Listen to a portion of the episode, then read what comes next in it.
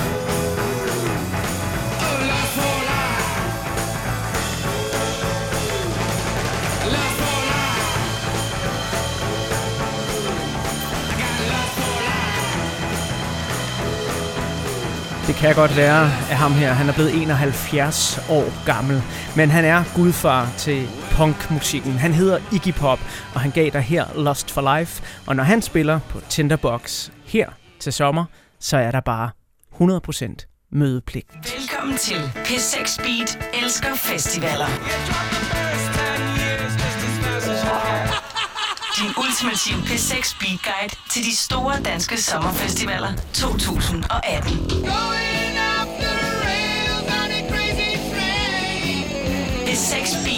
elsker festivaler.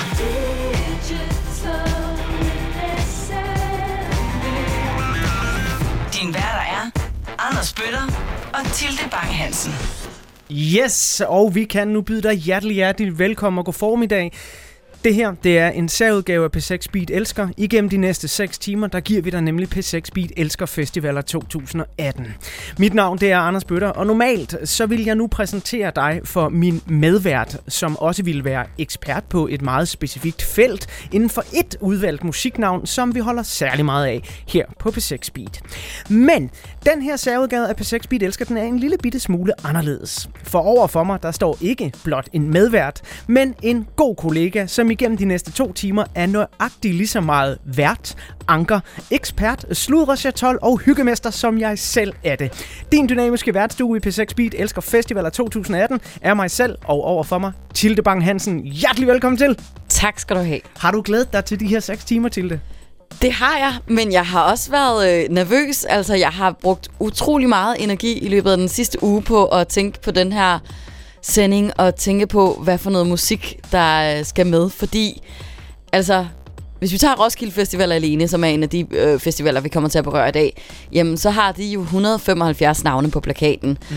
Hvis vi så lægger lige de andre til, jamen så er vi jo nok op på omkring øh, 300 navne, navne, plus lidt mere, tror jeg faktisk.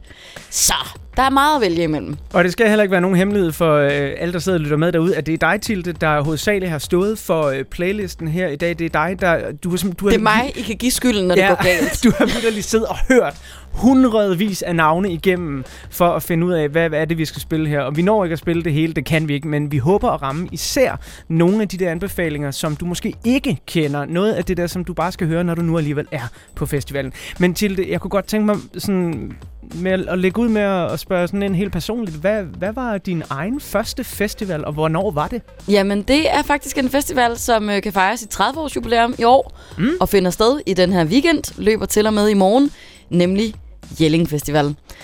Jeg var på Jelling Festival, og det var jeg øh, hovedsageligt fordi, at jeg lige havde gået på efterskole, eller det var faktisk mens jeg gik på efterskole, gik der i Midtjylland, og der var der altså en meget en ting med at tage på Jelling Festival og øh, bo sammen med hele sin øh, efterskole, og også se lidt musik. Men Hvor gammel var du? Jamen, jeg har været, øh, jeg tror lige, jeg er blevet 15. Ja. ja. Og det var i år? Øh, det var i 2004. Hvad er sådan det bedste, man kan huske fra den festival? Det var Swan Lee. Jeg var virkelig kæmpe, kæmpe Swan Lee-fan på det tidspunkt, og øh, de var lige udkommet med deres øh, andet album, det her gule album med den sorte sommerfugl. Så det er sådan en øh, koncert, der står lidt tåget, men også nogenlunde klart i min hukommelse. Det er i hvert fald den, jeg husker bedst. Så ja. tror jeg også, der var noget D&D og noget TV2. Min allerførste festival, det var Roskilde Festival 1996. Der var du lidt sejere end mig. Ja, ja, ja. Øh, 96, jeg var 15 år gammel også, og hvis man ser på plakaten den dag i dag, så er det jo legende navne, der var der. Jeg husker især at have set Nick Cave and the Bad Seeds, David Bowie, Rage Against the Machine, Underworld, mit øh, på det tidspunkt favoritband Danske Dyrforsøg, åbnede Orange Scene, og så var der den der islandske sangfugl, som nu vil byde dig endnu en gang hjertelig velkommen til P6 Beat Elsker Festivaler 2018. Det her er Bjørk, Army of Me.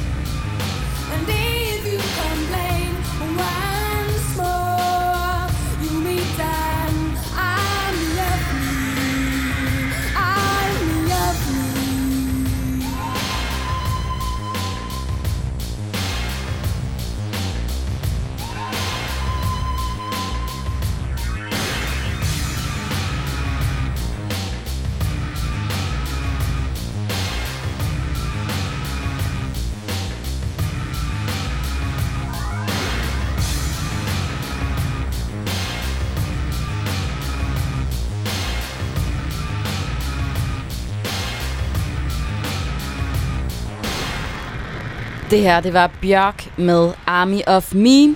Hun har øh, senest udgivet albumet Utopia sidste år, og øh, kommer altså og spiller på Northside Festival i Aarhus i år. Den første koncert, Bjørk hun spiller i Aarhus siden 1993.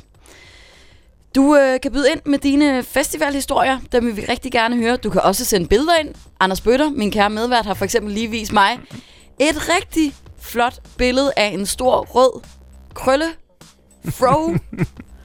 og øh, så det er et meget ømt billede, ikke? Meget, meget, ja, ja. meget ømt billede. Og så kan du altså også byde ind med dine top 3 festival favoritter. Altså, hvilke tre navne glæder du dig allermest til at se på årets danske festivaler? Det kan du gøre inde på vores øh, Facebook-siden. I sidste time, der får I altså jeres øh, top 10 til festivaler hits, og øh, du kan også skrive en sms til 1212, skriv på 6 mellemrum, og så din besked med altså en historie eller en top 3. Og øh, det der dejlige billede, vi snakker om, det stammer fra Roskilde Festival 1996, så det er faktisk taget af en politikken-fotograf. Og jeg, jeg tror nok, jeg havnet på forsiden af politikken på den allerførste festival, jeg overhovedet var på, lige det, jeg træder ind af festivalen. Sådan. Og man ser mig gå der med min øh, store krøllehår og en batiktrøje, jeg vist nok selv har lavet os. Og jeg har lige sagt til vores øh, søde øh, sociale medie øh, wizard Sine, at øh, det må hun gerne smide op på Facebook. Så hold øje med de sociale medier derude, der kommer noget meget grimt fra mig lige om ikke så længe. Vi sender P6 Beat Elsker Festivaler 2018 til dig, fordi at festivalsommeren den står for døren, og vi gerne vil give dig sådan den ultimative musikguide til den del af festivalplakaterne, som vi elsker allermest her på P6 Beat. Og det betyder, at vi gennem de næste 6 timer især har stærkt fokus på Roskilde Festival, Northside, Heartland, Copenhagen, Tinderbox og Haven, men at vi selvfølgelig også kigger forbi nogle af de mindre festivaler, hvor der spiller P6 Beat relevante navne. Og øh, Tilde, hvad er en god festival egentlig for dig? Åh, oh, altså, det er jo mange ting. Dels så er der det der med musikken, men jeg synes også, når jeg er på festival, at så har jeg rigtig meget fokus på festivalens ånd. Mm. Altså, som jo er sådan en lidt svævende størrelse. Men og svært jeg kan, at beskrive, ikke? Og svært at beskrive, men jeg kan huske, for nogle år siden, der var jeg på en øh, spansk festival, der hedder Primavera, som øh, finder sted i Barcelona, blandt andet, øh, også i Portugal som foregår ud ved sådan en gammel, rå havnefront, som man jo skulle tænke var en optimal setting til en festival. Men, og det var, altså, den sen, det vildeste indie lineup. Altså My Bloody Valentine og Nick Cave og Wu-Tang Clan og alt muligt andet. Men det var simpelthen så sjælsforladt et sted. Og det var så smurt ind i sponsorater, alle de der scener, og dårlig mad, og man kunne øh, køre i en minikuber fra den ene ende af festivalpladsen til den anden. Altså, der manglede virkelig noget sjæl. Altså, jeg har aldrig set så mange koncerter før. Men jeg manglede det der element af, at man også bare sidder og nyder at være til stede på festivalen. Mm, noget ånd, simpelthen. Noget ånd. Ja. Jeg tror nogle gange måske, det netop er lettere at øh, sætte en finger på, når man så oplever, at det ikke er der, ja. den der ånd, man leder efter. Og så man savner fra, hvad ved jeg, Roskilde, Northside, Copenhagen, hvad man nu går på af, mm. af forskellige festivaler. Øh, det næste nummer, vi skal høre, øh, til det er et, som øh, du faktisk har introduceret mig for. Øh, ja. En her, der hedder Kevin Morby. Ja, en øh, amerikansk singer-songwriter, som jeg er kæmpe stor fan af, har udgivet fire albums indtil videre, øh, spillet på Roskilde Festival sidste år. I år, der ligger han vejen forbi Haven Festival, som er den her nyeste spiller af de øh, festivaler, vi kommer til at beskæftige os med. Du får ham her med nummeret I Have Been to the Mountain fra albumet Singing Soul.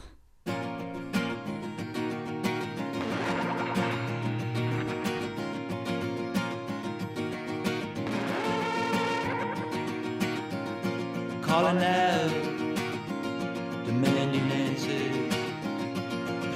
skies, cry for hours, dropping peace bombs, collecting prayers, sky that mirrors,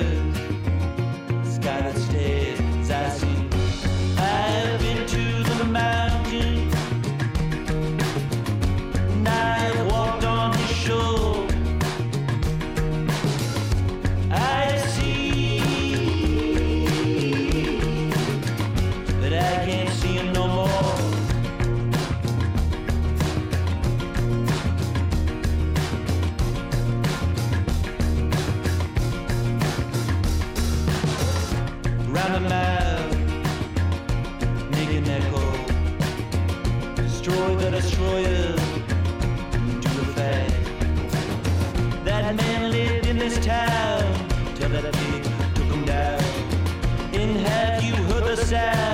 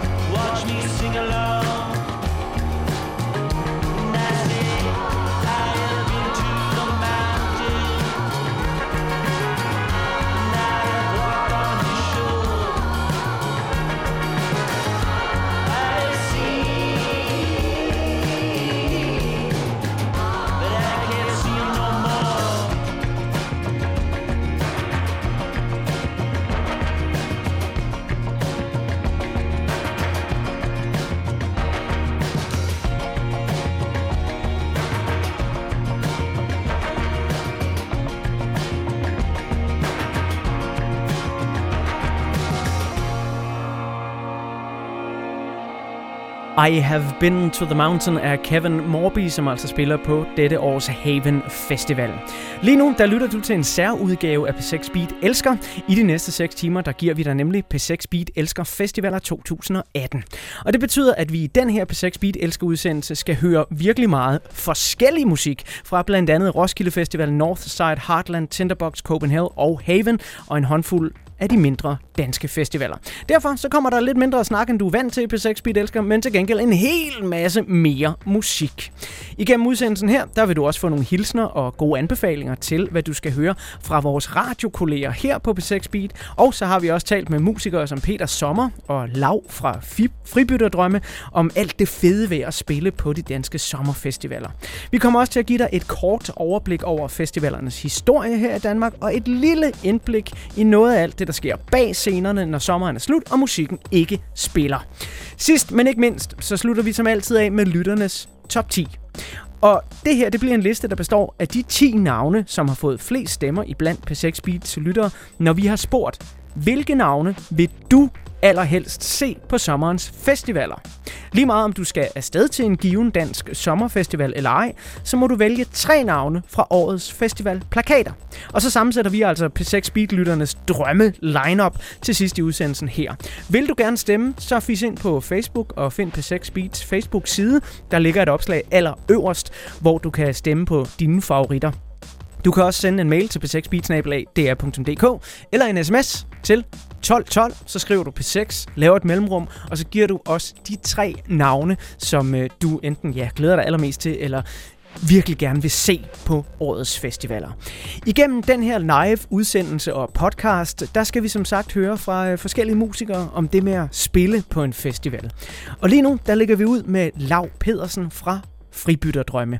Han gæstede P6 Beat-studiet her den anden dag, og vi spurgte Lav, hvad er det vildeste festivalminde, du har sammen med Fribytterdrømme? På Cutter Island Festival. Øh, det pissede ned, og det, og det regnede i en vinkel, så det stod direkte ind på scenen, lige ned i al vores gear. Øh, jeg spiller altid bare tær, så jeg stod i 240 volt strøm øh, i en vandpyt, altså. Og strømmen gik, øh, og da strømmen kom tilbage, jamen, så gik vi bare direkte på, og publikum elskede det. Det var da nogle udfordringer, men det, det, vi formåede at bruge det til, til vores fordel alligevel. altså, alt var elektrisk på den scene, og man kunne bare mærke det. Man kunne mærke det, når man spillede på gitaren. Der var altså strøm heroppe, og der stod en af mine kammerater nede og råbte, lav, lav, lav, tag sko på, tag nu sko på. Jeg tænkte, hvad fanden snakker du om, ikke? Og så kom jeg og sagde til mig, det der, det gør du aldrig igen. Du må ikke stå i bare til oven i en vandpyt med så meget strøm op på scenen.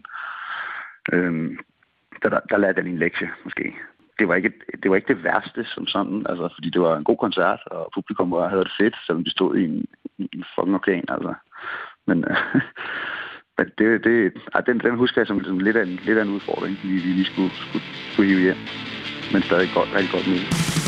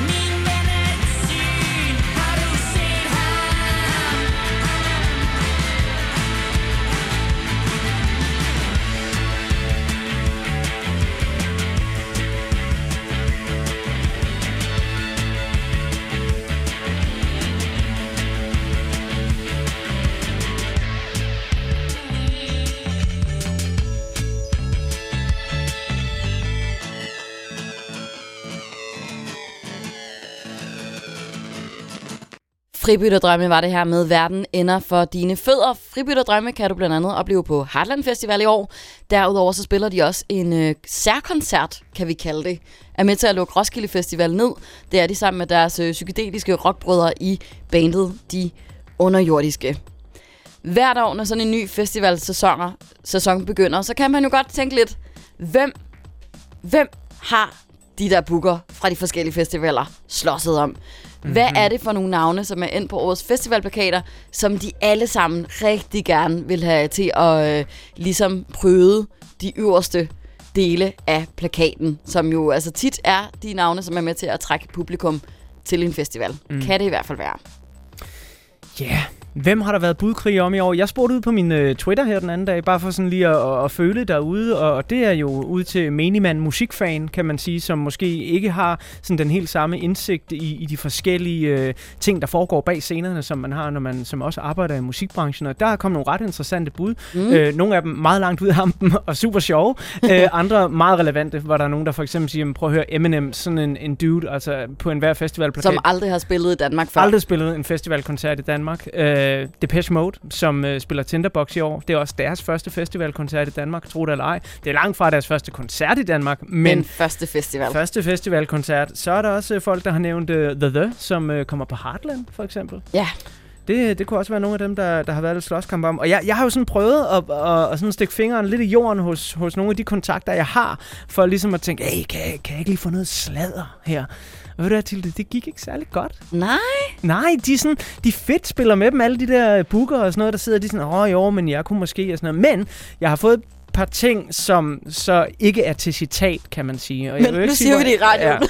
Ja. Det er anonyme kilder, der har fortalt mig, at øh, hvis, hvis vi kigger tilbage sådan på festivalernes historie i Danmark, ja. som vi jo også vender tilbage til lidt senere i udsendelsen her, så øh, da YouTube kom til Roskilde i 1982, der blev der åbenbart lavet en eksklusiv aftale, så YouTube kun måtte spille på Roskilde Festival som det eneste sted i Norden.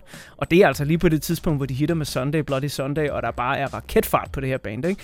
Og der skulle øh, Roskilde Festival efter sine have skruet bissen gevaldigt meget på over for de andre skandinaviske og nordiske festivaler. Men det synes jeg faktisk ikke er særlig lang tid siden, at jeg læste en artikel om, at det er altså noget, der stadig foregår. Mm-hmm. Det her med, at man lægger klausuler ind, så et band ikke kan spille andre festivaler tæt på den festival, de så skal spille på, for at have sådan en eller anden form for eksklusivitet over det. Det gør der jo helt sikkert, og så er der også hele det her aspekt med, at der er store koncertbureauer og firmaer, der ejer hele festivaler.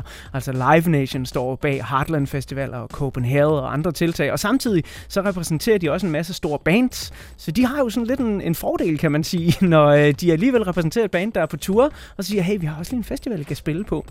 Og øh, jeg fik også at vide, at øh, sidste år, der skal der have været sådan ret hårde skamysler om Radiohead og Frank Ocean, som altså begge to endte på Northside sidste år. Så øh, det vandt de af en eller anden grund. Og det var altså også, altså det kan jeg virkelig huske, det var jo bare to store fede trumfkort, som øh, Northside kom med ret tidligt i øh, festivaloffentliggørelsen sidste Ja. år, hvor man var sådan, okay, fint nok.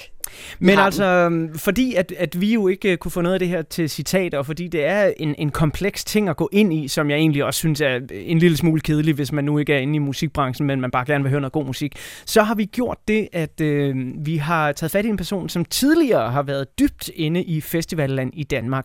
Og det er en af de personer, du kommer til at møde flere gange igennem den her udsendelse. Han hedder Esben Danielsen. Han er tidligere talsmand og udviklingschef for Roskilde Festival, og derfor så har han dyb indsigt i det danske festivalmarked og alle de forskellige interessenter, som hvert år kæmper om at få det helt rigtige navn til at spille på netop deres festival. Under vores øh, snak med Esben Danielsen, som vi vender tilbage til løbende gennem udsendelsen af podcasten her, der spurgte vi ham blandt andet, hvilket navn tror du, der helt sikkert har været krig om at få fingrene i her i festivalsæsonen 2018?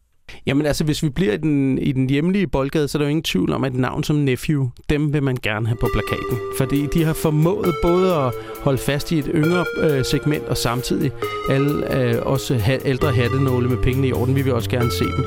Så det er et godt eksempel på et navn, jeg er sikker på, at rigtig mange gerne vil have på plakaten. I want to get a tattoo with your name and then kill myself med blod og blæk står de navn Med blå og black jeans og skov I want to crash on my bike And cry for help and you help me. Med grus og blod står dit navn I en asfaltflod som en show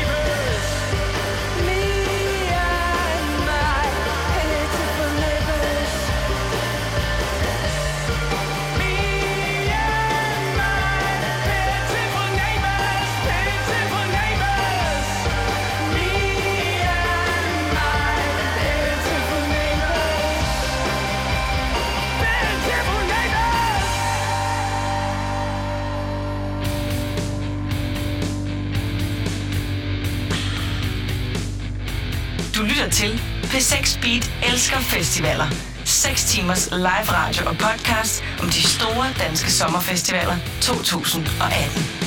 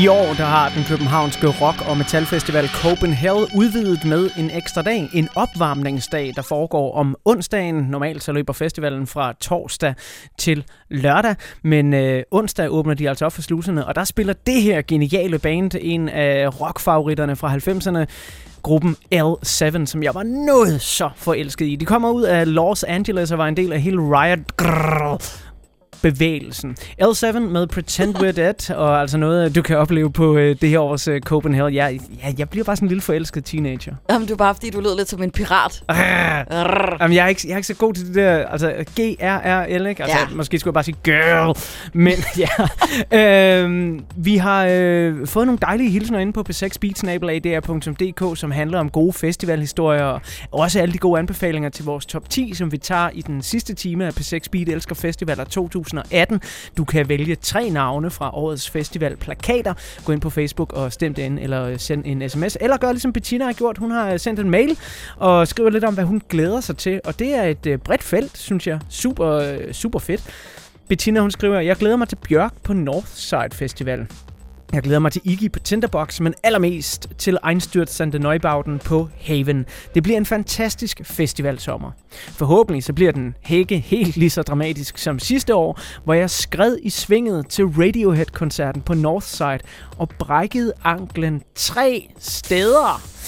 Jeg fik en meget stor sort støvle på i 8 uger som jeg klistrede til med sort søndag klistermærker, og efterfølgende satte ild til. Jeg håber virkelig, du har billeder, Bettina.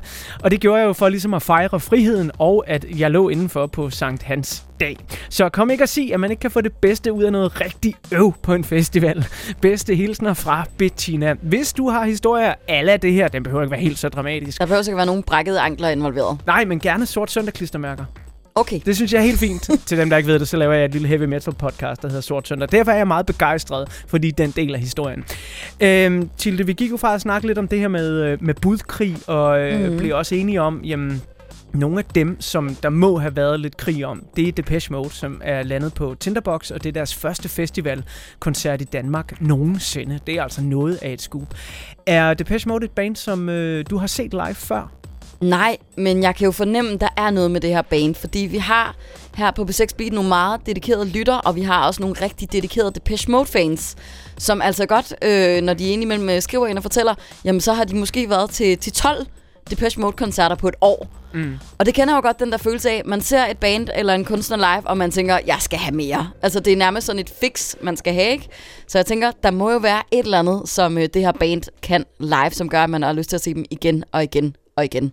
Det vil jeg også love dig, der er til det. Og Depeche Mode er jo et band, som øh, vi skal snakke om, og nok også vender lidt tilbage til. Fordi hver time af P6 Beat Elsker Festivaler 2018, der øh, udnævner vi den overraskende bookning fra de forskellige festivalplakater. Og man må nok sige, ja, Depeche Mode, dels er det overraskende, fordi det er jo deres første festivalkoncert i Danmark, og så også er den nye frække dreng i klassen, Tinderbox, går hen mm. og Mhm. snupper dem. Jeg tror, at, øh, altså uden at vide det, sådan set, at sådan øh, Roskilde Festival, de må være lidt jaloux. Det kunne man forestille sig. Ja, det kunne man godt forestille sig.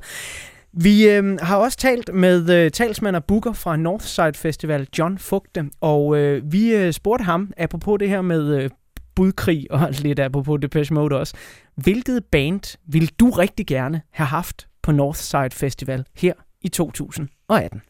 Altså i Nordsjælland-regi ville det jo være, have været fantastisk, hvis vi havde fået Depeche Mode for eksempel. Det er et navn, som havde passet rigtig, rigtig godt ind på, øh, på Nordsjælland og de spiller så Tinderbox i stedet for.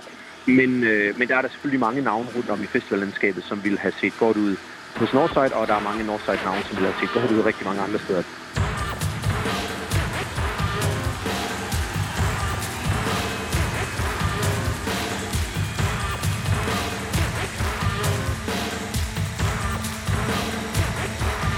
I will have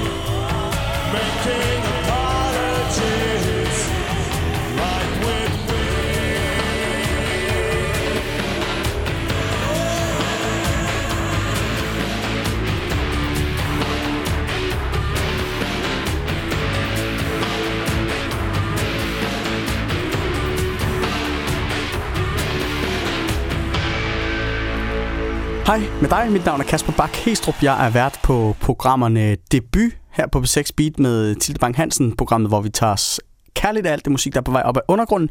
Og så er jeg også vært på programmet Farrock sammen med øh, min gode ven Frank Sejernak. Og her der spiller vi en masse af de øh, helt store guitar-soloer og snakker om vores, øh, vores nemme liv som singlefædre. Det kører bare. Når jeg skal på festival, så vil jeg godt anbefale dig at stille dig helt op foran til den, der hedder Cigarettes After Sex, når de spiller på årets Northside Festival. Og det vil jeg gøre, fordi det er sådan en koncert, hvor man lige bliver lidt forelsket. Man står og drømmer sig lidt væk. Måske endda med en kæreste. Eller måske opdager man den næste store kærlighed i sit liv. Man får lige øjenkontakt undervejs, fordi det her musik, som Cigarettes After Sex de laver, det driver. Og det slæber sig afsted. Og du kan ikke undgå at blive øh, indfanget af den her intime og lidt, øh, lad os bare sige det, liderlige stemning, der er i det her musik. Og så har jeg, og nu har jeg sagt det. Cigarettes After Sex, drøm dig væk sammen med dem. Det bliver øh, fænomenalt. Jeg, øh, jeg skal helt op foran. Vi ses der. Yes.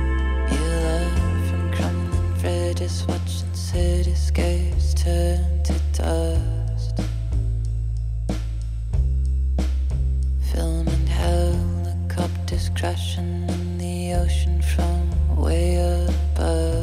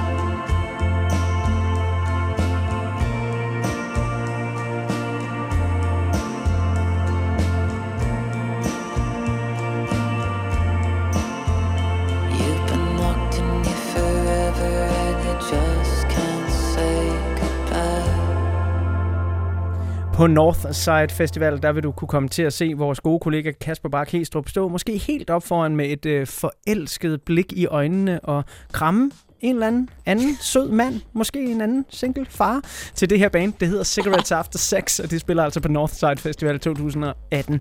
Vi øh, har lige en, øh, to numre, vi kan nå, inden at øh, der kommer en radiovis, når klokken den bliver 11. På den anden side, den der fortsætter den her livesending og podcast, hvis du er sådan en, der podcaster på 6 Speed elsker. Den kan du i øvrigt finde på dr.dk-podcast.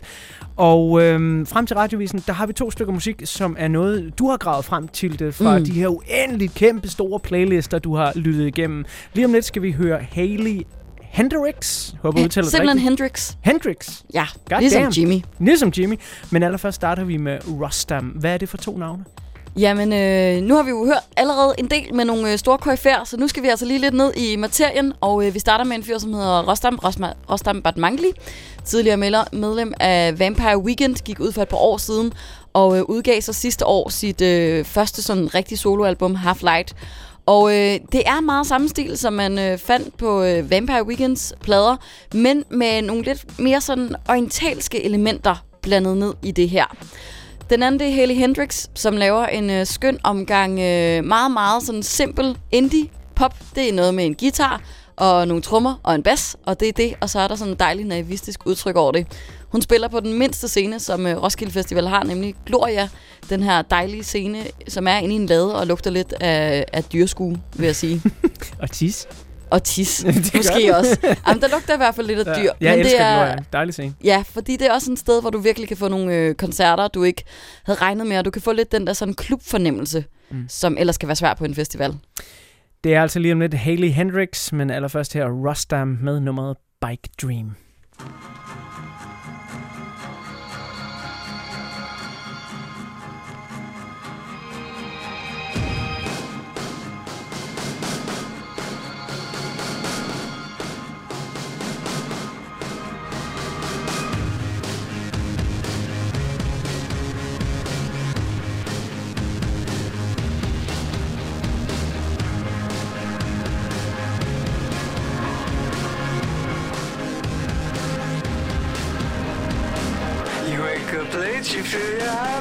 to work And now you're all dressed up, of course Inhaling cabs out of your door.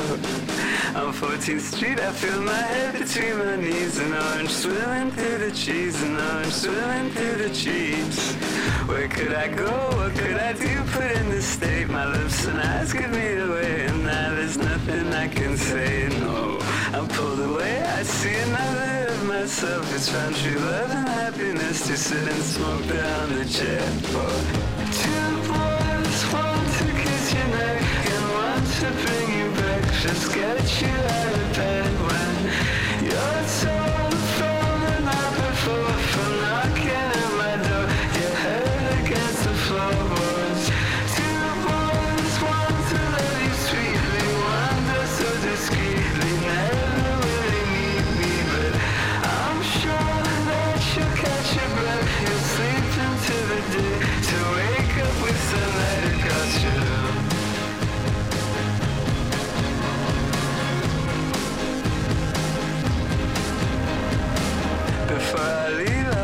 try to go back in time to just that moment in my life. I should have spoke up, but I lied. As I sat there with my jaw open and I smiled, he pulled his sweater off and tried to explain how I've given up on that. I'm pulled away, I see another of myself who's found true love and happiness to sit and smoke there on the chair. Beside the bed, I read this past week's New Yorker and watch him paint Antarctica. Watch him paint Antarctica. Two boys, one to kiss your neck and one to bring you breakfast, get you out of bed when you're sore from the night before, from knocking on my door, your head against the floorboards. Two boys, one to love you sweetly, one does so discreetly, never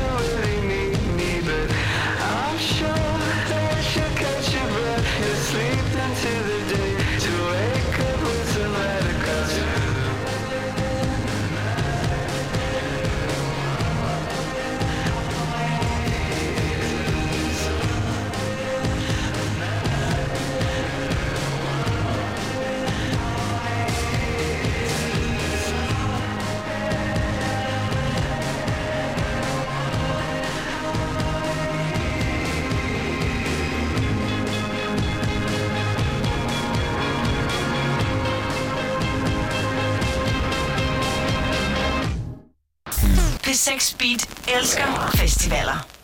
The milk is sour. I've barely been to college and I've been doubtful of all that I've dreamed of. The brink of my existence essentially is a comedy. The gap in my teeth, and all that I can cling to. The milk is sour. Shalala, ooh, ooh, shalala, ooh, shalala, sour with olives on my thumbs, and all that I've stuck to, and all that I've clung to. I've fought like a dog. This world that I've trusted has been over and busted and rested by an arbitrary sonogram. Shalala,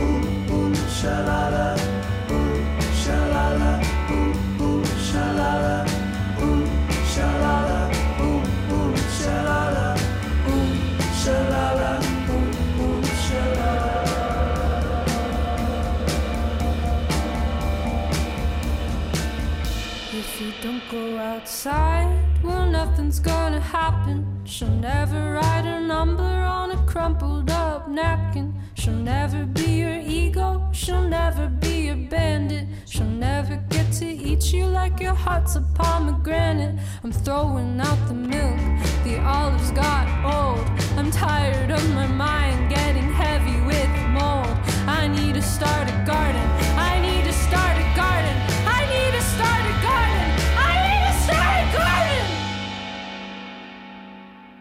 Gonna start a garden in my backyard. I'm gonna start a garden in my backyard. Cause making this song up is just as hard. Cause making this song up is just as hard. Ooh, shalala, ooh, ooh, shalala, ooh, shalala,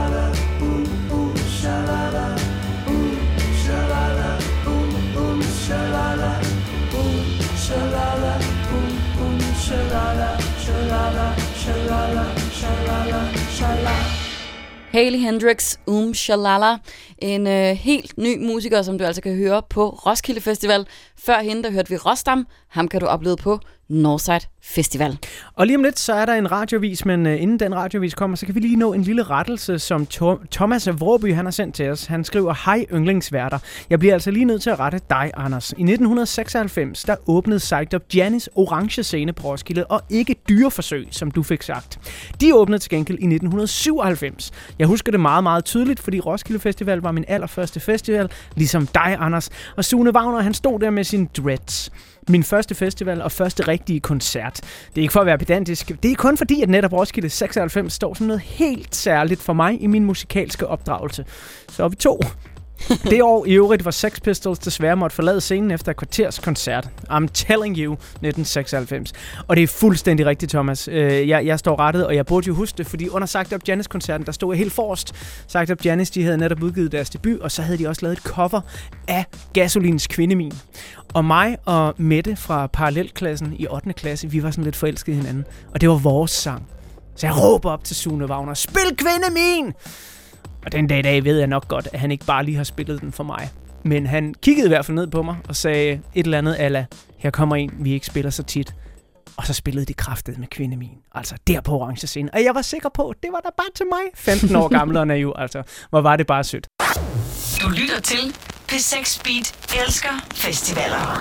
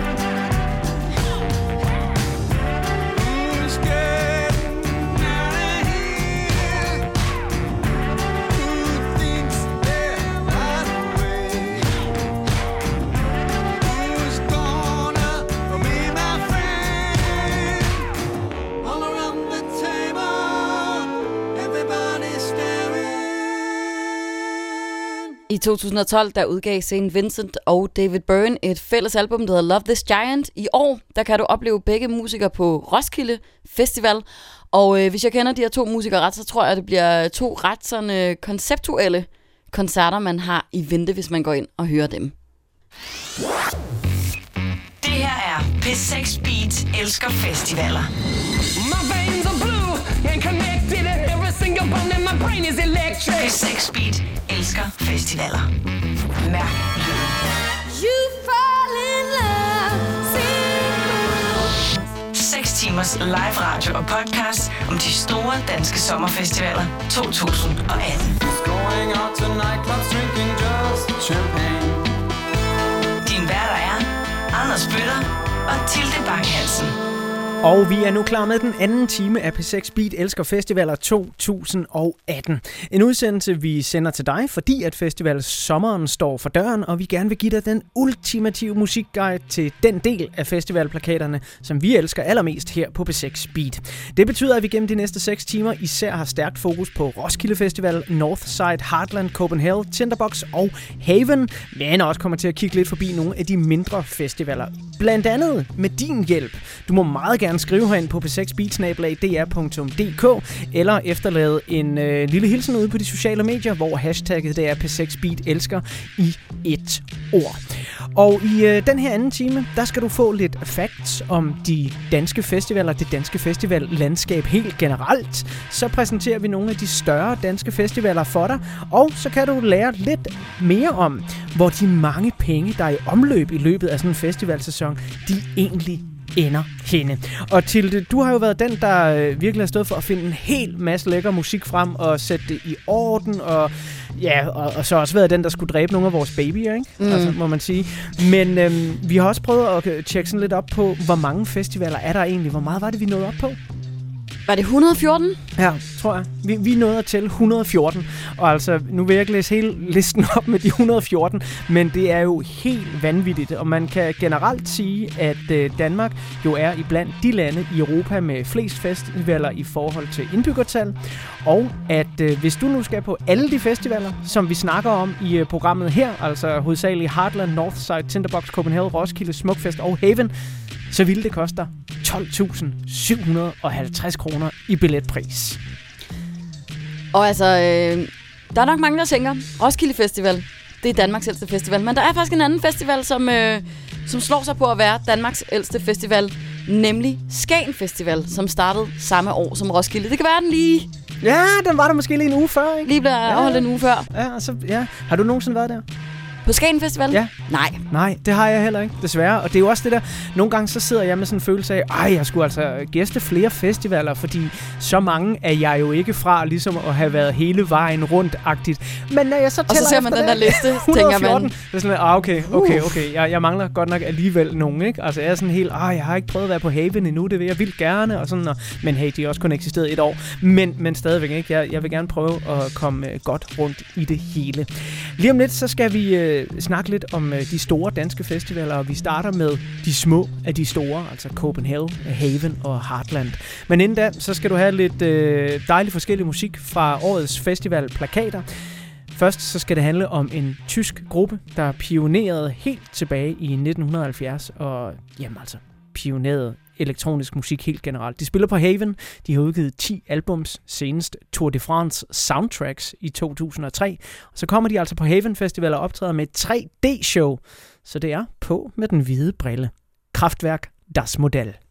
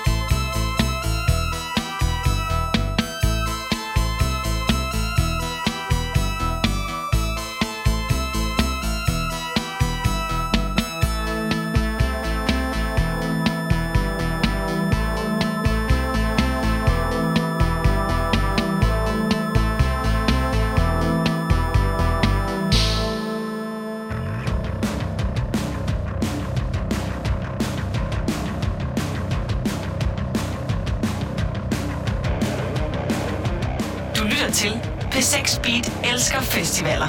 6 timers live radio og podcast om de store danske sommerfestivaler 2018.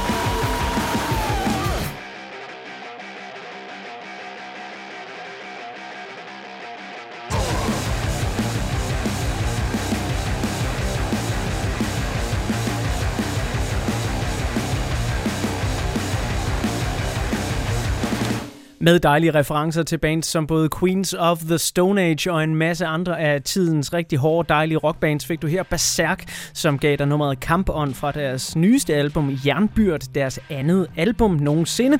Berserk, de er at finde på dette års Copenhagen, hvor øh, de øh, giver endnu en af deres øh, rigtig gode koncerter, og det er et band, som jeg virkelig gerne vil anbefale, hvis man er til den slags. Og Queens of the Stone Age, som du lige nævnte Mhm. mm-hmm. som reference, de spiller jo så til gengæld på Northside Festival i Aarhus. Præcis, så er man til den der øh, lækre, hårde, dejlige rock, så øh, er det sådan noget, man øh, skal tjekke ud. Queens of the Stone Age øh, er også bare et ja, mega, mega lækkert liveband.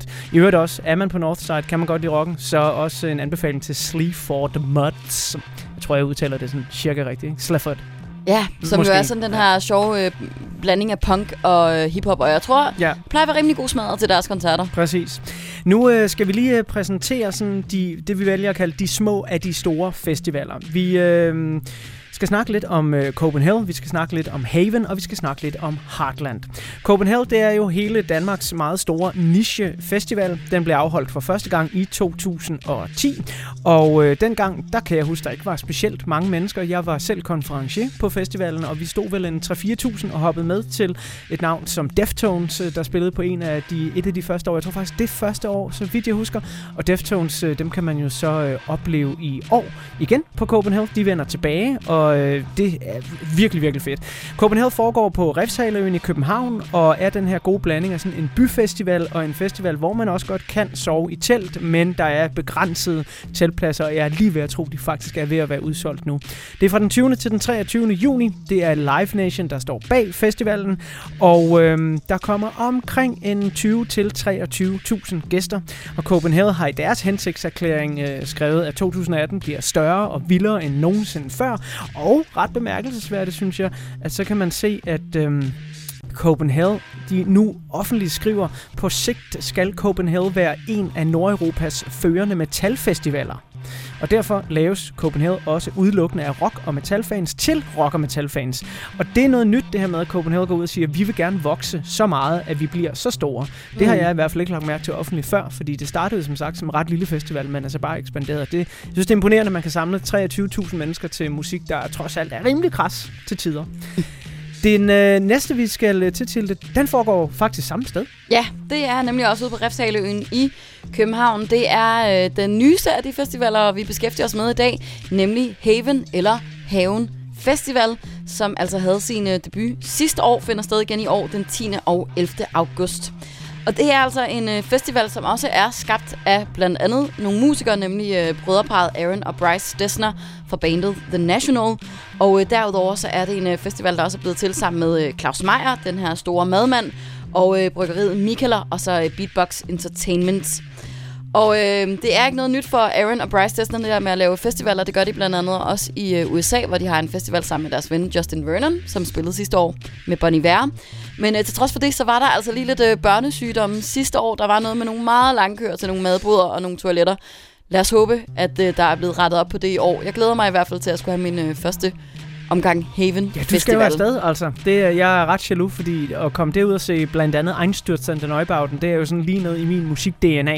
Mm. Og jeg kan desværre ikke i år, men øh, du må øh, rapportere tilbage til det. Øh, send mig nogle billeder, og send mig noget glæde, når du tager ud til Haven. Det gør jeg. Den øh, næste festival, øh, Heartland, som foregår på Egeskov Slot på Fyn fra den 31. maj til den 2. juni.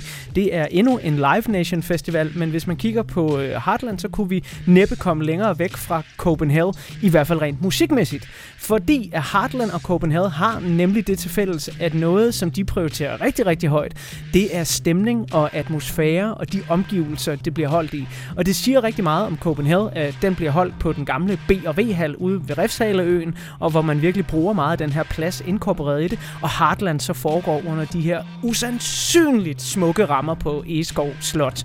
Jeg var der selv sidste år nede og kigge en øh, enkelt dag, og så blandt andet Eddie Vedder, øh, mit store 90'er-idol, og Altså det umiddelbare indtryk af Heartland Festival var, må, må jeg sige, virkelig positivt. Især fordi, at, at end de omgivelser, der var der. Der er bare noget særligt over, når en festival rykker ind et sted, og man ikke skal for eksempel bygge veje op af forskellige øh, porte og plastbanner og sådan noget, men det er der hele jo. Mm. Det, det hele er der på Eskov Slot. Så du, det er altså nogle høje, høje hække, du går rundt i, blandt kæmpe høje træer, meget flotte buske, anlagte haver, hvor der så står folk og laver tai chi eller yoga, og tit når jeg har set sådan noget, for eksempel på Roskilde Festival, og jeg går rundt i min halvbrænder der, så tænker jeg, "Haha, freaks mand, det skal jeg æde med mig ikke. Men da jeg var på Heartland Festival, der blev jeg sådan helt, åh, det ser altså rart ud, det der. Det kunne godt være, at jeg lige skulle tage at joine. Og så øh, har de jo så også det her fokus på øh, mad og på kunst, og de har også en række talks, så kunsten og maden og deres talks er lige så vigtige, som selve musikprogrammet er. Og det er jo også noget, noget nyt i Danmark og, og ganske spændende. Heartland fandt sted første gang i 2016 og øh, har sådan cirka 12.000 gæster.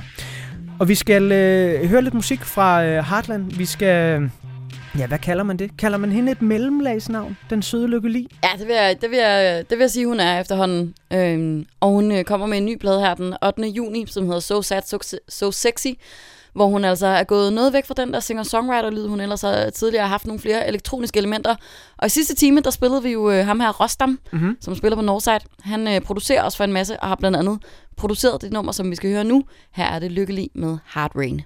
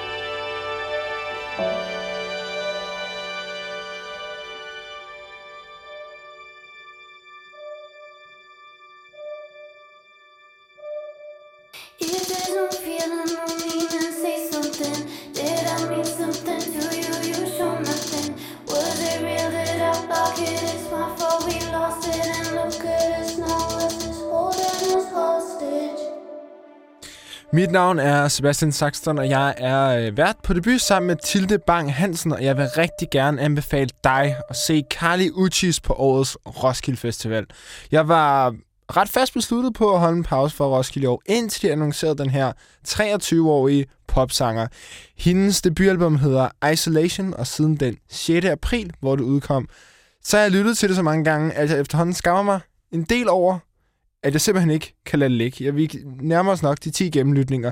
Hun er så sindssygt soulet, samtidig med, at hun eksperimenterer med pop og ikke mindst hiphop. Og jeg får lyst til at kalde hende sådan lidt en smårappende 2018-udgave af KKO fra Kvadron, tilsat en ordentlig omgang eksotiske palmer, masser af dejlig solnedgang og langsomme, sensuelle dansemoves. Der er både lidt til siestaen, og noget, der appellerer lidt mere til klubben på det her album, som består af 15 sange, hvor i nogle af dem, faktisk de fleste, har en dejlig akustisk og sådan bandagtig feeling over sig. Carly Uchis øh, bekymrer sig ellers ikke rigtig om gennemgående stil på den måde. Nu kalder jeg det et popalbum, men det stikker i ufattelig mange organiske og virkelig, virkelig behagelige retninger. Carly Uchis spillede øh, debutkoncert under første uge på Coachella, hvor hendes guitarist simpelthen valgte ikke at møde op til koncerten. Det er skutter heldigvis ved at styr på nu, og jeg glæder mig helt vildt til at se, hvad hun har at byde på, når hun spiller live lørdag kl. 15 på Apollo-scenen på Roskilde Festival. Måske er vi så heldige, at hun faktisk spiller to gange den dag. Hun har i hvert fald lavet et feature med Gorillas på deres seneste album, og det har betydet, at Damon Albarn også har valgt at sende en gestus den anden vej. Han stikker nemlig hovedet frem på Uchis debutalbum. Det er på nummeret In My Dreams.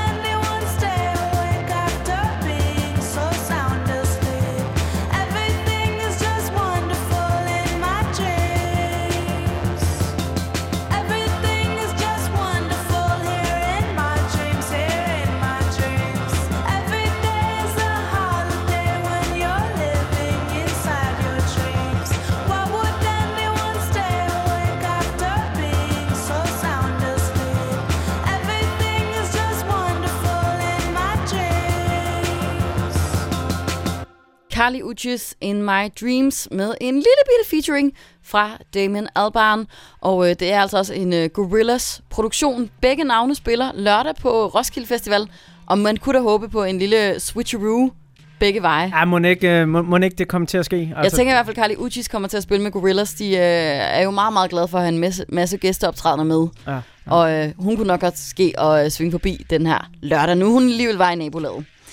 Vi er jo i gang med at øh, gennemgå øh, de her øh, danske festivaler, som øh, vi i høj grad beskæftiger os med i dag. Vi var lige omkring nogle af de lidt mindre spillere lige før, og nu skal vi så til de store danske festivaler. Og vi starter med øh, Northside Festival, som altså finder sted i øh, Årdalen i Aarhus den 7. til 9. juni. Northside den øh, debuterede i øh, 2010 som en øh, endags festival, hvor øh, det simpelthen var fem danske navne, der var på plakaten.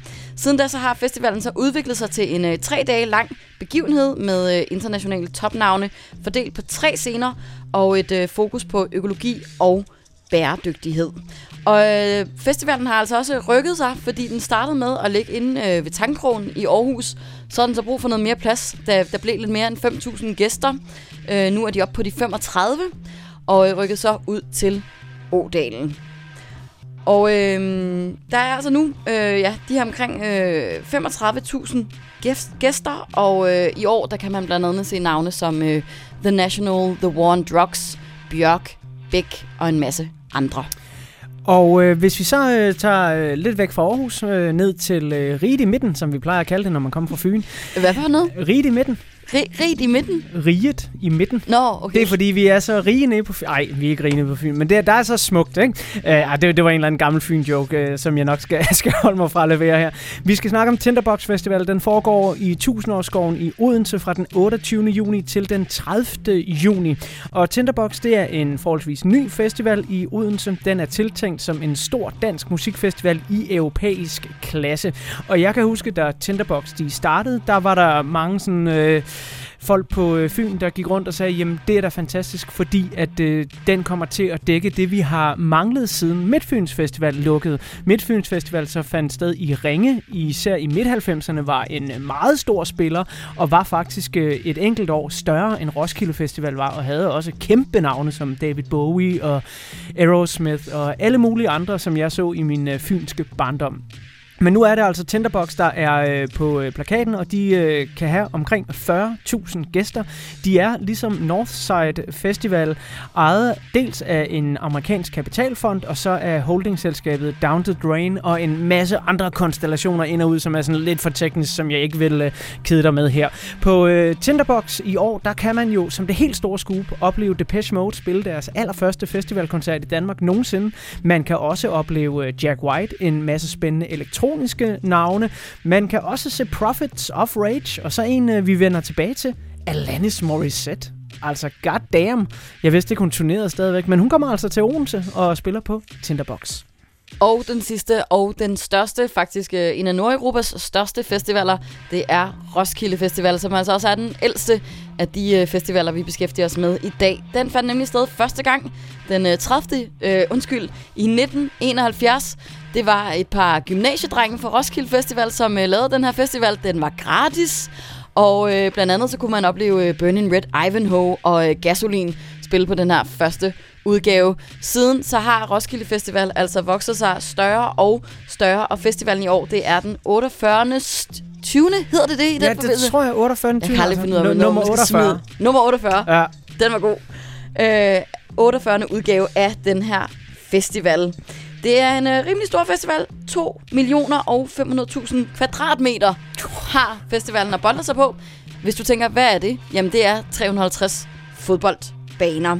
Og øh, deltagerantallet, det er omkring de 130.000 med øh, frivillige, med gæster osv. Og det gør altså Roskilde Festival den her uge til Danmarks fjerde største by målt på indbyggertal. Og Roskilde Festival, det er jo også med deres program og deres størrelse sådan en festival, vi næsten godt kunne sende 6 timer om alene, og det er jo også en festival, som vi har et øh, meget nært samarbejde med her på P6 Beat, og jeg tror nærmest ikke, der er nogen ude i vores redaktionslokaler til hverdag, der ikke har været på Roskilde på et eller andet tidspunkt i deres liv. Kan du huske din første Roskilde til det? Jamen, det var 10 år efter din første Roskilde, Ja. 2006. Simpelthen. Jeg kan huske, at øh, man måtte stadig ryge togene, og der blev måske også røget noget andet end cigaretter i den togvogn. Ja. Og vi tog et tog klokken, øh, jeg tror 11 om aftenen fra Horsens, og øh, kom så klokken, nej, vi tog et tog klokken 2, tror jeg, fra Horsens, og var så i Roskilde øh, klokken 5 om morgenen, og så det der med, at man skal finde ud af, hvor er den der skide øh, campingplads-åbning, og altså, vi vidste jo ingenting. Nej. Ingenting Man overhovedet. er, altså, men det, prøv at høre, når man er på sin første festival, så er man naiv, og det skal man være. Og det minder mig i øvrigt om, øh, sidder du derude og skal på din første festival i år, altså overhovedet, tænker jeg, er du et eller andet sted mellem 15 og 25 og skal på festival for første gang, så skriv lige herind på 6beat, snabelag, dr.dk. Du kan også bruge de sociale medier, hvor hashtagget det er p6beat elsker. På min første festival, Roskilde Festival 1996, der var jeg af den opfattelse, at festivalen lå så langt ude fra land, lov og ret, at man jo selvfølgelig ikke øh, kunne købe ind. Så i min taske, der havde jeg pakket dåsemad til en hel uge. Jeg havde også toiletpapir med hjemmefra. fordi jeg var helt sikker på, at nu skulle jeg jo bare derud på en mark og ligge, ikke? Og, øh, og man, man kunne ikke købe noget ind og så videre. Og jeg må jo have haft den tungeste taske. Altså med det klammeste jakaborg og... Altså det, det var, på steg. Ja, det var i 1996, ikke? Det var før, der, er noget, der var noget, der sådan hed gourmet dåsemad, ikke? Det har virkelig, virkelig, virkelig været ulækkert. En af de andre festivaler, som... Øh, vi ved, at mange P6 Beat-lyttere deltager i, men som måske ikke sådan har det mest P6 Beat-agtige program, med undtagelse af en række rigtig gode navne, det er selvfølgelig Smukfest.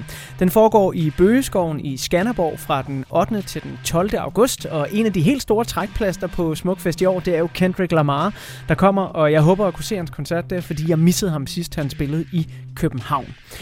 På Smukfest, der øh, er der en musiker, som øh, spiller i år. Øh, en musiker, der har spillet der mange gange. Han hedder Peter Sommer, og ham skal du høre lidt fra nu.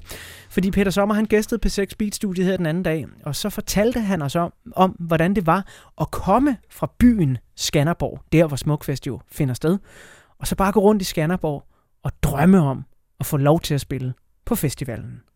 Jeg er jo vokset op i en by, øh, som er kendt for en festival, som hedder Danmarks smukkeste festival, hedder Smukfest, Skanderborg Festivalen. Så det der med festival har altså ligesom været en del af, af min årsrytme lige siden øh, 1980, ikke? Hvor, hvor den der by lige pludselig blev noget helt andet, og blev befolket af nogle helt andre mennesker, og der kom bands til at, øh, i takt med den ligesom er vokset og vokset, og der kom sejre sejre bands til, og nogle af de bands, jeg har søgt størst inspiration hos, har skulle spille i den by, jeg er vokset op, som en lille soveby, ikke? Der var en, var en festival i byen, som vi bare, da vi begyndte sådan at lave lidt musik og sådan noget død og pine, også ville ud og spille på, fordi så var man ligesom over på den anden side af, af det der med at skulle købe en billet og, og så videre, så videre. Så det, det var vi meget opsat på, og vi fik chancen ret tidligt med et orkester, der hed Super Jeg, og, og før det også med et engelsksproget orkester, jeg var med i, så, så, og, så, og prøvede at spille på den store scene, hvilket var sådan noget, noget lokale bands fik lov til en gang imellem. Øhm, så det var jo det var sådan ret klart, hvor man skulle hen af hele tiden, som det der amatørband. Øh, og det skulle være ud i den skov og spille på de scener. Så det, det betød vildt meget at få lov til at komme derop og, og på den måde spille for et lidt større publikum. Måske også nogen, der ikke kom fra den by, man selv boede i og sådan nogle ting. Så det var i sig selv stort, og der har vi kæmpet os op og spillet rigtig mange gange siden. Han har så meget at sige, der ikke kan komme på tale. Øh, de må skære i hans krop, hvis de vil se, hvad han har på hjertet. For det har håbet sig op i den lille lunge. Han er til rotterne og til kravene og til hundene. Han har brug for en, der siger, at han ikke har brug for noget.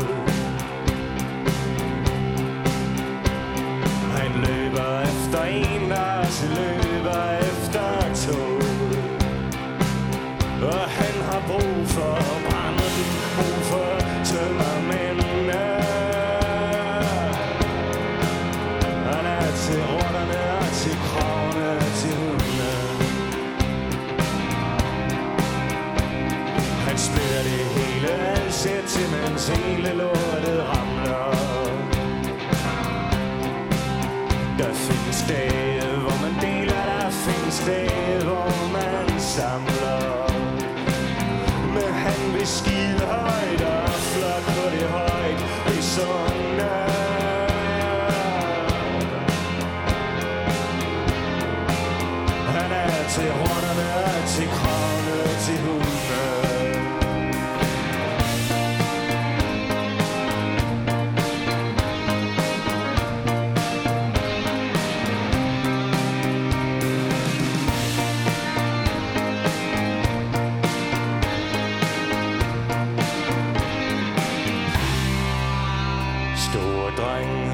på gaden, alt tyder på godt vejr i morgen.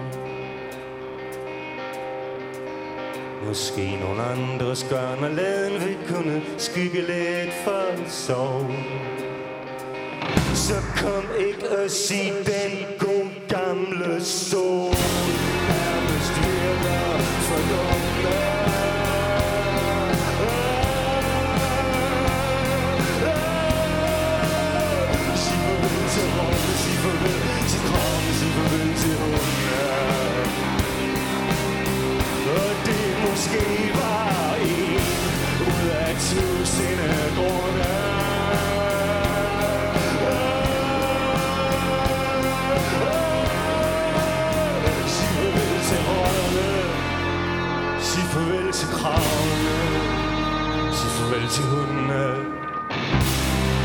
Det var sådan her, det lød til P3 Guld tilbage i 2008, da Peter Sommer han spillede til rotterne, til kraverne, til hundene. Du kan opleve Peter Sommer live, når han spiller på Nord... Nej, ikke Northside. Nej, Heartland. Heartland. Heartland Festival, Smukfest og så Roskilde Festival, hvor Peter Sommer han spiller samtidig med C.V. Jørgensen. Ja. Øj.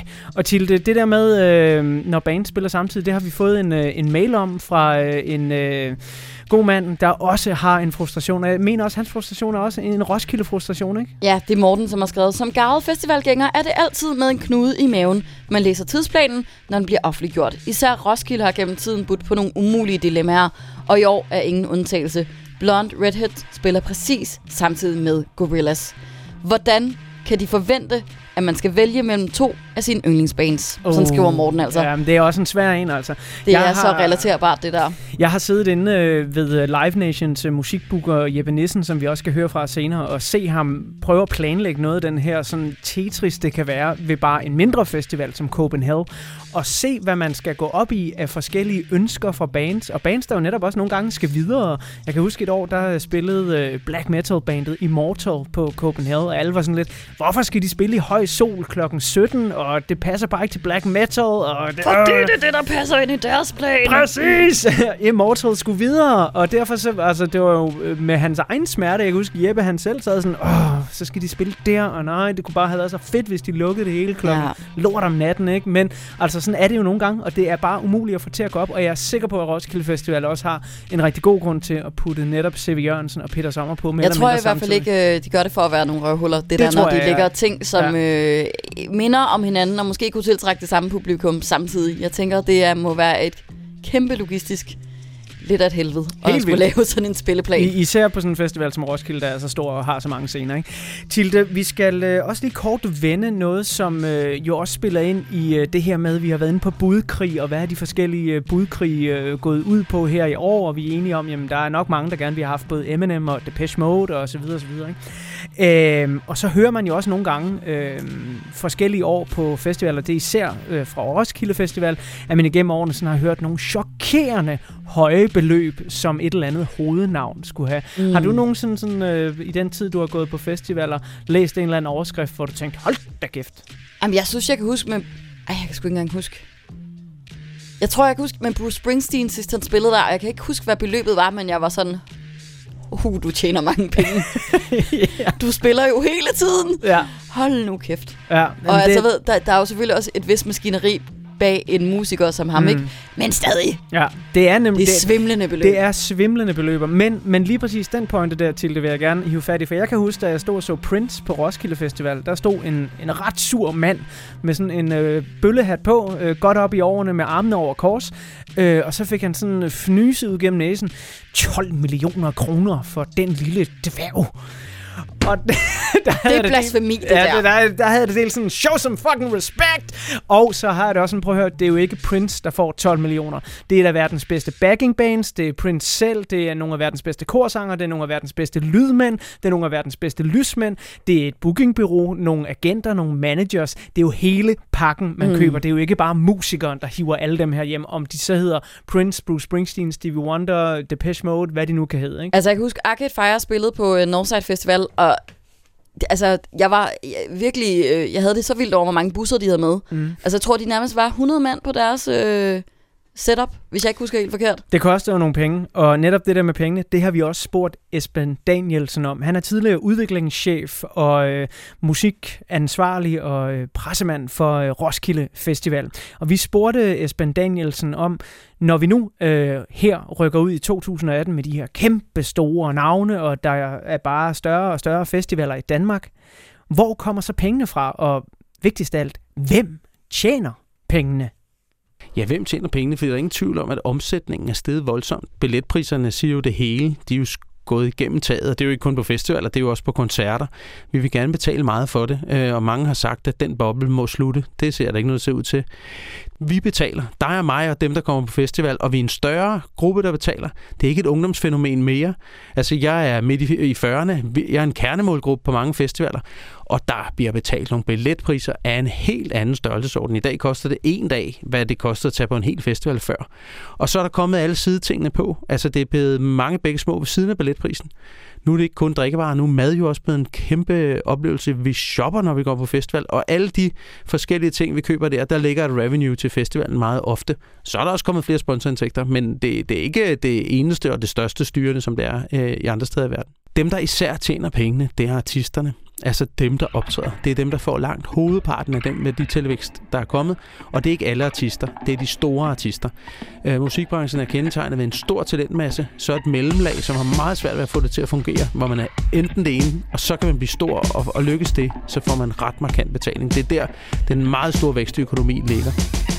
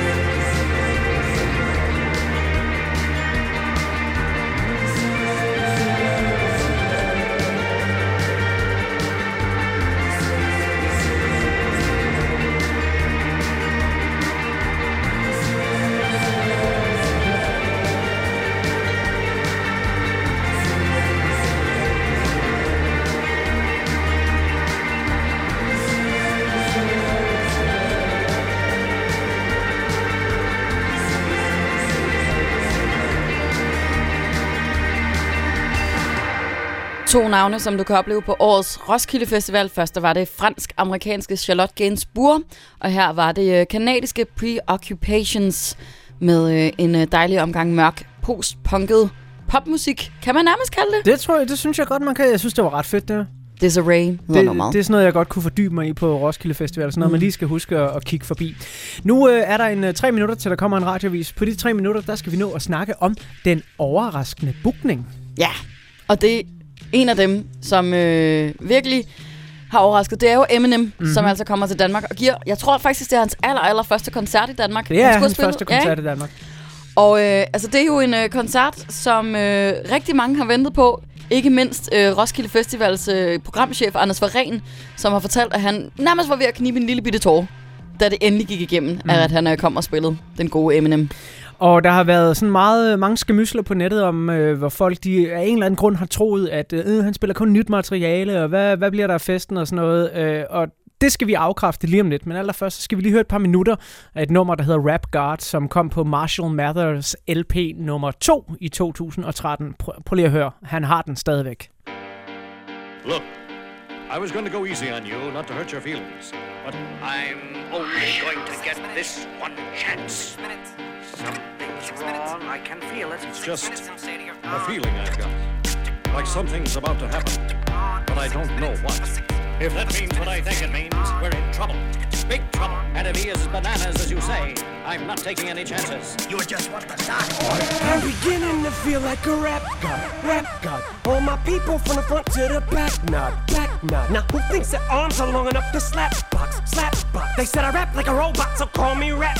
But for me to rap like a computer must be in my genes. I got a laptop in my back pocket, my pinnacle walk when I hat cock it. Got a fat knock from that rat profit, made a living and a killing off it. Ever since Bill Clinton was still in office, with Monica Lewinsky filling on his nutsack. I'm an MC, still as honest, but as rude and as indecent as all hell. Syllables, killaholic. Kill 'em all with This libbity, gibbity, hibbity, hip hop. You don't really want to get into a piss and match with this rapidy rat pack and a mac in the back of the yak backpack, rap, rap, yap, yap, yap, kitty yak, nap. The exact same time I attempt these lyrical acrobat stunts while I'm practicing that, I'll still be able to break a motherfucking table over the back of a couple of faggots and crack it in half. Only realized it was ironic. I was under aftermath after the fact. How could I not blow? All I do is drop F-bombs. Do my wrath of attack rappers. Jeg synes virkelig stadigvæk, at den her mand, han har et flow, og han har nogle beats, som der er vanvittigt fede. Og jeg ved godt, at hans seneste album, det var noget L-O-R-T. Det var virkelig ikke særlig godt. Men den her Marshall Matters LP2 fra 2013, den var altså fed. Tilde, du har tjekket setlisten, og vi kan lige nå at løbe lidt af det igennem, og virkelig få afkræftet, at det der med, at han spiller kun nye numre, det passer ikke. Ja, hvor man også tænker, han er hiphop-kunstner.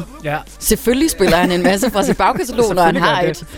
Øh, og altså det, som jeg ligesom har kunne øh, susle mig frem til, det er, at der er altså rigtig meget fra The Eminem Show, der er rigtig meget fra The Marshall Mathers LP'en, øh, og der er øh, rigtig meget fra The Slim Shady LP.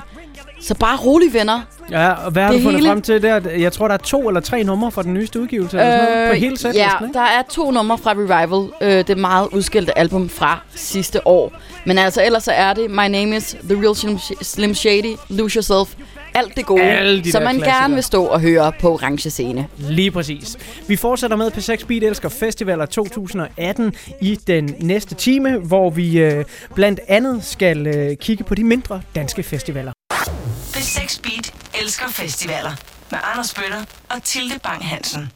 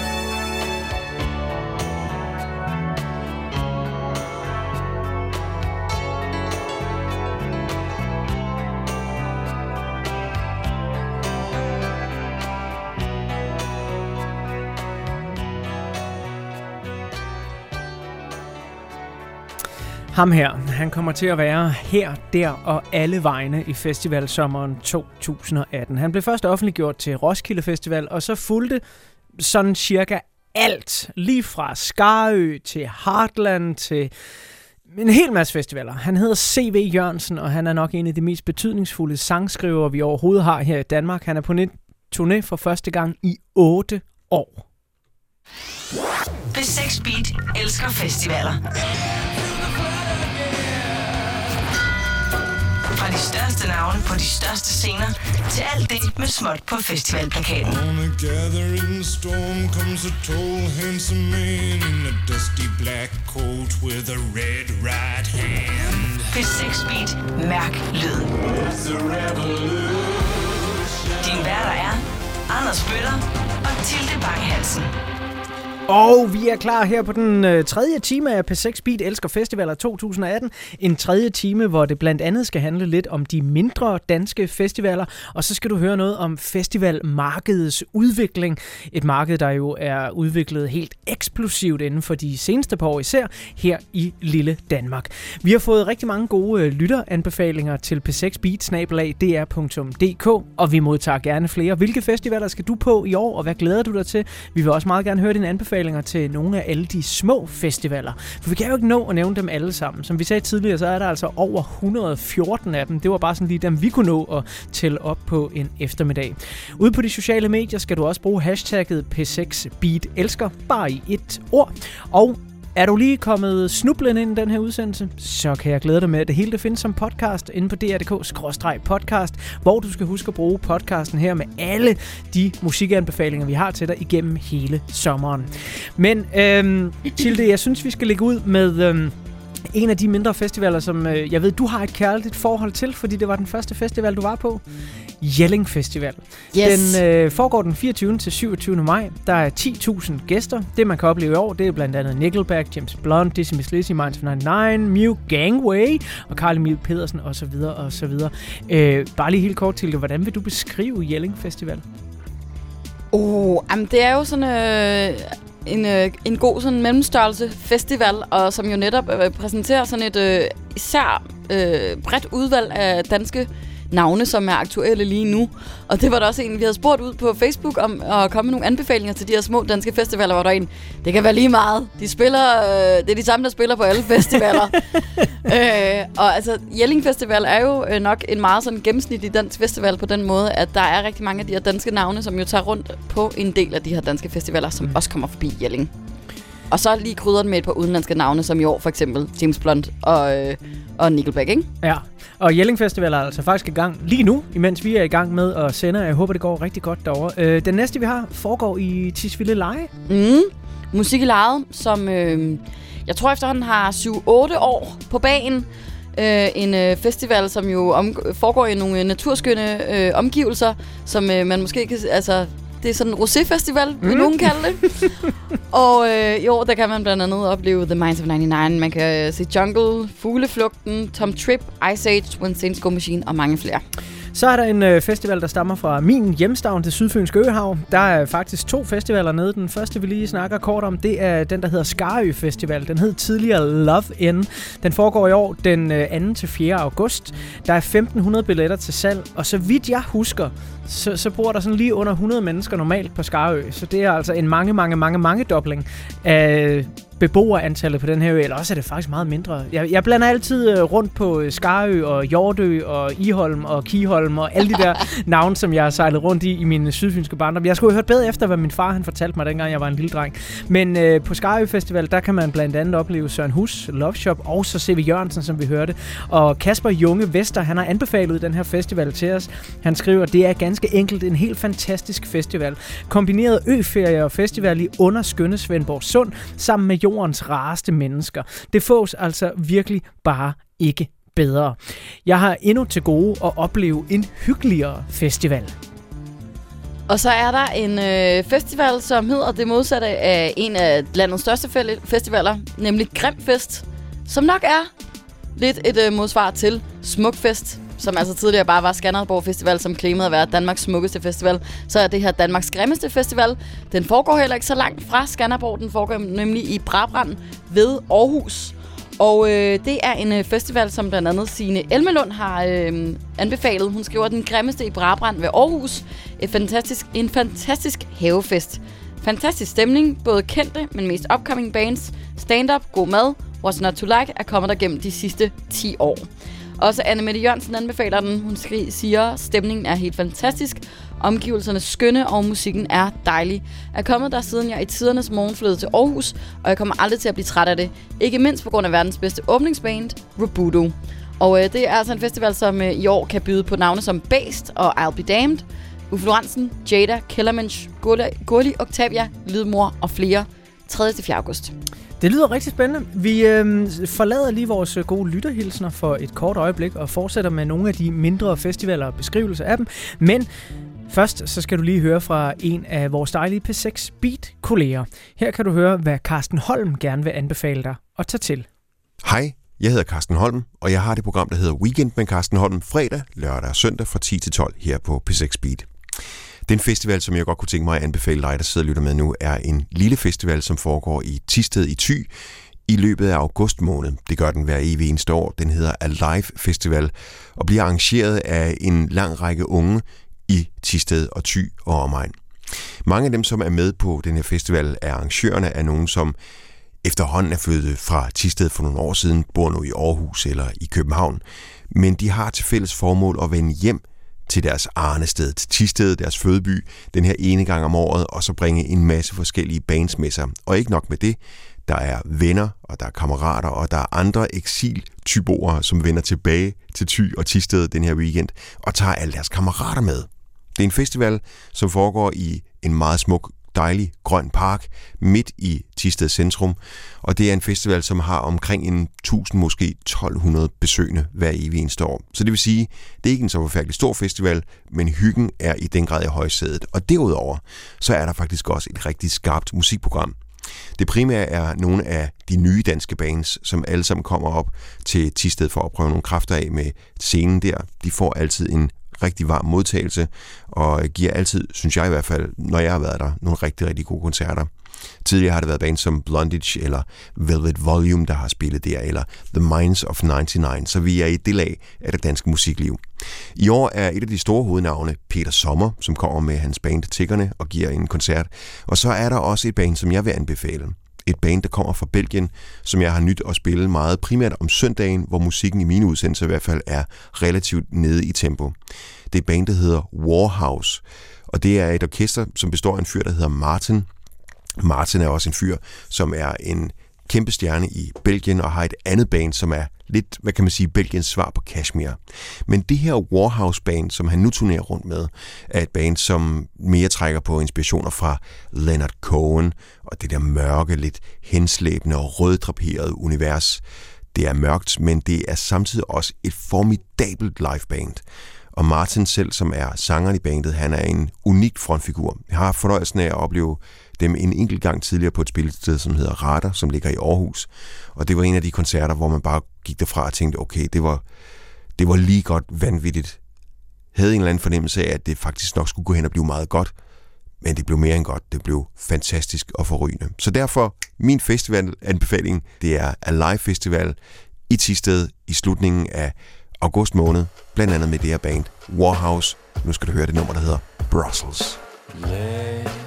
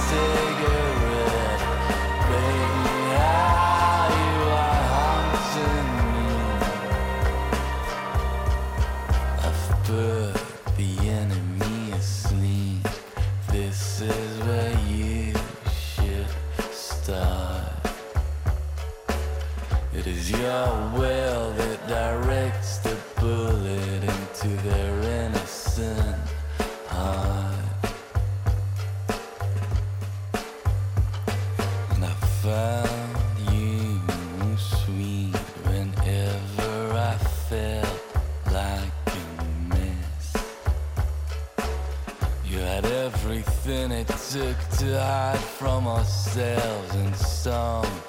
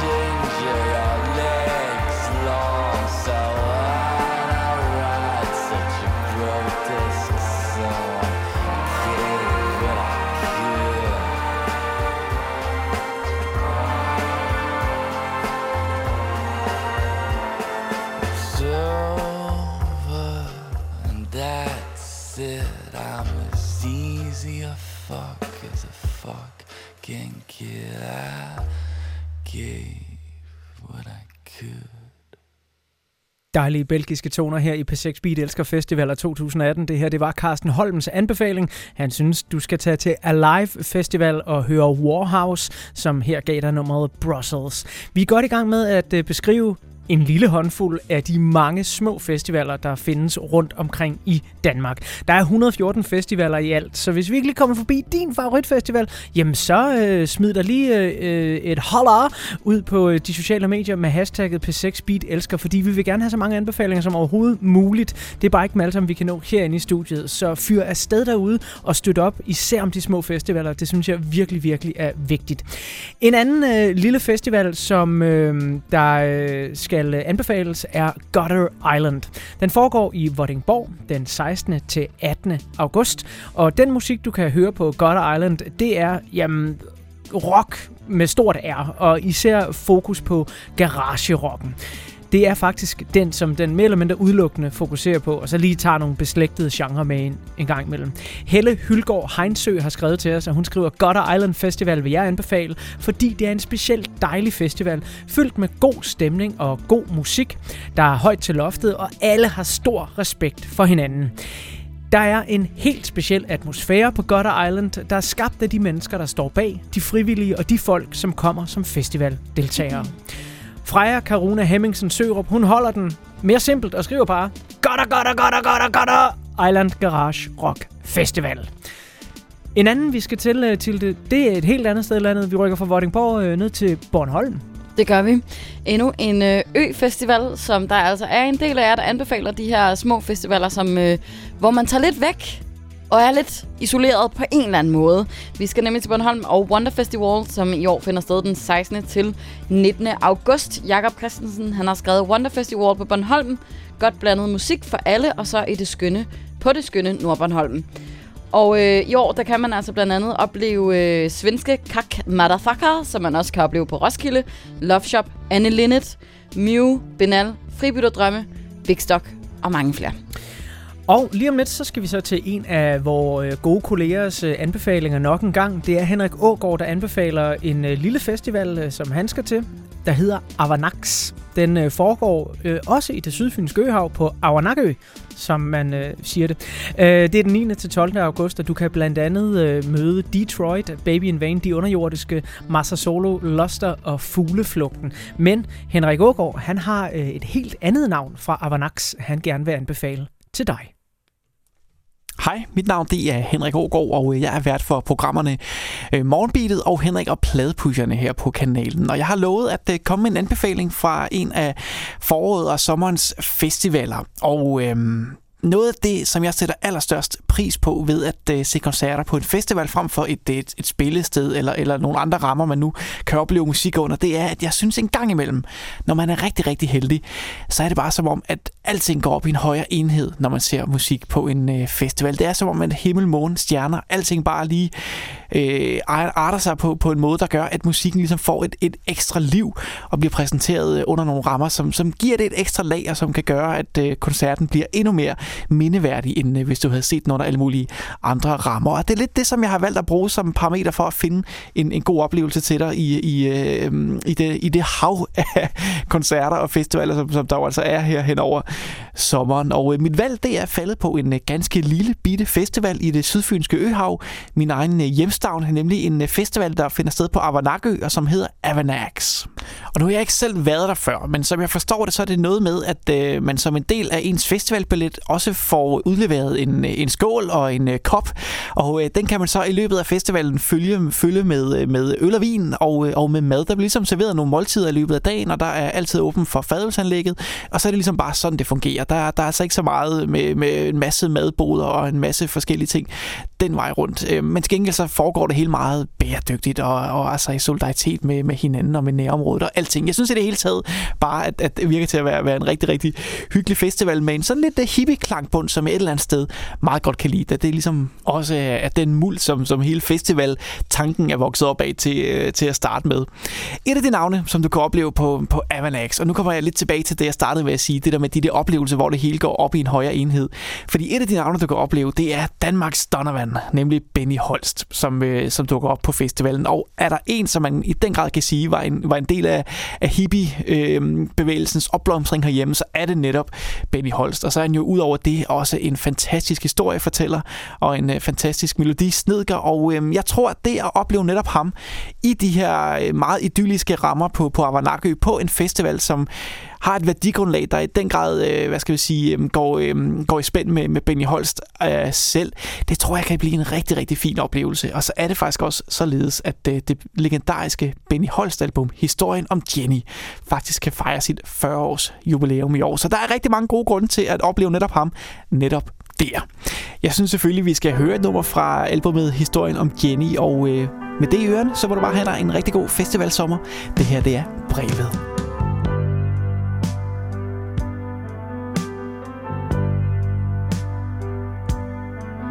Den plads du har, har været besat af mange kvinder. Tommen i, Lad alene og med fyldte hænder. Igen er han på druk, på flugt med sine såkaldte venner. Jenny, dit liv er intet værd for ham. Jeg har brugt et helt liv på at erfare Det vil han forplumre, han har jo sit at bevare. Med søde ord og løgn vil han bort forklare At Jenny, dit liv er intet værd for ham.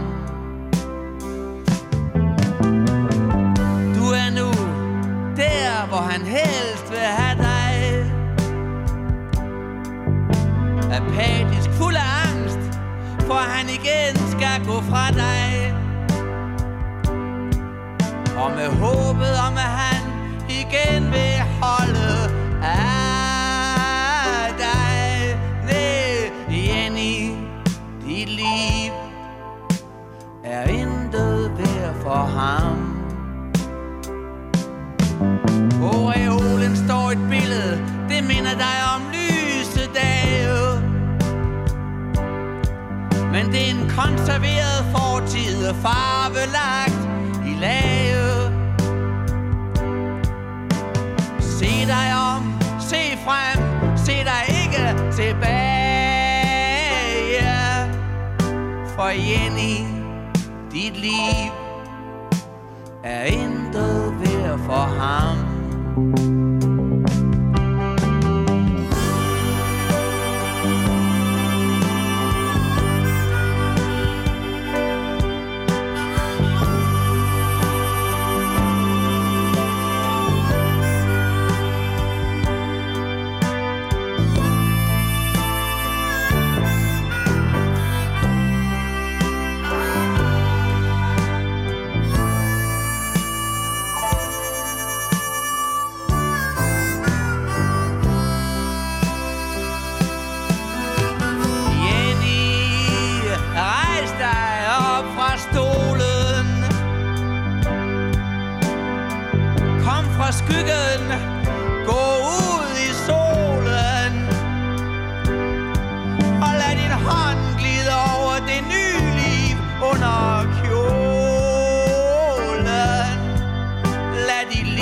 liv få værdi for hende eller ham.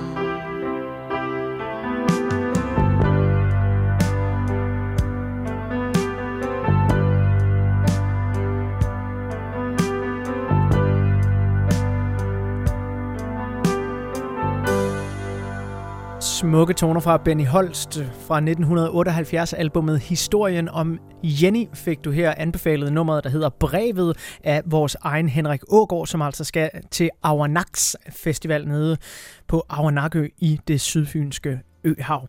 Og til det nu har vi været sådan lidt rundt omkring Øh, de her små danske festivaler, ikke? og øh, som jeg jo har sagt allerede mange gange, så, så kan vi virkelig ikke øh, nå dem alle sammen.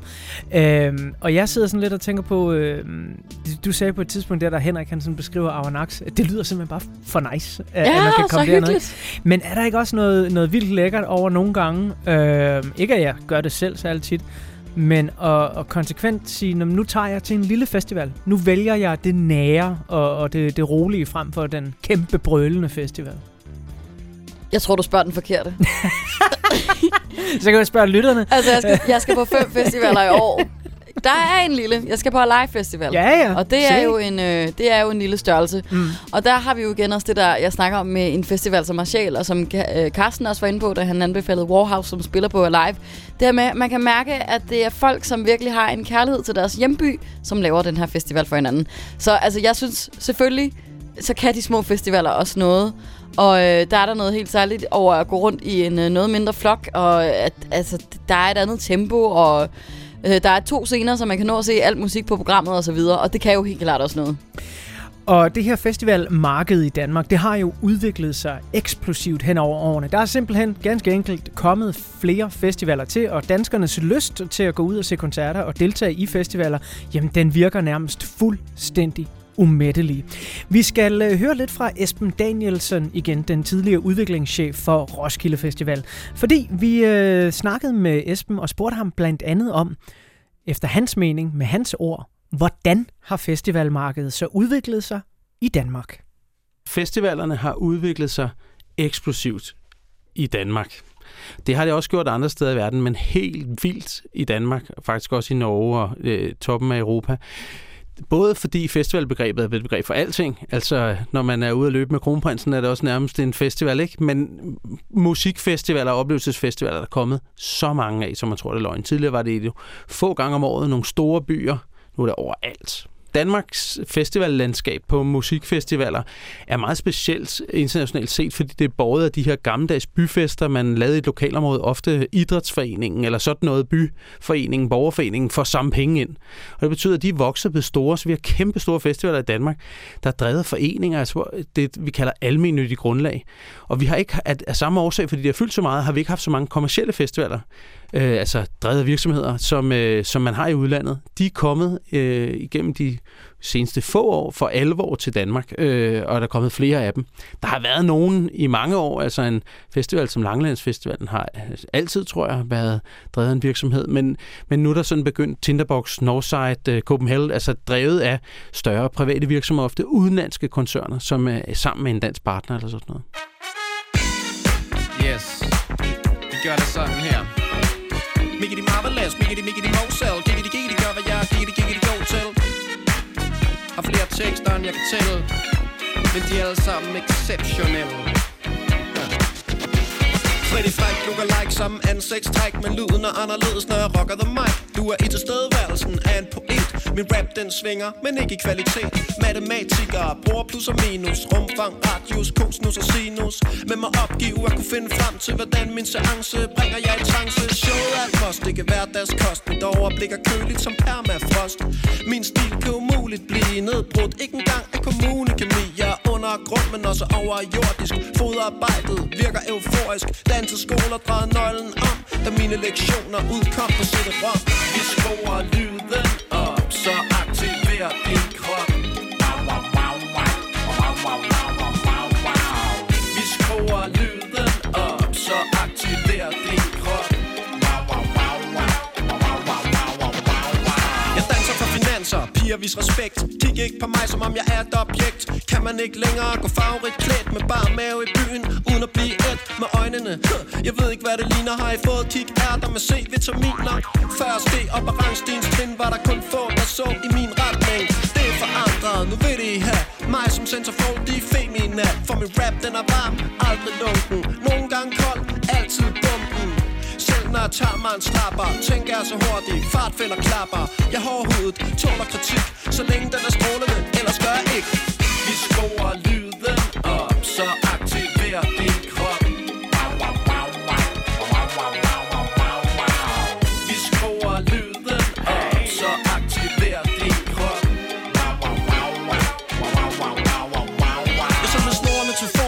telefon præcision. Skær igennem. Bruger en mikrofon. Vel soigneret Vel friseret. Ikke engang sukker kan være så raffineret. Da jeg var flad var der hænder og vriden Men økonomien blev ændret med tiden. Nu er der tryk på kedlerne. Spørgsmålet er Kan de nå at trykke sædlerne? Man kan mene at jeg er gærig Men slet ikke så meget som jeg er nær i. Giver noget væk. Er der parte Så har jeg nok selv fået det gratis til at starte med. Tilbudsjæger Ind til benet Leder efter huller i systemet. Køber ikke det ord Det er mere billigt Bare at bruge dem der står på hylderne i kvickly. Og man kan høre nogen scratche Med en teknik, der er svær at matche. Det to track på de to gramofoner Hvor mange beats har du? 5 millioner. Jeg har 10 milliarder. Rap-stilarter Der skaber meteoritkrater Pladeselskaberne tager notits Af hvordan vi hver dag laver hits. Vi skruer lyden op Så aktiver din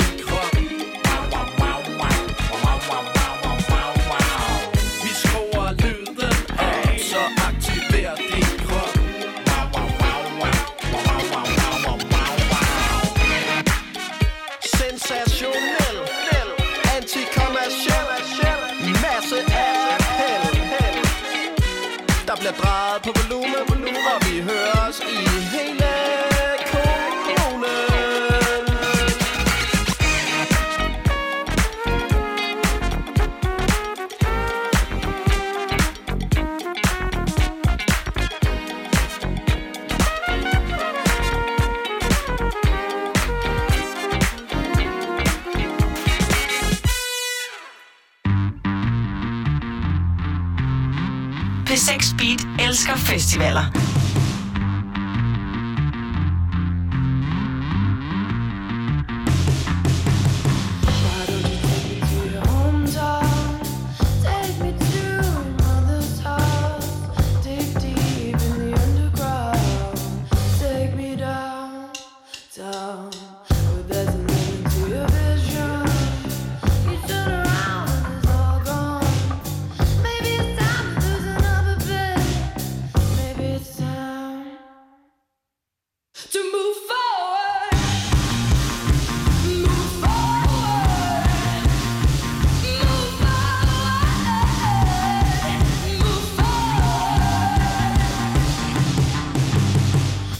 Into my eyes and tell me.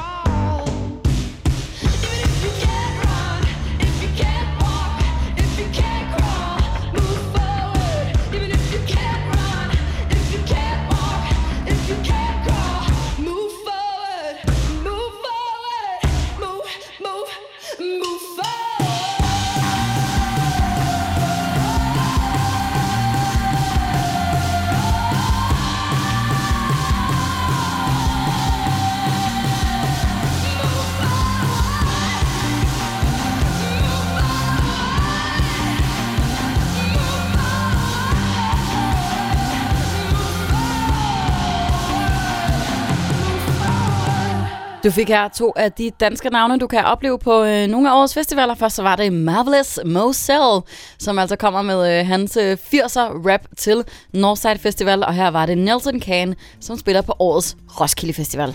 Og Nelson Kane har jeg netop set i absolut topform på årets Spot Festival. Virkelig, virkelig, virkelig en god koncert, de fik leveret der. Det var sådan en af dem der, hvor man sådan tænkte, wow, nu er det her band klar til at overtage nogle større scener. Det er rette tid, det er rette sted. Det var en magtdemonstration, altså. Virkelig, virkelig fedt. Det er det, man har haft på fornemmelsen med det band i løbet af det sidste års tid, ikke? At det bare, der er sket noget med Helt den der sikkert. EP3, som udkom sidste år. Mm. Nu, nu har de den sgu fandme. Ja, og altså k- kæmpe anbefaling til at se Nelson Can, hvor end man øh, nu kan, om det er på nogle af de festivaler, vi nævner, eller nogle af dem, vi ikke når at nævne. Ser man øh, Nelson Can på plakaten, så gå op og se det. Og også selvom man bare er nysgerrig, vil stå nede bagved og sådan lige tjekke det ud. Noget af det, der er ved at gå øh, til koncert helt generelt, men ofte tænker jeg især på festivaler, det er det her med, at man kan sige til sine venner dagen efter, du skulle have været der. Ja. Fordi man prøver at beskrive, at så skete der det og det, og så gjorde de det og det, og lyssætningen var sådan og sådan, eller stemningen var sådan og sådan, og vejret, og bare, bare, bare, bare. Men det, man må bare give for tabt. Man kan ikke helt, altså. Sådan nogle oplevelser må du også have haft igennem tiden til det. Ja, men jeg havde, øh, jeg havde virkelig en øh, FOMO øh, sidste år på øh, Haven Festival, hvor en af mine yndlingsmusikere, Perfume Genius, spillede. Og han er altså det vildeste menneske på en scene. Der, det er som om, der sidder sådan en magnet i ham, der gør, at alles blik bare er rettet mod ham. Og man er totalt øh, altså suget ind i hans univers, når, øh, når man er til koncert med ham. Så det var jeg virkelig, virkelig ked af at gå glip af. Jeg fik taget revanche i efteråret. Det var jeg glad for. Et af de bands på øh, årets festival lineup, som øh, vi har lagt meget mærke til, og som man bør lægge mærke til, fordi det er en total oplevelse. Det er et dansk, tysk, internationalt orkester, som er meget, meget specielt. De hedder Heilung, og de bliver i øh, den her tid hyldet, især i heavy metal kredse. Sjovt nok, fordi der er ikke noget heavy metal over Heilung, udover et insisterende mørke og øh, i den grad et øh, teatrisk aspekt, som, øh, ja, jeg skulle lige til at sige, sådan nogen som King Diamond kunne bruge, men det her, det er endnu vildere, altså. Heilung er et af den der slags bands, man skal til ind og se live. Vi vil prøve at spille noget for dig nu her i øh, P6 Beat Elsker Festivaler 2018. Men jeg vil godt love dig, at det kommer ikke til at være halvt så vildt at høre det her i din radio eller din podcast, som det gør, når du skal opleve det live på årets Roskilde Festival.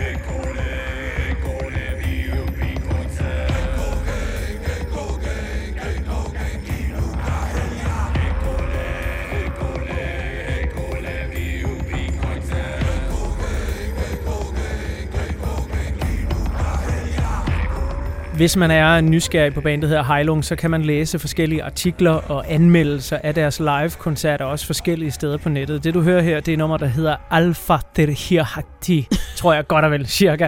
Heilung er et uh, helt specielt band, som uh, blandt andet har postuleret, at de kun spiller koncerter efter mørkets frembrud. Det er et band, der siger, jamen, vi laver ikke en koncert, vi, vi laver en seance, vi laver en, uh, ja, hvad skal man egentlig kalde det?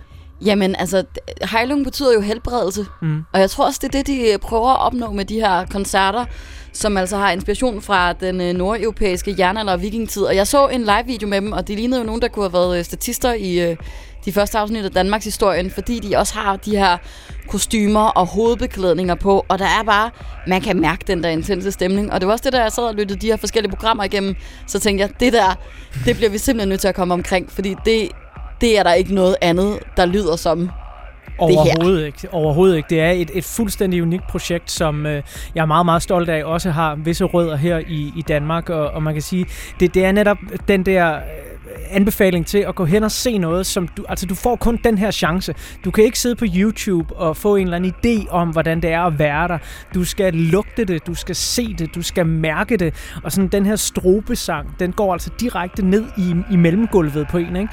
Og, og det bliver bare mere og mere intens. Vi hører lige et par sekunder mere af Heilung her.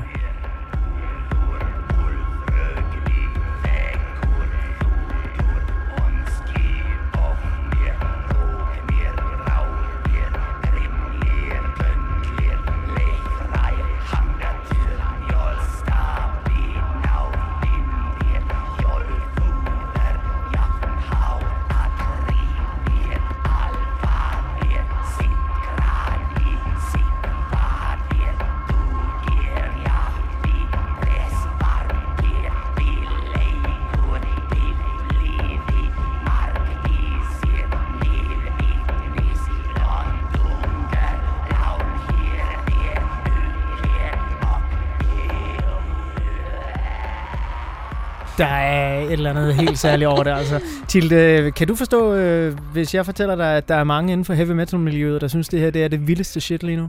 Ja, man forstår mørket. Ja, ikke? Altså det der med, at det tiltrækker øh, mennesker, som godt kan lide at høre mørk, mørk musik. Ja. Det giver rigtig god mening. Og øh, jeg læste også, at øh, de i 2017 faktisk øh, blev in- inkluderet i et øh, magasin, der hedder Metal Hammer UK, Mhm. mm-hmm. over top 10 over årets bedste koncerter. Og det var altså sammen med bands som øh, Iron Maiden og Guns N' Roses og øh, Ghost, som er jo er nogle meget erfarne herrer. Det må man sige, og man må også sige, Metal Hammer er ja, noget af det allermest respekterede inden for heavy metal og rock-magasiner, noget af det allerstørste, der findes. Vi skal lidt uh, tilbage til jorden igen, og så skal vi til et uh, band, du har fundet, der hedder Big Thief. Ja, som spiller på årets øh, Haven Festival. Et øh, indie rock band af den gode gamle skole, som har en helt fantastisk øh, forsanger inde i Adrian Linker. Det var sådan, at øh, jeg øh, så Big Thief øh, spille i efteråret, og det, der var så sjovt, var, at det her band, det virkede som om, de nærmest lige havde lært hinanden at kende. Der var noget med samspillet, som måske ikke helt langt sammen. Det håber jeg, det gør lidt bedre på Haven. Men på grund af den her forsanger, Adrian, så gjorde det bare alligevel. Altså, så, så, gik, så gik det hele alligevel, fordi hun er så vild og har så smuk en vokal. Let me touch your cheek. I will always Having your face hit, having your lips split by the one who loves you. Real love,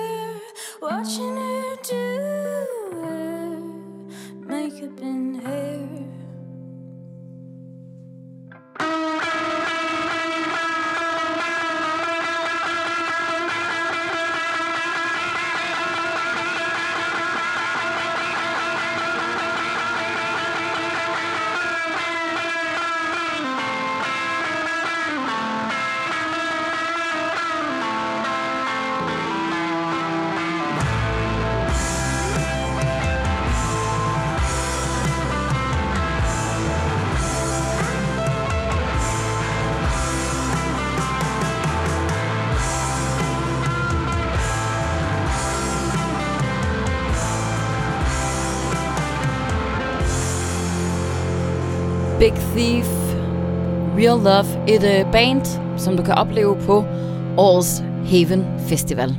Og altså et band, synes jeg, der også virkelig øh, står ved sine indie-rock-dyder. Altså det skal man lige beskrive indie-rock-guitar, ikke? Så, så er det sådan noget der. Ja, og altså indie rock guitar, det kan du altså få masser af på årets øh, festivaler. Du kan for eksempel også øh, høre The One Drugs på øh, Northside. Du kan høre Gang of Youths. Du kan, det er også på Northside. Så er der også The National på Northside. Der er meget øh, indie rock guitar på Northside. De kan et eller andet på Northside med det der. Noget, som øh, der er lidt af et scoop. Noget, der er den overraskende bookning. Også fordi det bare er så god en bookning. Den øh, går til Heartland Festival i den her time. Vi har allerede snakket om Depeche Mode og Eminem som sådan de overraskende bookninger. Men... Øh, Heartland Festival, de har altså fået fat i legendariske The The. Jeg ved ikke, er det et band, du har noget særligt forhold til til det?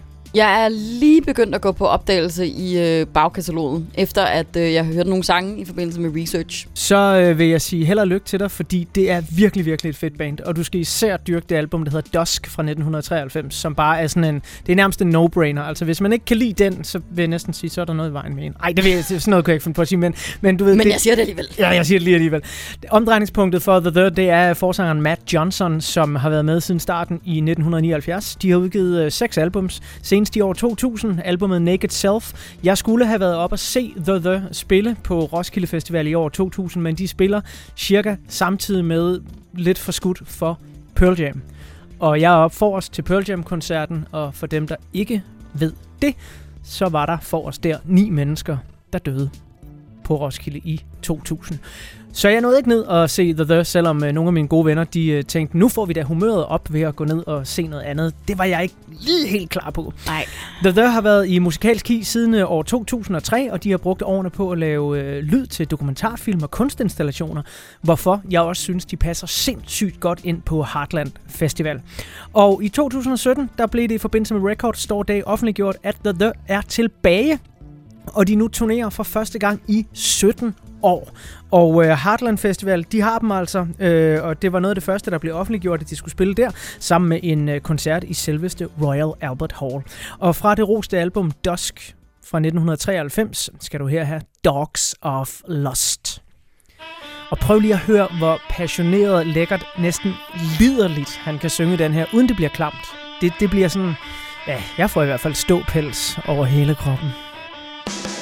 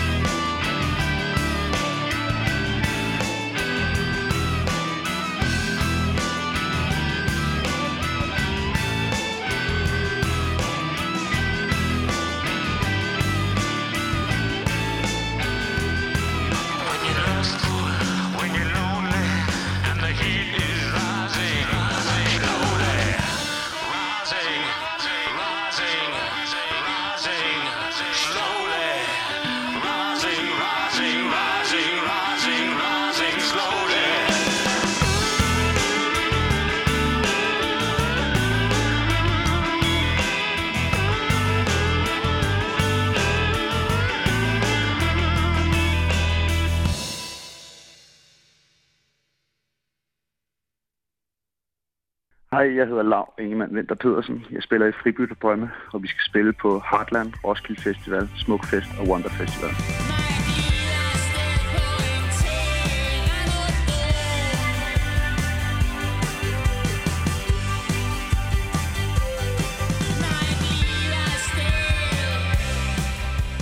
Jeg vil anbefale fugleflugten på musik i lejre. Det skal man tage ud og opleve.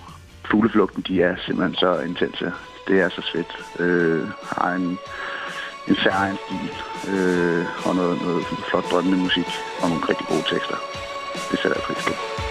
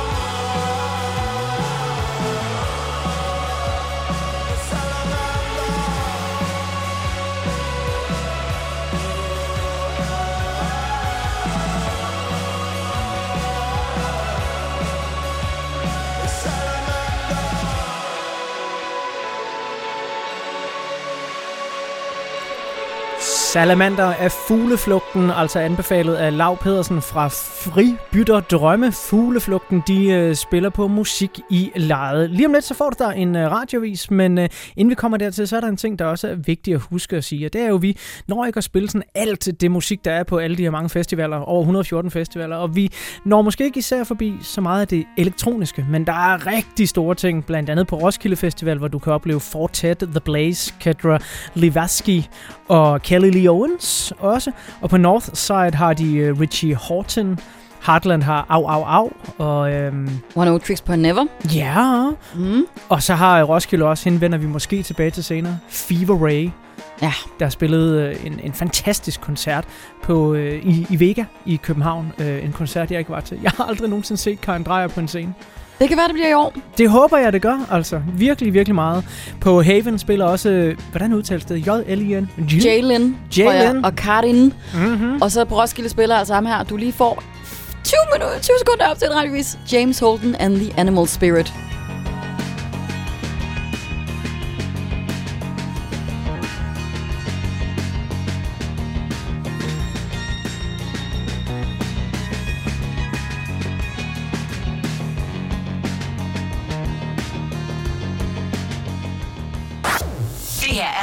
P6 Beat elsker festivaler. 6 timers direkte live radio. Mærk lyden.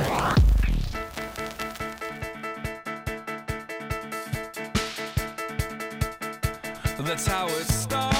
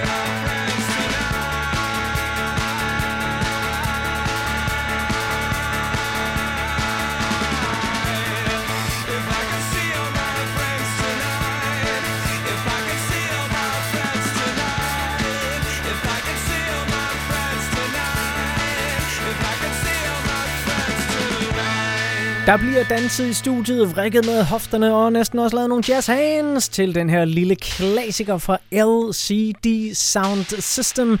Det her, det var nummeret, der hedder All My Friends. Velkommen til P6 Beat elsker festivaler.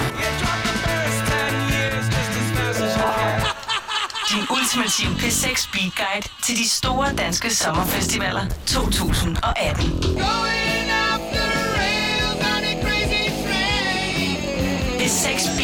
elsker festivaler.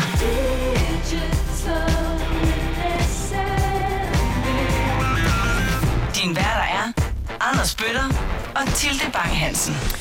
Og det er vi altså stadigvæk rigtig, rigtig glade for at være her, hvor klokken den er blevet øh, 8 minutter over 1, og ikke 12, som jeg kommer til at sige op til radioavisen. Det er fordi, jeg, så gerne, jeg vil gerne bare bruge længere tid med dig her i studiet til det. Ja, og der er jo også øh, masser af øh, musik at tage fat på, kan man sige. I den grad. Vi er godt i gang med P6 Beat Elsker Festivaler 2018. En udsendelse, vi sender for dig her live på P6 Beat og i din podcast. Og det gør vi, fordi at festivalsommeren står for døren og banker på, og vi gerne vil give dig den ultimative musikguide til den del af festivalplakaterne, som vi elsker allermest her på P6 Beat. Derfor så beskæftiger vi os med mange af de større danske festivaler i løbet af de her 6 timer, og også nogle af de øh, anbefalinger til mindre festivaler, som du kommer med. Fordi du skal som altid være med til at skabe P6 Beat Elsker. Hashtag ude på de sociale medier, det er P6 Beat Elsker. Og så har vi jo også vores festival top 3, som du skal stemme på. Og nej, det er ikke festivaler, du skal stemme på. Det er nogle af de navne, der er på årets festivaler. Hvis du går ind på P6 Beats Facebook-side, så kan du allerøverst op finde et opslag, hvor vi beder dig om de tre navne, du glæder dig allermest til, eller allerhelst gerne ville se, hvis du nu skulle afsted til dem alle sammen, og penge det slet ikke øh, var noget problem overhovedet. Anbefal tre navne fra årets lineups til os, og så laver vi den sidste time, sådan, øh, hvad skal man kalde det, drømmeholdet for P6 Beat-lyttere. Nikolaj Bisgaard Christiansen, han øh, har skrevet herinde og skrevet en lang dejlig mail med nogle anbefalinger. Han anbefaler blandt andet, at man skal tage ind og se Slow Dive på Heartland. Og Nikolaj, han skriver, skønt jeg dog ikke har mulighed for at tage til Heartland i år, så oplevede jeg Slow Dive på Vauxhall tidligere i år, hvilket var noget nær den bedste koncert i mit liv. Den enorme kraft og skønhed i deres musik og den smukke harmoni mellem de støjende og forvrængede guitar og skønsangen fra Rachel Goswell gjorde, at jeg og det resterende publikum ikke gjorde andet end blot at stå og stirre og blive slået emotionelt om kul af den fantastiske musik. Som sagt skal jeg ikke på Heartland, men jeg er sikker på, at de nok skal give et brag af en koncert, og ellers så vil jeg blot vente på deres næste danske koncert. Tusind tak for den hilsen, Nikolaj. Nu har du ligesom kridtet banen op til, hvad det egentlig handler om. Anbefale noget derude for de her festivaler, også selvom du ikke selv skal til koncerten. Nu hørte vi lige LCD Sound System, og øh, dem har jeg hørt en gang live, ved jeg, fordi jeg har et billede af det, men jeg kan ikke huske det, fordi jeg kom måske til at ryge et eller andet, jeg ikke skulle have røget, eller også så havde jeg fået en, en lille dram for meget en gang på Roskilde Festival. Men Tilde, jeg ved, at du har set LCD Sound System op til flere gange. Ja, fire gange er det blevet til indtil videre. Første gang på øh, Roskilde Festival, som var i 2010. Det var lige året inden, at det gik i opløsning. Øh, samme år hørte jeg dem så også i øh, London sammen med Hot Chip, som de er gode venner med. Så har jeg øh, set dem igen på Roskilde Festival, da de lukkede Orange for et par år siden, og sidste år på et øh, storsvedende, dampende øh, Storvægge i København. Og hvordan er de som liveband? Altså, jeg kender dem jo særdeles godt øh, fra deres studiealbums og produktionerne der, og det er jo et meget, meget sådan velproduceret band og meget tight. Er de også det live? Ja, altså det, det er nogle øh, virkelig dygtige musikere, og det er jo sådan en øh, hel øh, maskinpark af gamle synthesizer, som bliver rullet ud, når de øh, spiller live. Og så har de jo den her store diskokugle, som de alt, også altid har med. Og øh, har i øh, James Murphy, synes jeg, en øh, virkelig øh, god, knastør forsanger. Det er lige som jeg kan lide dem. I den her time af P6 Beat Elsker Festivaler, der skal vi blandt andet snakke om, hvorfor vi overhovedet går på festivaler. Vi skal høre lidt om, hvad festivalerne de betyder for musikerne og deres karriere. Og så skal vi også snakke en lille smule om, hvad et øh, godt hovednavn er. Men øh, til det, lad mig lige høre, øh, nu, vi har jo begge to en historie med Roskilde Festival. Øh, Ja. Roskilde Festival var min første festival nogensinde i 1996. Da du tog på Roskilde de første par gange, sådan to-tre gange og sådan noget, var det sådan øh, vigtigt for dig, øh, hvordan du tog dig ud? Altså, hvordan du øh, så ud? Øh, gjorde du noget særligt ud af det? Øh, ledende spørgsmål. Øh, svaret er... svaret er ja. Altså det, det er ret sjovt, for vi har sådan, sådan snakket lidt om det i løbet af dagen. Øh, resten af redaktionen, der har vi har siddet og kigget på billeder på Facebook fra vores øh, Roskilde-oplevelser, og øh, hvor der blev sagt, man øh, så jo totalt slummet ud de første år. Ikke jeg. Eller det gjorde jeg måske, men det var i hvert fald ikke med vilje. Nej. Det var meget, meget bevidst, hvad jeg tog på af tøj. Okay, det, øh, det, det er jeg glad for at høre. Det tror jeg også, det var for mig. Men, men, men jeg, jeg har altså ikke set lige så godt ud som dig. Hvis man tjekker på 6 Beats Facebook-side, så vil man kunne se, der ligger et billede op af mig, øh, hvor jeg har min øh, hjemmelavede batik-trøje på. Og der er også en god lytter, der har svaret, at jeg også er med i Roskilde Festivalens øh, dokumentarprogram fra 2008, hvor jeg løber først ind af den port, der åbner lige ind til orange scene. Og der ligner jeg simpelthen, jeg ved ikke hvad. Men lige meget hvad man vælger på Roskilde Festival, så siger det jo noget om vores identitet. Hvilke festivaler vi vælger, hvilke koncerter vi går til, og hvordan vi ser ud, når vi gør det. Og vi har tidligere hørt fra Esben Danielsen, der er udvikling, eller var udviklingschef på Roskilde Festival. Og vi spurgte ham også, da han var forbi studiet her, hvorfor går vi egentlig på festivaler? Der er rigtig meget identitet i at gå på festival. Altså man kan sige, øh, den rytmiske musik, rockmusikken, øh, den frie kultur, at man vil være ung hele livet, bla bla bla, det, øh, det kan man i mange aldre genopleve, når man er på festival.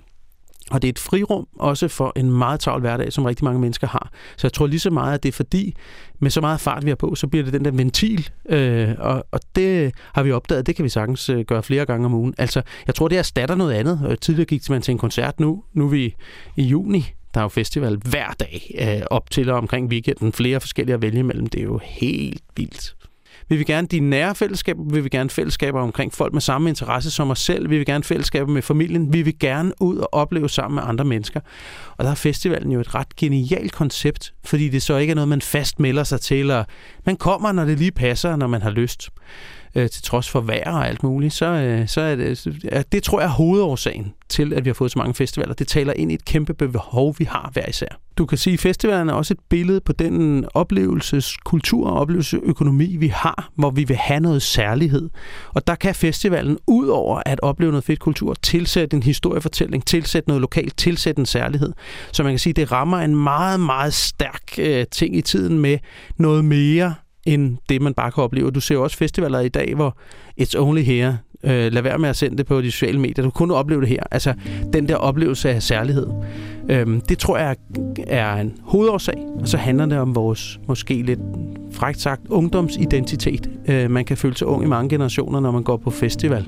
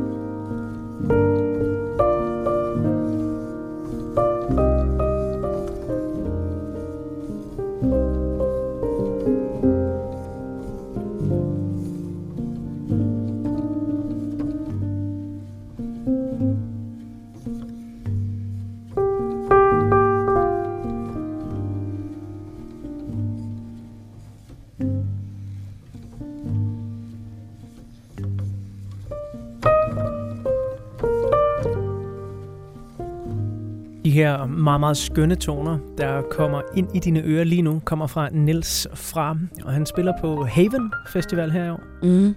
Det er også en kunstner, du har set live før, ikke Tilde? Jo, i øh, efteråret, hvor, et, øh, hvor jeg var inde på Storvega, og der er det sådan, der er en balkon, og vi havde tænkt, at vi skulle ned og sidde, fordi det er også det, Niels Frems musik meget indbyder til. Vi kunne ikke komme helt derhen, hvor vi egentlig gerne ville, men det var ret glad for, fordi at det, der sker, det er, at Niels Frem Enemann har et virkelig vildt setup med, med øh, nok omkring 12-14 forskellige klaverer og orgler og synthesizer og alle mulige øh, instrumenter i øh, den dur. Og så øh, gør Niels Frem med det her, at han hopper frem og tilbage mellem de her forskellige instrumenter og bygger sin sang op. Og det er nok den mest stille koncert, jeg nogensinde har været til, sådan publikumsmæssigt. Øh, der var fuld koncentration, og øh, det var sådan, at det, det blev sådan enerverende, når et menneske gik hen over gulvet, fordi det larmede. Man var bare sådan, Shh! Det er jo, øh, altså, og der griber du fat i noget helt generelt, som især kan være et problem. Altså, det, det kan det til koncerter generelt, men også på festivaler, at, at folk, de, de knævrer løs. Altså, det er lige meget, om det er ja, stille musik som Niels Fram, eller om det er rock, eller det er metal, eller... Ja, og det er de ikke engang- fadøl der, altså. Det er alt det fadøl der. Kunne man ikke bare få sat en stopper for det, altså? Hmm. Den, den bedste festival, der findes, det er den, hvor folk holder sin kæft, og Thomas Treve, han ikke kommer. Så fik jeg det sagt. Øhm, Tilde, vi skal lidt væk fra øh, Niels Fram, sådan meget meditativ, stille og øh, rolig musik, og så øh, over til noget af det, som der jo også er vigtigt for øh, musikere, når de spiller på festivaler, nemlig det her med, at det betyder jo noget, hvilken festival man spiller på, hvornår Mm. man gør det. Man har jo tit den her klassiker med øh, det danske band, der skal åbne Orange Scene. Ja. Har, har det betydet noget for dig nogensinde, øh, hvor du har haft et eller andet favoritband, eller bare et band, du godt kunne lide, der så skulle åbne? Øh, jamen altså, øh, The Minds of 99, da de spillede i 2015, må det have været. Det synes jeg var en virkelig, virkelig imponerende koncert, fordi det kan godt være en rigtig svær koncert, selv for et band som Outcast, som gjorde det et år eller to for inden, hvor jeg faktisk ikke rigtig synes, de øh, lykkedes med at, at hive den her koncert op og gøre den til den her store fællesskabs øh, ting, som den der åbningskoncert på øh, Orange Scene gerne skal være. Og som er en svær størrelse, fordi det er rigtig mange mennesker, man skal spille for. Og prøve at få skabt noget med på en time. For mig, der har været flere af mine især helt sådan ungdomsidoler, deres åbninger af Orange Scene, kan jeg stadigvæk huske sådan nærmest ind under huden, altså Psyched Up Janice og især Dyreforsøg, som jeg talte om tidligere, det her alternative metalband, der åbnede i 1997, tror jeg det var, var virkelig noget, som jeg sådan, wow, det synes jeg var fantastisk. Superheroes var også et af de bands, som øh, jeg synes var øh, konge dengang. Der var et band, som øh, åbnede tilbage i, jeg tror det var 2007 eller 2009, det får vi svar på lige om lidt, men det er et af den slags bands, hvor man i den grad kan sige, at øh, deres gang på, til at starte med, danske festivaler virkelig har betydet noget for en kæmpestor karriere. Det er den største musikeksport, vi har herhjemme. Det er det mest populære rockband, både herhjemme og i udlandet. Det er Volbeat. Og her den anden dag, der snakkede jeg med Toke Holt, som er Volbeats marketingskonsulent i Norden. Og her, der skal du høre ham fortælle historien om, hvordan Volbeat har bygget meget af deres karriere op netop ved hjælp af festivaljobs. Volbeat spillede jo allerede tilbage i 2006, hvor de spillede nede i, jeg tror det var Odeon-teltet, efter at have vundet en steppeulv. Og, og det udmyndtede sig så altså, efterfølgende i et åbningsslot på Orange Scene. Så, så hvad kan man sige, fra en, øh, et awardshow i Lille Vega til en proppet Odeon-scene til et, et meget godt, men fantastisk Volbeat-show i 2007 øh, til at åbne festivalen med, at det taler vel sådan set for sig selv, hvor hurtigt noget kan gå, og, og hvor vigtigt et sådan forløb kan være for et band. Hvis du har spillet på en stor festival, så har du også spillet på en stor scene, og det, og det kræver noget at kunne træde ind på sådan en og fylde en, og måske især det med at komme ud over scenekanten. Og øh, det gør jo også oftest, at man har spillet over for et stort publikum. Så hvad kan man sige, det, det at have et par store scener og store festivaler lokalt på CV'et, det kan da kun være et plus over for netop udenlandske talentkøbere, som ligesom siger sådan, okay, jamen, øh, de har, de har åbnet orange, så altså, det kræver et par store sko, dem vil vi da også gerne have på besøg. Øh, Volbeats agent havde prøvet at, at få bandet ind på Sweden Rock i en årrække, og faktisk generelt arbejdet benhårdt på det svenske marked. Og øh, i starten gik det ikke så godt, men Volbeat kom ind og spillede på den mindste øh, Zeppelin stage på Sweden Rock i 2008. Altså hvor de simpelthen pakkede det- område fuldstændig, og øh, altså simpelthen lagde publikum ned og endte med at være en af de optrædener, der blev snakket mest om på den festival det år. Og siden kan man sige, det har jo altså bare gjort, at bandet er fuldstændig skudt i vejret i Sverige. Øh, I september måned sidste år headlinede de selv på Sveriges nationalstadion, Friends Arena, for 23.000 betalende gæster. Så festivaler har så afgjort været med, og en, en, en vigtig del til Volbeats succes. Volbeats historie fra at spille deres første show, så vidt jeg husker, på Tex, ikke? Øh, og så til at, at sælge Telia-parken ud med 48.000 billetter i Danmark sidste år. Spille headline shows i, i Tyskland og Sverige for op mod 25.000 mennesker øh, Øh, til at, at varme både op for Metallica i USA, men også spille massive egne shows i både USA og Canada, er jo, er jo, en, altså, er jo noget, man kan se kun live sig selv i armen over som, som bandmedlem, kunne jeg forestille mig. Og det gode på den måde er jo, sker jo ufattelig sjældent, så det, det er jo en fantastisk historie.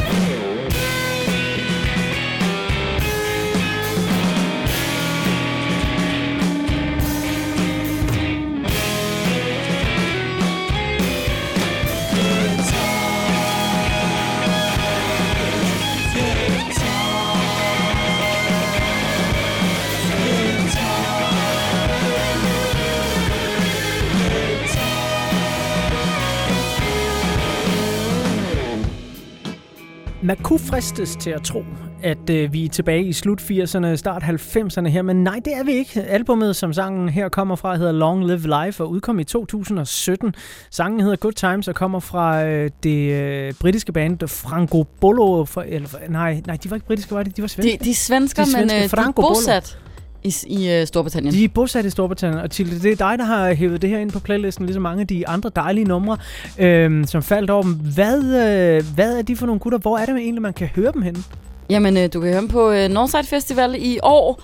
Øh, er altså som sagt det her øh, svenske band, som øh, valgte at flytte til England og har fået et, øh, et publikumscrowd derovre, og øh, sidste år udgav deres debutalbum Long Live Life, som man altså kan opleve live på Northside. Vi skal øh, lige snakke kort om øh, det her med, hvad et godt hovednavn er. Fordi også tit, når festivalplakaterne bliver offentliggjort, så øh, er der jo en masse folk derude, der reagerer på, hey, hvorfor står de der så langt nede på plakaten, og det er mit yndlingsband, og det fortjener de ikke, og da, da, da. Det skal have en større font. Ja, større font. større font, altså.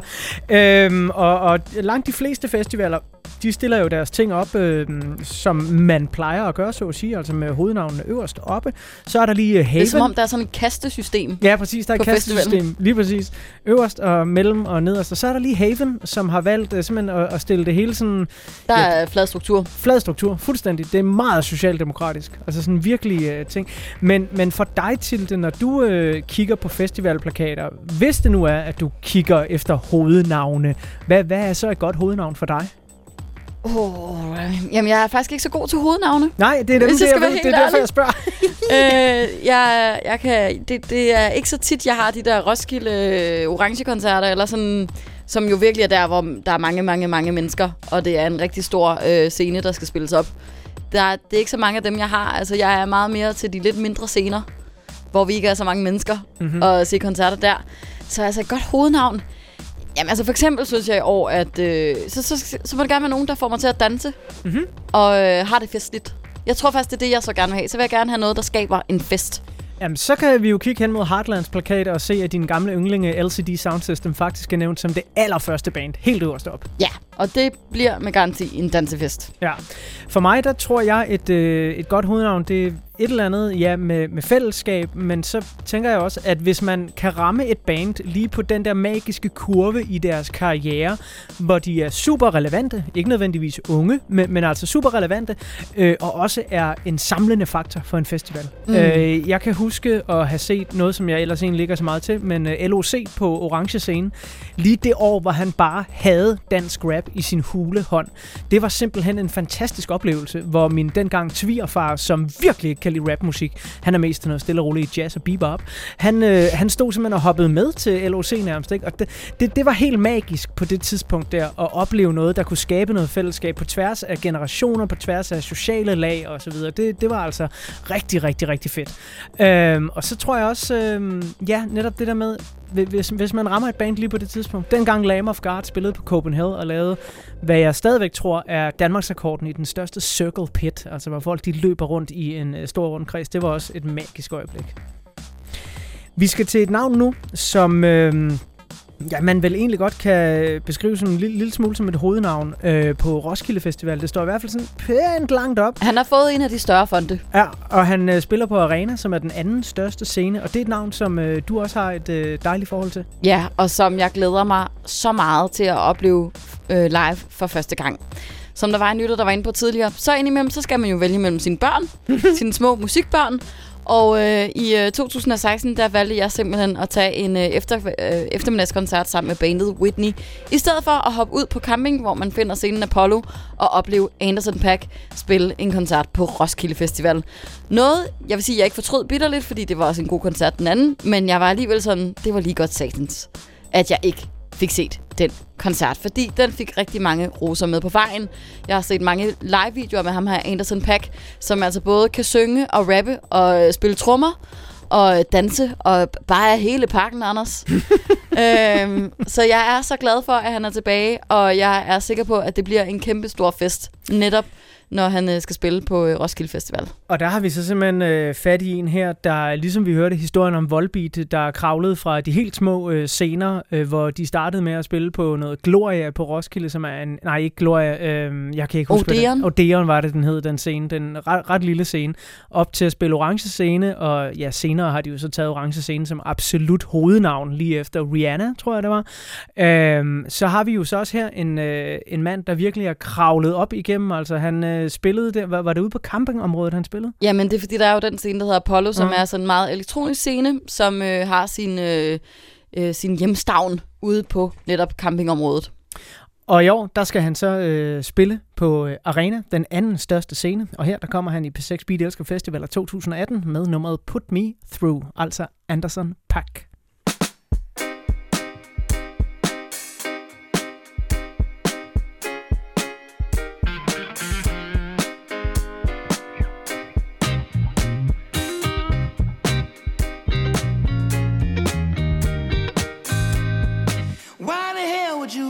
This game?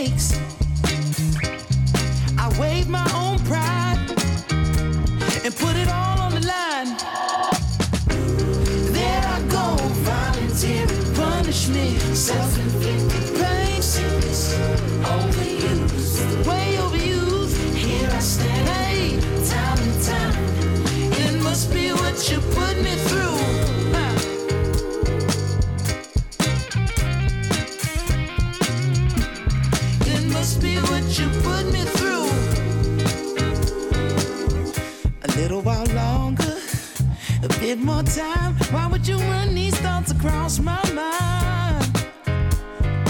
Please believe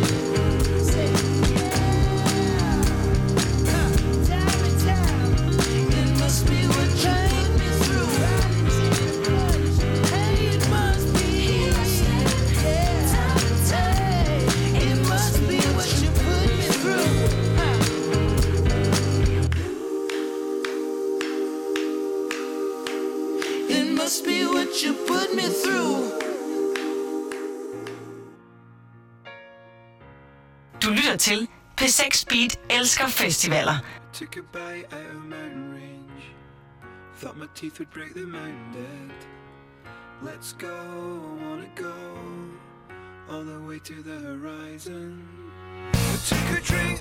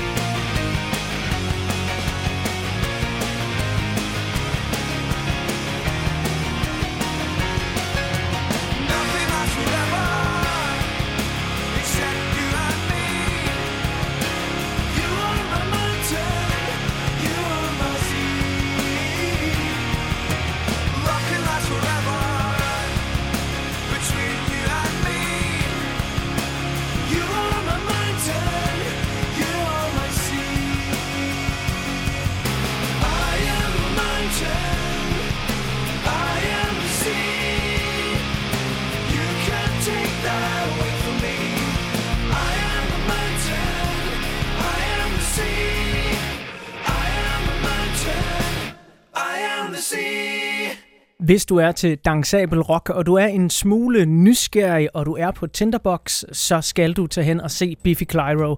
De er et af tidens allerbedste live rock bands, og de er et af den der slags bands, som du kan gå op og se, hvis du gerne vil have en fest, og du ikke nødvendigvis kender sangene. Det er et helt fantastisk, formidabelt liveband, som sidste år lagde arena-scenen ned på Roskilde, den øh, anden største scene, og det var sådan en koncert, hvor jeg tænkte, åh, jeg håber, der dukker nogen op, og det ikke kun er mig, der har opdaget, at Biffy Clyro er et fantastisk liveband. Men puha, der kom andre mennesker end mig. Det er sådan, det er, ikke? Ja. Det er også det, man finder ud af på festivaler, hvor man sådan, uh, jeg har fundet det her super unikke band, og vi er nok to mennesker, der kender det. Nej. Og så er man faktisk øh, lige pludselig øh, 3-4.000 mennesker, som, som kender det samme. Og det er også meget rart, men man føler sig lidt mindre speciel. Ja, og skulle jeg nu øh, stemme på øh, vores lytterbestemte festivalnavne top 10, som vi tager i den sidste time af P6 Beat Elsker Festivaler 2018, så ville jeg nok helt sikkert have stemt på Biffy Clyro. Ikke fordi, at jeg synes, de er en af de allervildeste bookninger, men fordi de netop er et af de der få bands, som kan det der, jeg lige beskrev. Holde en koncert, som man kan komme væltende ind til, uden at have noget forhåndskendskab til dem, og så bare have den vildeste, fedeste fest. Det er ufattelig fedt, når det kommer til at ske. Og, altså, jeg tror, min liste over bands, som jeg har gjort det med, øh, især på Roskilde Festival, den er efterhånden ved at være rigtig, rigtig lang, altså. For der kan man gå på opdagelse. Mm. Og jeg tror også, det er vigtigt at sige, at når man er på alle de her festivaler, lige meget hvilken festival det er, vi taler om, om det er en af de helt store eller en af de helt små, så synes jeg, det er vigtigt, at man lader sig selv fare lidt vildt nogle gange. Og bare gå ud i det, springe ud i det, i stedet for at planlægge det hele så meget. Og sådan bare shoppe lidt rundt. Ja. Tilde, du har taget to anbefalinger med, som øh, jeg har siddet og lyttet til, øh, og som jeg faktisk øh, synes rigtig, rigtig godt om. Øh, og det er måske nogle af dem, som jeg netop ville have faldet over, hvis jeg var gået sådan ud i festivalnatten, eller hvornår de nu spiller de to navne, du har taget med her. Men vi skal lige om lidt høre Phoebe Bridges. Ja. Allerførst Kelly Lee Owens. Hvad er det for to størrelser? Jamen, øh, nu kommer der et øh, se mig, hvor speciel jeg er, jeg har fundet noget under grund. øh, det første, det er Kelly Lee Owens, en øh, walisisk musiker, som sidste år udgav hendes øh, debutalbum. Og øh, Kelly Lee Owens, jamen, hun laver altså musik i et øh, sådan dragende, mørkt og atmosfærisk elektronisk univers. Er et af de øh, elektroniske navne, som jeg synes, man skal tjekke ud i år. Og det, som der er med hendes musik, det er, at det bevæger sig mellem det her meget drømmende og den sabel, og så har hun sådan en sirene-lignende vokal. Ja, den er vild. Det, det var noget det, jeg faldt for. øh, Og jeg er virkelig spændt på med den her koncert, om det bliver øh, en technofest eller sådan en trancetilstand, for det kan virkelig gå begge veje med hendes øh, musik. Så øh, det er altså Kelly Lee Owens. Skal jeg også præsentere Phoebe Bridges nu? Ej, hende tager vi bagefter, ja. fordi nu, nu var vi lige ved den der sirene der, ikke? og den, den skal vi altså lige høre på nummeret, der hedder Throwing Lines.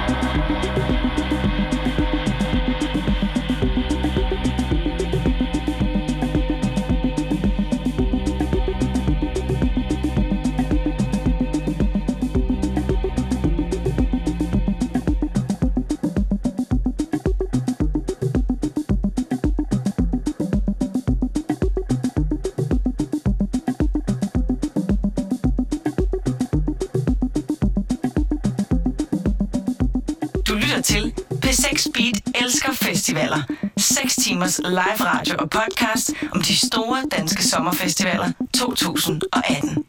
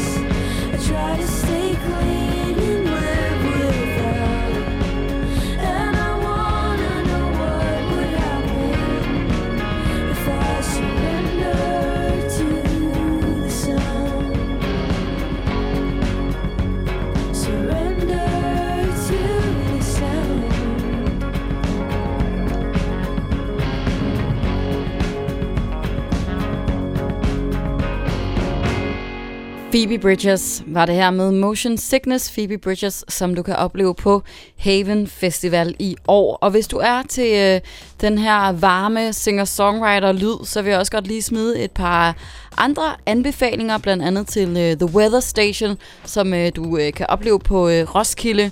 Richard Dawson og Marlon Williams, også et par Roskilde-navne, som øh, altså bevæger sig lidt inden for øh, også den her singer-songwriter-lyd, som øh, Phoebe Bridges har.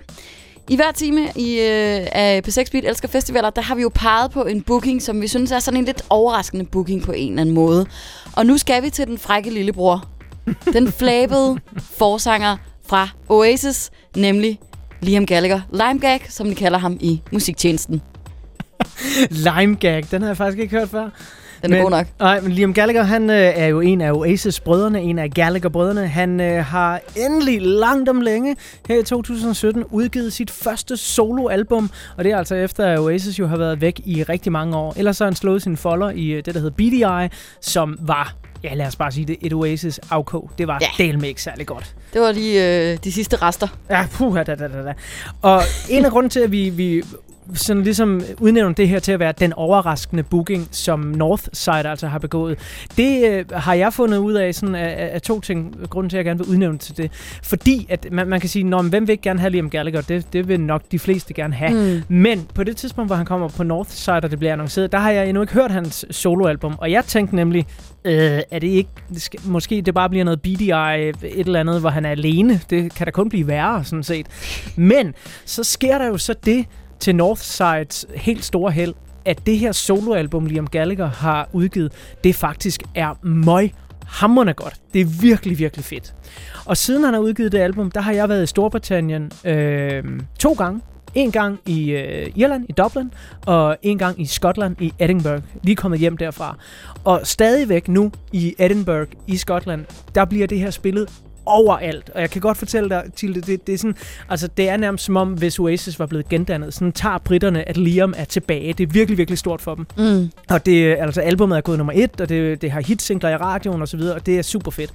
Øh, noget af det, som man skal bemærke sig, hvis man nu sidder og tænker, ah, skal jeg tage afsted til Northside, og jeg, jeg ved ikke, jeg, jeg kender ikke det der album og sådan noget. Øh, ligesom at Eminem, han jo selvfølgelig går tilbage i sit bagkatalog og spiller alle de gamle gode klassikere, når han gæster Roskilde Festival, så kan man også godt regne med, at Liam Gallagher, han går helt tilbage til de gamle Oasis-ting. Altså, jeg har lige været inde på øh, Setlist FM og øh, kigget på setlister igennem, og han starter simpelthen med at synge, øh, spille to Oasis-sange. Sådan. Jamen, Bare lige, så vi er sikre på, hvor det er, han kommer fra. Ja.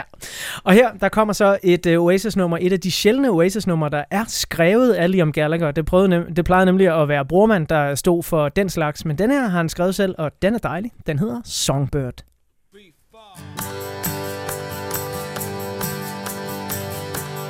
Talking to the songbird yesterday. Flew me to a place not far away. She's a little pilot in my mind. Singing songs of love to pass the time. Gonna write a song so she can see. Give her all the love she gives to me. Talk of better days that have yet to come. Never felt this love from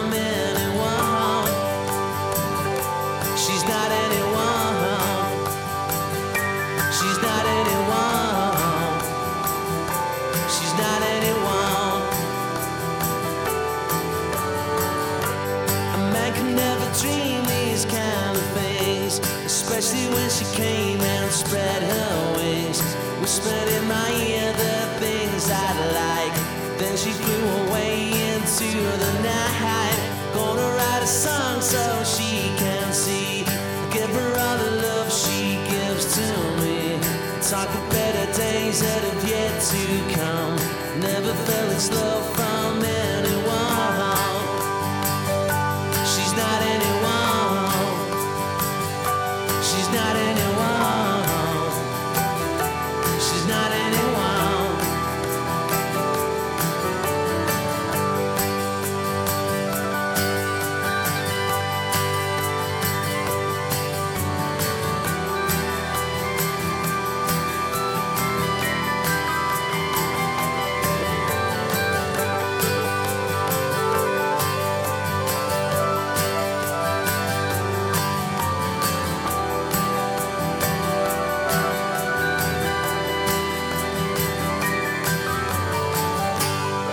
Det her det kunne meget vel blive et af de Oasis-numre, som Liam Gallagher spiller, når han gæster Northside Festival. Det er i hvert fald ham, der har skrevet nummeret her, Songbird, og du får både Oasis-klassikere og Liam Gallagher solomateriale, når han kommer til Northside. Så meget er næsten sikkert, i hvert fald hvis man kigger på de seneste setlister.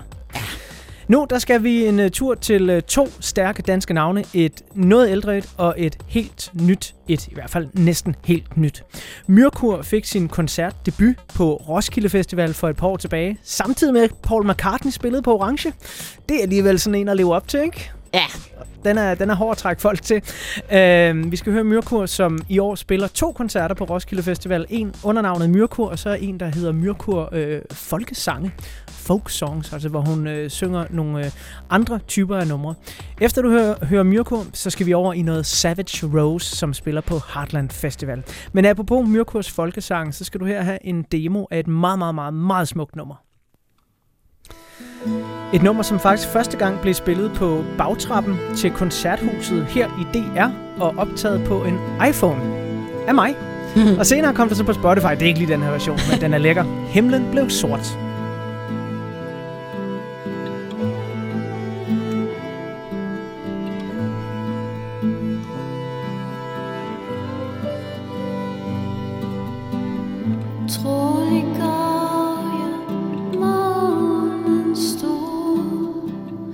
Toget favner skovens jord Vinden blæser mit hår Blade visner, mens jeg går. Sig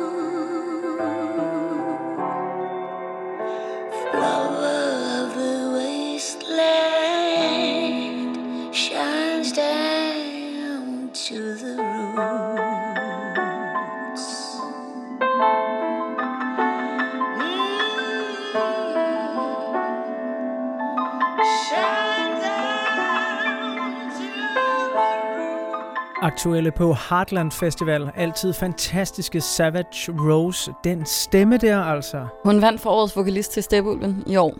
Forstår man eddermame godt. Det er meget, meget velfortjent. Anisette, altså hun, ja, det, det, åh, det sker dybt i mit hjerte på den rigtig, rigtig rare og gode og kærlige måde. Du lytter til P6 Beat elsker festivaler.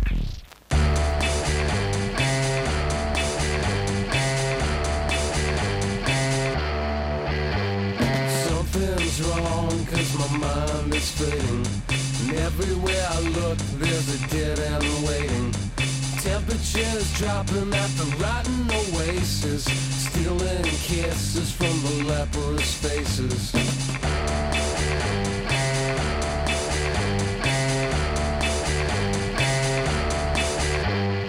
Heads are hanging from the garbage man trees. Mouthwash, jukebox, gasoline. Pistols are pointing at a poor man's pockets. Smiling eyes ripping out of his sockets. Got a devil's haircut in my mind. Got a devil's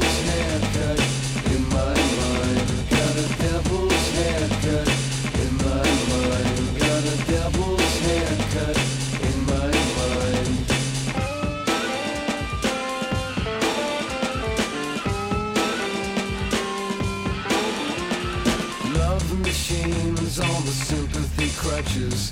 Discount orgies on the dropout buses. Hitching a ride with the bleeding noses. Coming to town with the briefcase blues. Got a devil's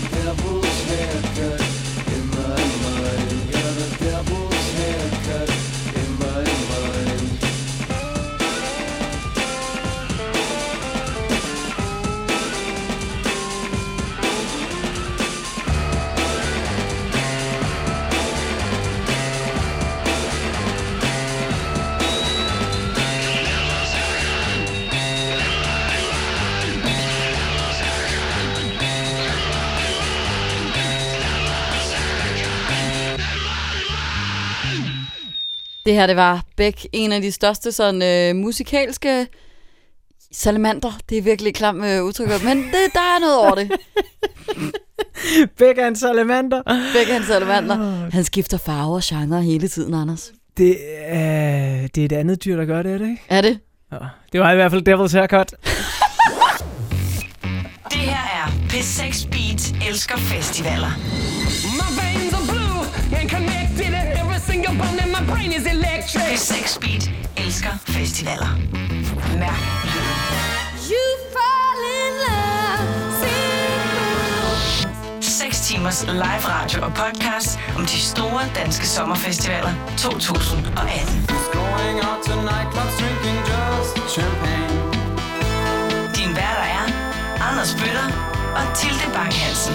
Og vi har netop fundet ud af, at det er altså en kameleon, der skifter farve Ja. til det. Det er ikke salamander. Det er femte time. Ja, det er musikken Salamander, vi hørte lige før. Ved du hvad, Tilde, den kommer du til at høre for resten af din radiokarriere. Det, der, det skal jeg nok sørge for, altså. Nå, velkommen til den femte time af P6 Speed Elsker Festivaler 2018. En time, hvor vi blandt andet skal snakke lidt om det øh, uden for musikken, og det handler altså ikke om dyreriget eller vores ringe kendskab til, hvad dyr de kan, når de er rigtig seje. Vi skal også snakke lidt om festivalernes årsjul, altså hvornår begynder man at booke musik til de her festivaler og tænke over, hvordan skal jeg konstruere netop min festival. Og så har vi også et par anbefalinger til dig til videre læsning og lytning, fordi vi har jo kun lige krasset overfladen af al den dejlige musik, der kommer på de forskellige festivaler. Husk også, at det er ved at være sidste chance, hvis du vil øh, stemme på vores lytterbestemte festivalnavne top 10. Du går ind på P6 Beats Facebook-side, så finder du det opslag, der ligger øverst oppe, og så giver du os tre navne fra årets festivalplakater, som du enten rigtig gerne selv vil se, eller vil albe- anbefale til nogle andre, eller måske selv skal se. Måske skal du selv tage tre navne. Du må godt tage tre navne fra én festivalplakat. Du må også godt blande det fuldstændig sammen. Det er helt op til dig. Bare vi får dine tre yndlinge lige om lidt, fordi afstemningen lukker snart. Du kan også skrive en mail til p6beatsnabelag.dr.dk eller sende en sms. Den sender du til 1212. Så skriver du P6 mellemrum og de tre navne, du gerne vil have ind på vores lytterbestemte top 10. Nu øh, skal vi snakke lidt om alt det, der sker på en festival, når musikken ikke spiller. Altså alt det, der er udenom. Det, man er mangel på bedre ord kunne kalde stemning, atmosfære, ånd, tror jeg tidligere har kaldt det. En Mm. eller anden speciel festival. En sjæl. Ånd. Ja, en eller anden form for sjæl. Og Tilde, du nævnte, du havde været til en øh, festival, var det i Portugal og Spanien? Spanien. Ja, som virkelig var så sjælløs, at du blev helt trist. Jamen, det gjorde jeg en lille smule. Altså, jeg havde masser af gode øh, musikalske oplevelser alligevel, men alt det udenom festivalen, det var virkelig øh, ringe, Mm. vil jeg sige. Synes du sådan over en bred kamp med de festivaler, du har været på i Danmark, at vi her i Danmark er gode til at, at prioritere og netop putte noget ånd ind, og det ikke bare er nogle scener med nogle navne, der står og spiller?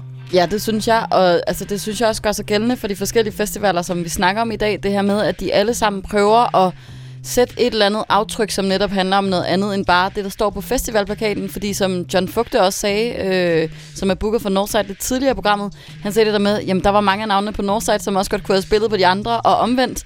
Og sådan er det jo med en del af de her festivaler, at de egentlig har sådan en pøl af navne, som kunne være blevet fordelt på alle mulige måder.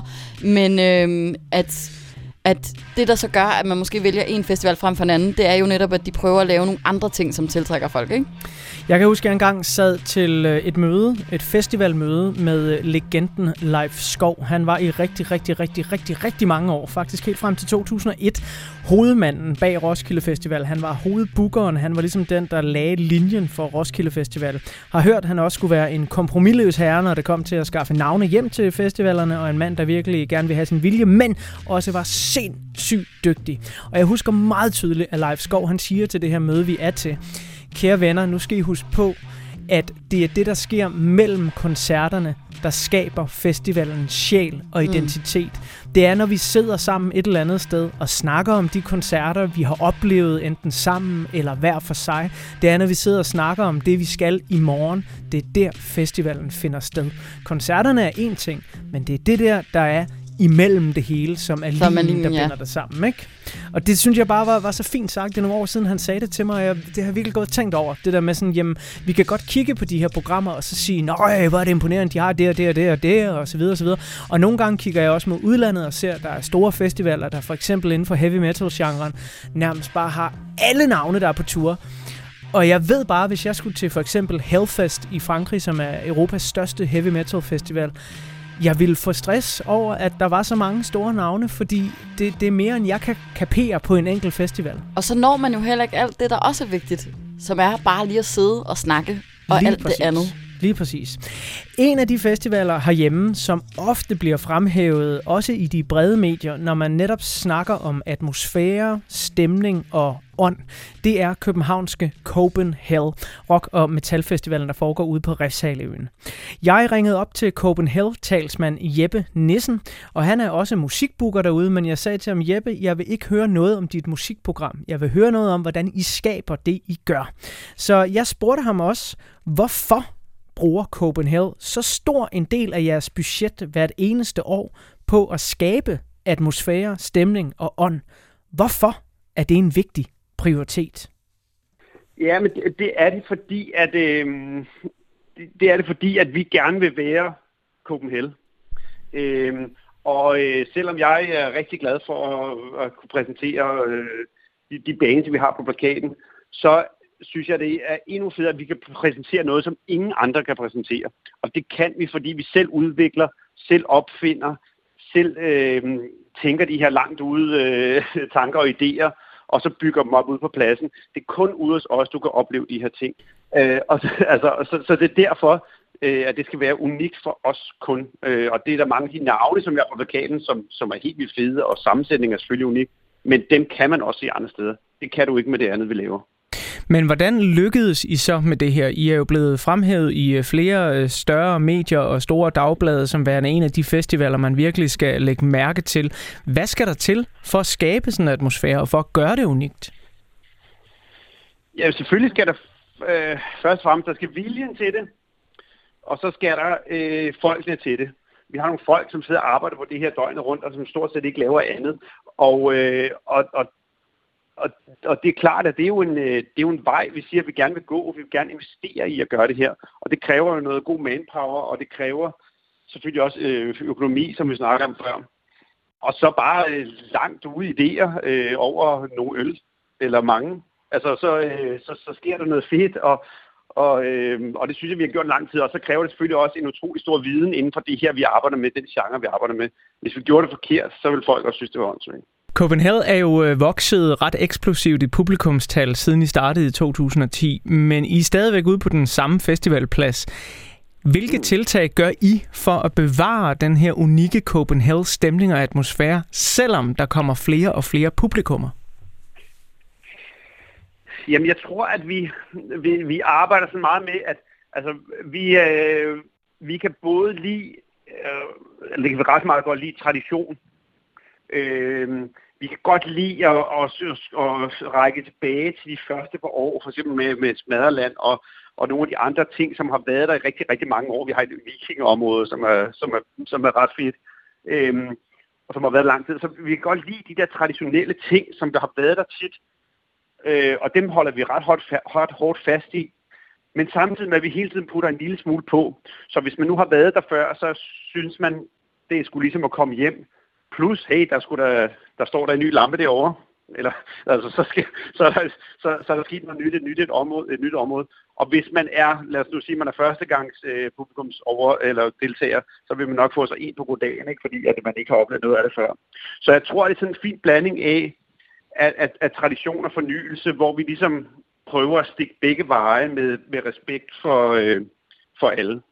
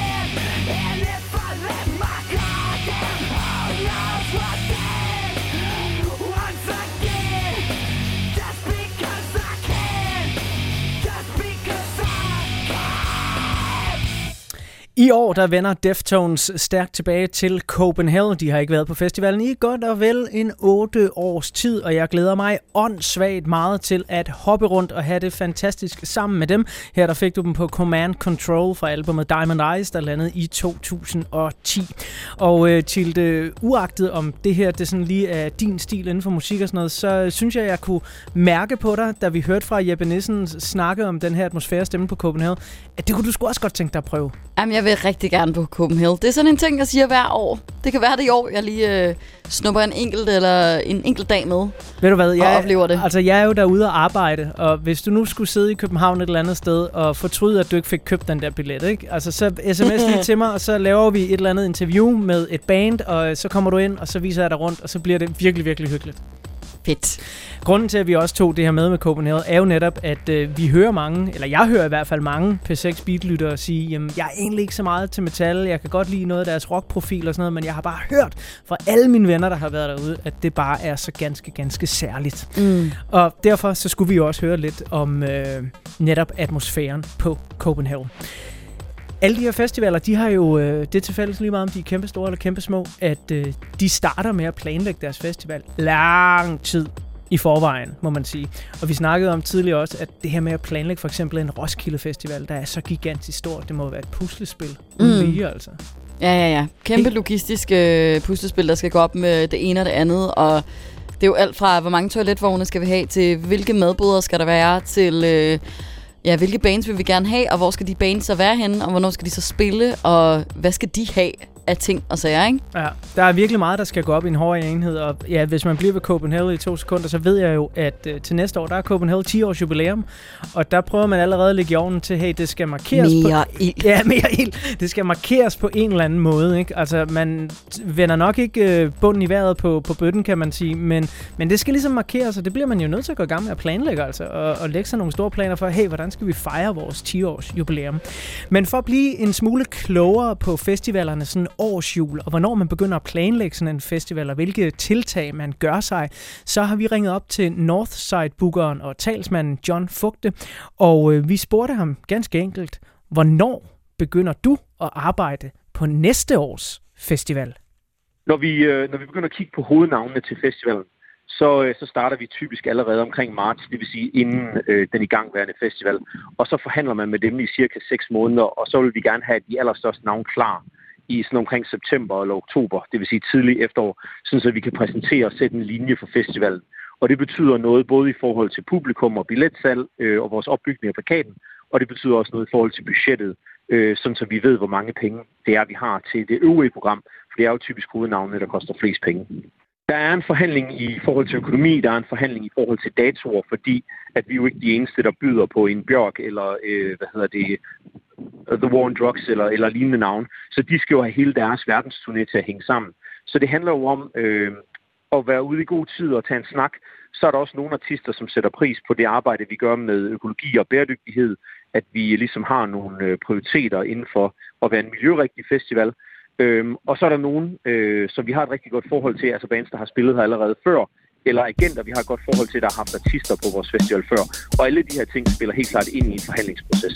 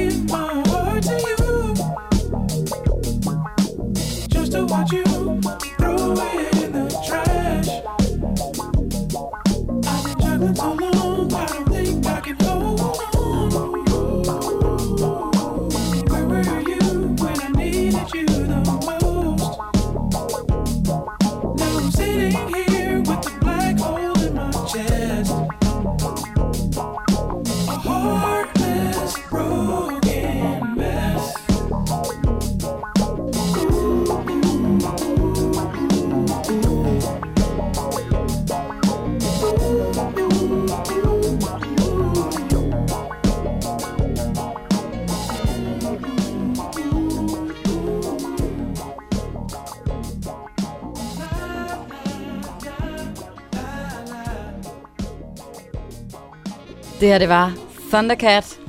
En øh, musiker, som øh, spiller på øh, årets Northside Festival, som øh, spiller den her boblende form for funk, jazz, hiphop. Det er et mærkeligt sammensurium, han laver i sin øh, musik. En øh, fyr, som altså hedder Steven Bruner, har sådan en øh, stor seksstrenget bas, som man står og wobbler derud af på, når han øh, spiller live. Jeg synes, der var sådan noget lidt lækkert. uh, Justin Timberlake møder Marvin Gaye, møder noget uh, lidt mere moderne hiphop. Og sådan. Det, det, det, det var ret lækkert, vil jeg sige. Og øh, han øh, bidrager altså også til øh, ret mange forskellige øh, hip-hop-artister. har øh, blandt andet spillet med på øh, ting med Flying Lotus og med øh, Kendrick Lamar. Og i den forbindelse så vil jeg lige komme med en anden anbefaling øh, af en fyr, som også har arbejdet sammen med nogle af de samme, nemlig øh, Kamasi Washington, som er en øh, saxofonist, som spiller på årets Haven Festival, laver noget dejligt sådan... Øh, øh, ja, hvad skal vi kalde det? Jazz, som øh, var det lavet til ude i rummet. Man har det meget trippy, når man hører det i hvert fald. det lyder eddermame som øh, en, øh, en rigtig, rigtig dejlig anbefaling. Lige om lidt, så skal vi høre sådan noget af det, som der jo også hører sig festivaler til på en eller anden måde. Den sjove, mærkelige, underlige historie, som man enten selv oplever, eller har hørt fra nogen, der har hørt den fra nogen, der har hørt den fra, Fra nogen. nogen. Og jeg tror, at altså, jeg er ret glad for, Tilde, da vi ligesom satte os ned for at planlægge den her P6 Beat Elsker Festival 2018, at vi hurtigt blev enige om, prøv at høre, vi vil se fremad her. Vi har ikke lyst til den der med sådan at dvæle ved gamle minder, og hvad har din største koncert været, og så videre, alt for meget. Vi kan godt lige genbesøge vores første Det festival. kommer lidt til at ske. Det kommer lidt til at ske. Øhm, men havde vi nu brugt 6 timer på det, ikke? så vi har simpelthen haft så mange pinlige historier, at jeg næsten skulle sortere lige så meget i dem, som du har sorteret i playlisten. altså fordi det har, med, når man har sin debut på Roskilde Festival som 15 år, ikke? og er kommet der ja, lige siden hvert eneste år, hvilket vil sige, at jeg jo fuck altså, jeg har snart 25 års jubilæum på den festival. Ja. Det er vanvittigt, ikke? Så kommer man altså ud for nogle fuldstændig vanvittige ting, altså.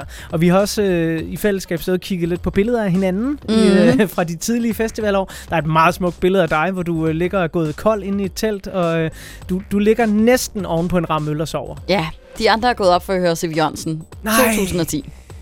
Men har du så aldrig hørt C.V. Jørgensen live? Nej. Nej! Er det rigtigt? Ja. Og det var sidste chance dengang i hvert fald. Ja, nu kommer der en ny. Nu Eller kommer to. der en... Ej, er det godt. Godt at høre, altså. En anden, øh, som også har sjove oplevelser på festivaler, det er Peter Sommer, som øh, har haft sin gang på mange forskellige festivaler rundt om i landet. Og her, der skal du høre ham øh, fortælle en øh, herlig historie, som dog ikke handler om ham selv, men som handler om et Copenhagen-aktuelt navn. Historien gik på, at Ozzy Osbourne ah, i sin rider har stående, at han skal have en, øh, en vitamin øh, injection of some kind øh, af en lokal læge, lige inden han går på scenen. Og den skal så indføres rektalt. Øh, hvorfor øh, Ozzy Osbourne og hans øh, manager så går over i et telt, hvor der står en lokal dansk læge fra Skanderborg, øh, øh, og skal ligesom gøre det der. Og han bakker ligesom bare ind i teltet. Han har prøvet det en del den gang før, også i Osborne. Bakker bare ind i teltet, trækker underbenklæderne ned, spreder ballerne, øhm, og ligesom gør sig klar, læner sig forover, ikke? Og så siger ham den danske læsen, øh, I usually shake hands with my clients before I inject something up their ass. Øhm, og så i, uden at fortrække en mine, uden at bevæge sig, så, så man forestiller sig, at han st- også måtte står med røven til en med, med spredte baller, så kommer der ligesom en hånd op, kind of mellem ballerne, og så siger han bare, Ozzy Osbourne, for ligesom at have shaket den der hane, og så, han gider ikke vende sig om, han gider ikke rejse sig op. og den har han i hvert fald fortalt den der læge, hvilket jeg synes var en sådan rigtig festival. Sjov anekdote.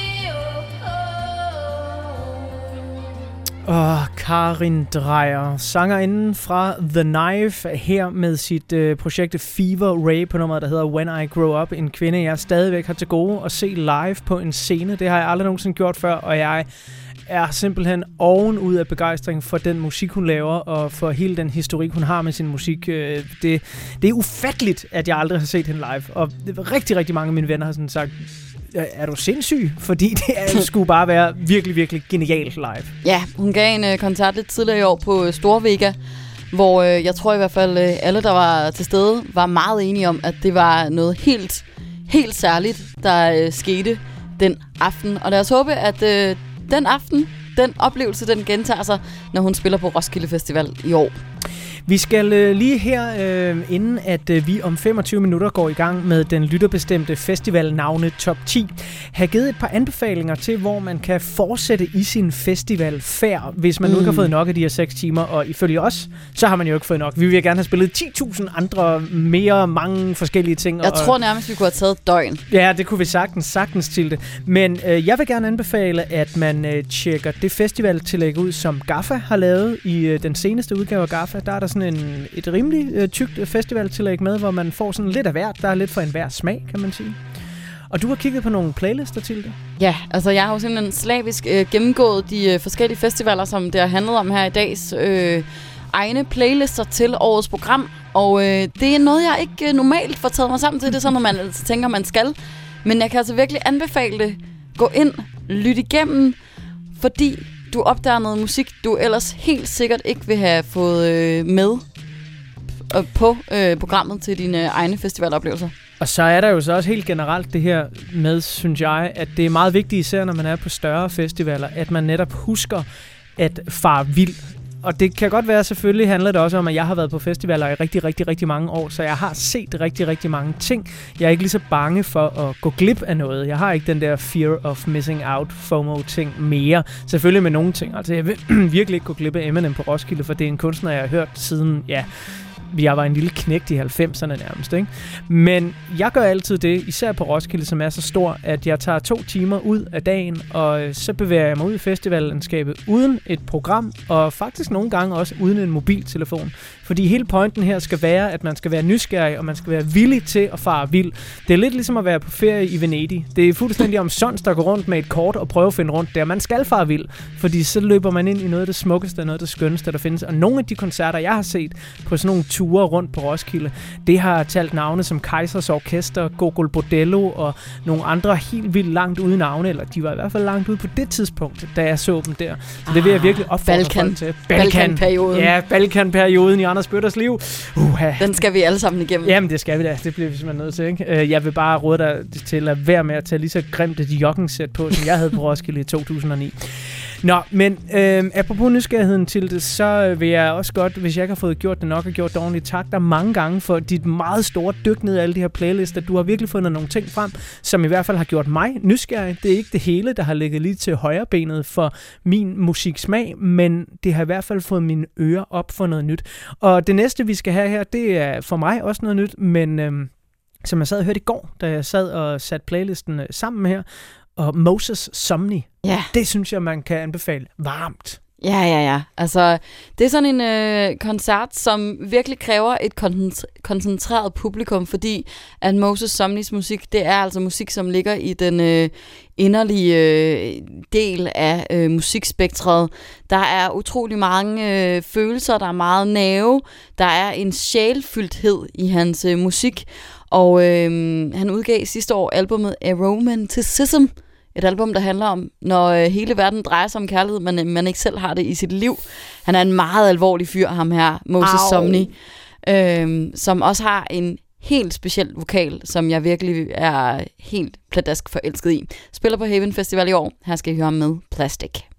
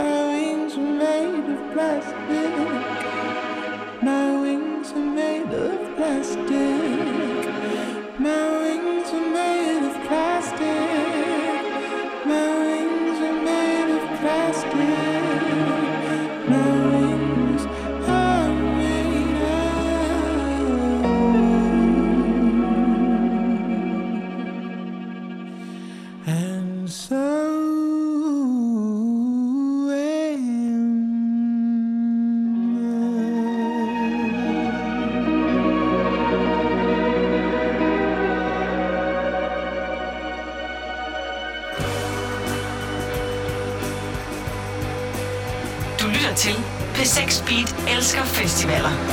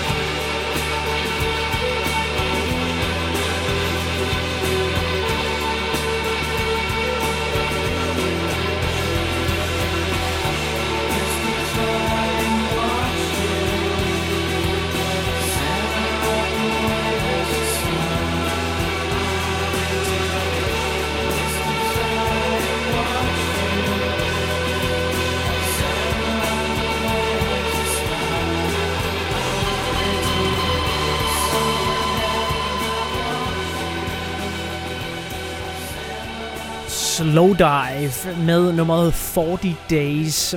Meget, meget øh, lækker, drømmende shoegaze guitar her fra deres øh, 1993-album, der hedder Sov Lucky. I det hele taget, så kan man sige om årets festivalplakater, det har vi også talt om til det, mens vi har lavet research, at øh, der er masser af 90'er nostalgi. Hvis man lige tager sådan et øh, blik ned over Beck spiller på Northside, det gør Liam Gallagher også. På Tinderbox, der har vi Alanis Morissette. Vi har Massive Attack på Roskilde Festival sammen med Nine Inch Nails, kæmpe navn for mig. The Breeders på Tinderbox, Jimmy Eat World på Northside og Mike D på Northside. Så altså, der er masser af de her 90'er nostalgiske navne. Ja. Jeg glæder mig ret meget til at se Mark D alene. Mm. Ja. Altså, og hvor meget Beastie Boys. Om det kun er Beastie Boys, jeg ved det ikke helt. Nobody knows, og jeg, Nobody altså, knows. Ja, når, jeg er når, spændt. altså når det er ham, så kan det godt gå hen og blive godt, øh, hvis det er Beastie Boys, men altså jeg så Prophets of Rage på øh, Copenhagen sidste år, Mm. som jo er den her sammenblanding af folk fra House of Pain og Cypress Hill, og så hele bandet bag Rage Against the Machine. Og de spiller så hip-hop klassikere fra de her forskellige bands, og spiller også noget Rage Against the Machine. Men øh, al respekt til dem, og øh, OK koncert, de fik holdt sig, men ikke mere end OK, netop fordi de manglede altså Rage Against the Machines forsanger. De her gamle mænd, som er vant til at rappe en meget sløv, tung bass, især efter de har røget et par bonghoveder med hash, de kan altså ikke helt fyre op i sådan nogle numre som Know Your Enemy og så videre. Det gik fint til Killing in the Name, men det var nok også fordi, at publikum var så fuldstændig balalaika sindssyg. Jeg har aldrig nogensinde set noget så voldsomt ude på Copenhagen-pladsen. Det var, det, det var næsten rørende, altså, fordi det synes jeg seriøst er min generations største sang. Altså, Mm. Killing in the Name er bare... Det, jeg ved godt, Nirvana også har, har leveret nogen, ikke? men den der mand, høj, altså, det er jo et opråb, det er jo fantastisk. Vi øh, skal videre med nogle øh, navne. Et, øh, navne, der blev, et navn, der blev nævnt tidligere, en lytter, der skrev ind, at han var så ked af, lå sådan for ham helt åndssvagt på Roskilde Festival. Samtidig med Gorillaz. Spiller Blonde Redhead, ja. Nemlig. Og øh, Blonde, Blonde Redhead er for mig et, øh, et nyt bekendtskab. Altså, Mhm. jeg, det er sådan et navn, som har været ligesom i, i, rundt omkring mig i mange år. Altså, det er sådan et navn, der altid bliver nævnt, men jeg har aldrig rigtig dykket ned i. Men det har jeg så begyndt at gøre, efter at øh, jeg har researchet til det her program.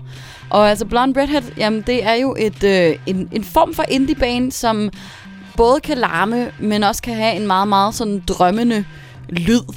Og øh, jeg glæder mig rigtig meget til at nok se lidt af koncerten, fordi jeg skal altså også se Gorillaz. Ja, ja, ja. Jeg, jeg er helt med dig der. Altså, de var på Roskilde for 14 år siden, hvor øh, jeg ved, at jeg så koncerten, men øh, det er endnu en af dem, jeg ikke helt så godt kan huske. Det er en god historie, du fortæller der, Anders. Ja, ikke også? Det, ja. Men øh, jeg har også masser af Roskilde-koncerter, jeg virkelig godt kan huske, men, men Blonde Redhead-koncerten for 14 år siden, den går altså sådan lidt ud i tågerne. Men det, det skal ikke øh, forhindre os i at spille et fantastisk nummer med dem. Her får du Melody.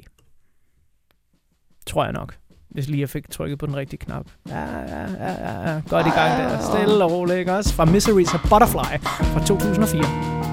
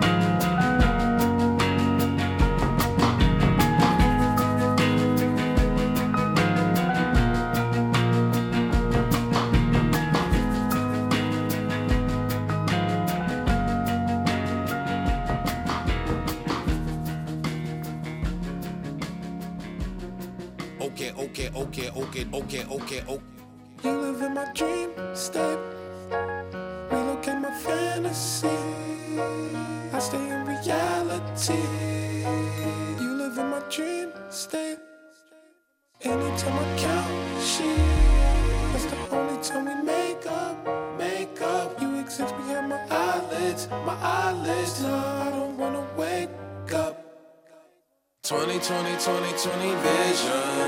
Cupid hit me, Cupid hit me with precision. I wonder if you look both ways when you cross my mind. I said, I said I'm sick of, sick of, sick of, sick of chasing. You're the one that's always running through my daydream. I, I can only see your face when I close my eyes.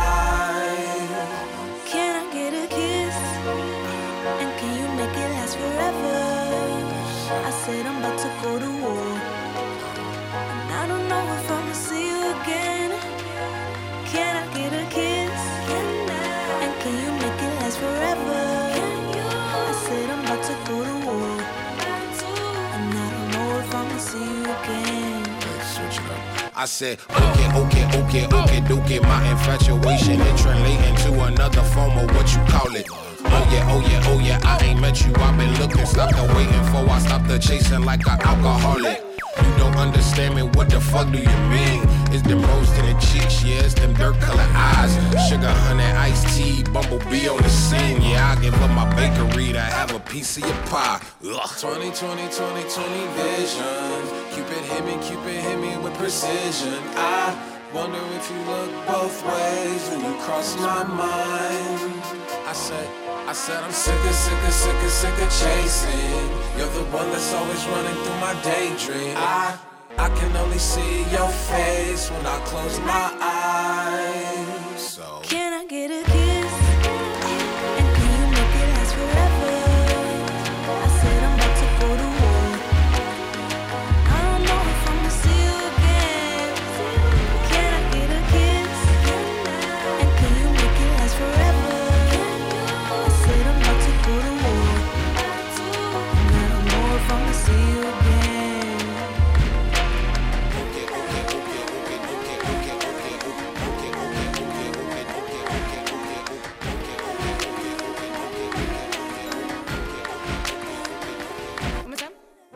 Tyler the Creator sammen med Carly Uchis, en øh, musiker, vi også har været inde på tidligere i dag.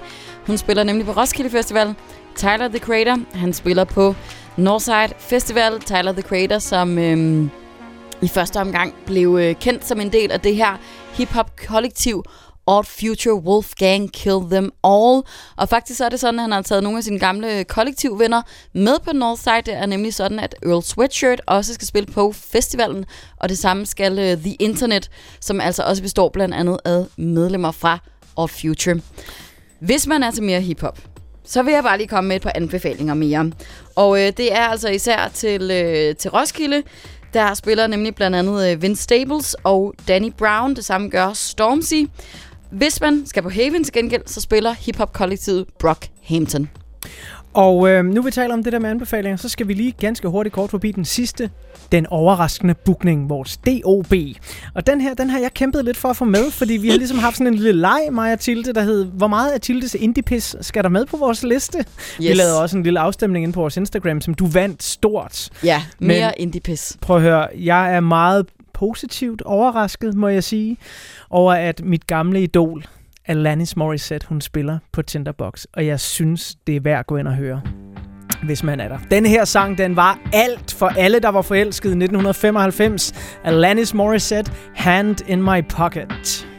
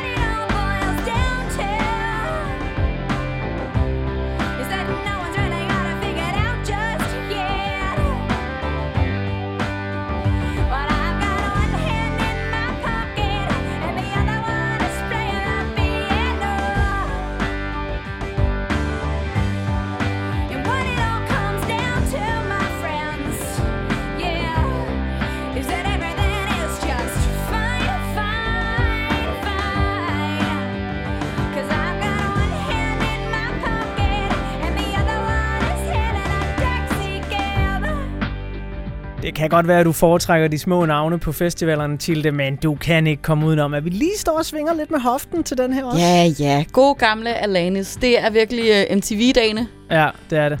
Og det her album, Jagged Little Pill, som hun udgav tilbage i 1995, var... Fuck, hvor var det stort. Altså virkelig, virkelig kæmpe enormt. Altså Hand in My Pocket fik du her, inden vi går i gang med den lytterbestemte top 10 over alle de bedste festivalnavne. P6 Beat elsker festivaler. Lytternes festivalnavne. Top 10. Her er nummer 10. His widget, a sense of humor suggests exciting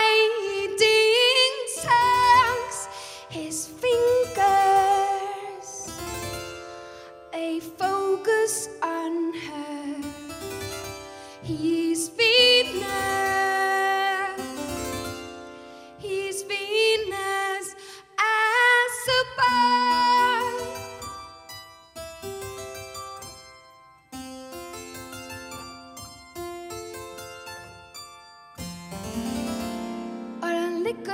Mere Og ingen skiller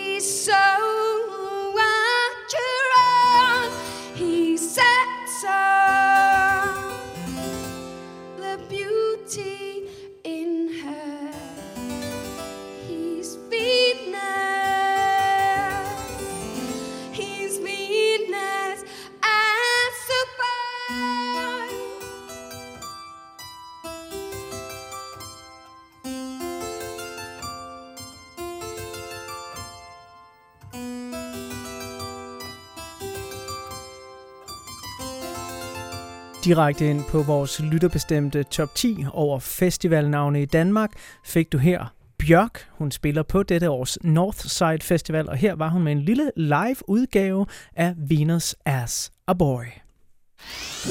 P6 Beat elsker festivaler. De største navne på de største scener, til alt det med småt på festivalplakaten. On a gathering storm comes a tall, handsome man in a dusty black coat with a red right hand. P6 Beat. Mærk lyden. Din værter er Anders Bøtter og Tilde Bang Hansen.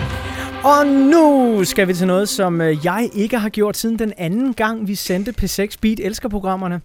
Det er fordi, at øh, du simpelthen du har så dårlig indflydelse på mig, Tilde. Jamen, jeg beklager virkelig. Ja. Tilde, hun har simpelthen foreslået, at vi nu skal komme så meget Igen festivalstemning. får jeg skylden. Det er Tilde, der har lavet playlisterne. Det er Tilde, der har lavet Det er Tilde, der siger det her. det er Tilde, der siger, prøv at høre, når det handler om festival, så handler det også om at hygge sig, og derfor så bliver vi simpelthen nødt til at gøre det her nu.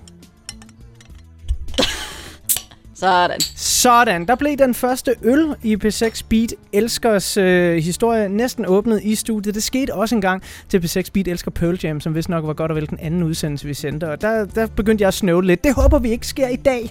Men Tilde, du må, du må holde mig lidt i hånden, når vi nu kommer sådan i ekstra god festivalstemning. Ja. Vi kom jo ind på top 10 med øh, Bjørk, som Mhm. mm-hmm. skal spille Northside. Vel egentlig også en, en ret sej bookning af Northside, ikke? Åh oh, jo, altså det tror jeg, der var mange, der var enige om. Og jeg tror, Bjørk var den vel nærmest en af de første, som de kom ud med i øh, efteråret. Og øh, det er jo også det, der er med Bjørk, at hun er jo en helt særlig kunstner og har en helt særlig æstetik, når hun øh, står på en scene. Og man ved aldrig helt, hvad det er, man får med hende. Så det er jo også ret spændende. Bjørk er altid en spændende kunstner, især at se live. Og den uh, top 10, som vi skal i gang med i uh, den her time, det er altså en top 10, der er komponeret af alle vores lyttere stemmer. Man har kunne vælge tre navne fra sommerens danske festivaler, som man så har kunne stemme ind på den her top 10, som altså startede med Bjørk. Lige om lidt, så uh, bevæger vi os videre til nummer 9.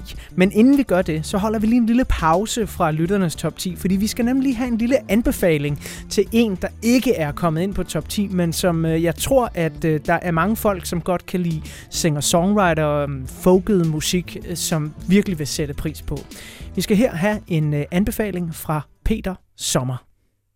Hej, jeg hedder Peter Sommer, og jeg skal spille på, altså med mit band Sikkerne blandt andet, Smukfest i Skanderborg. Jeg vil kalde den Skanderborg Festivalen, og jeg skal spille på Alive Festival i Thy. Jeg skal spille på sådan en lille to-dages ting. Jeg ved ikke, om man kalder det en festival, der hedder øh, En Sommerdag på Bellerhøj. Og det foregår på Bellerhøj øh, i Nordvest, Nørrebro. Øhm, og så har jeg lidt øh, småtterispil på nogle øer, som jeg har for vane at gøre. Så sådan ser min sommer ud, sagde Peter. Jeg skal ud og høre lidt musik på de festivaler, jeg selv skal spille på, og på Heartland håber jeg lige at kunne nå at se fænomenet Van Morrison, lige inden jeg selv skal spille om fredagen. We strolled through fields all wet with rain And back along the lane again There in the sunshine In the sweet summertime. The way that young lovers do. I kissed you on the lips once more and we said goodbye. At front door in the night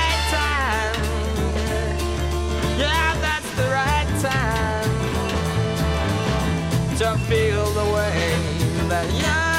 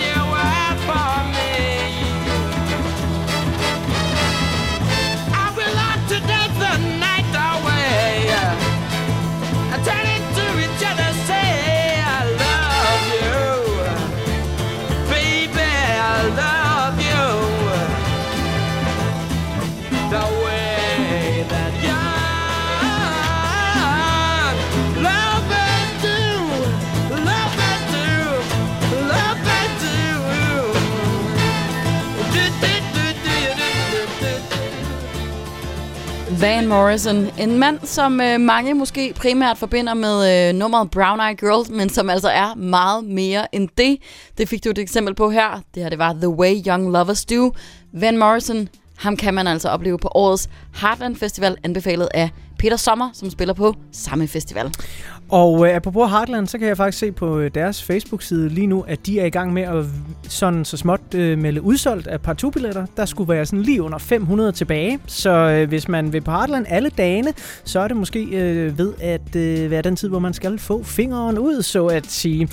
Van Morrison her med et nummer fra Astral Weeks, der udkommer i 1968. Jeg ved ikke, om øh, så gamle sager kommer med på hans setliste, men øh, det bliver i hvert fald spændende at se ham på Heartland, og jeg er sikker på, at øh, de rammer, som Heartland sætter for deres koncerter, vil være helt perfekte for en mand som Van Morrison. Nu, der skal vi fra øh, Fyn og en tur til Aarhus. Vi skal en tur til Northside, og vi skal også til 9. pladsen på vores lytterbestemte festivalnavne Top 10. Og øh, der finder vi et navn, som jeg faktisk også øh, gerne vil udnævne til at være den overraskende bookning på Northside. Fordi at bandet her, A Perfect Circle, de har været øh, væk fra radaren i 14 år. De har ikke udgivet et album siden 2004, det der hed Emotive. Det var et okay album, måske ikke lige så genialt som deres øh, to første albums. A Perfect Circle er en form for supergruppe inden for progressiv rock og metal, og mest bemærkelsesværdigt er nok, at øhm, de deler forsanger med et andet band, der har været væk meget længe, nemlig Tool. Men i år kommer albummet, Anders. Ja, det gør det da helt sikkert til det. det, er altså, det er jo så vildt. Jeg, jeg har lavet radio øh, siden 2010 og ventet på, at Tool skulle komme med et nyt album nærmest siden dengang. Ikke? Og var det ikke også i 2006, de sidst kom med et? Øh, Eller hvad? Ja, 10.000, det er ved 9 måske, eller sådan noget. Ja, jeg kan, det, det, det, det slår vi lige op, ikke? Ja. Men i hvert fald så er A Perfect Circle tilbage med et øh, okay album. Det er, der, der, der er fede ting på. Mest bemærkelsesværdigt, øh, når man ser det på Northside, hvis øh, forsangeren Maynard James Keenan, som altså også er forsanger i Tool, han synger bare halvt så godt, som han gør på den her plade, så har vi virkelig, virkelig noget godt i vente. På 9. pladsen har vi her A Perfect Circle med The Doomed.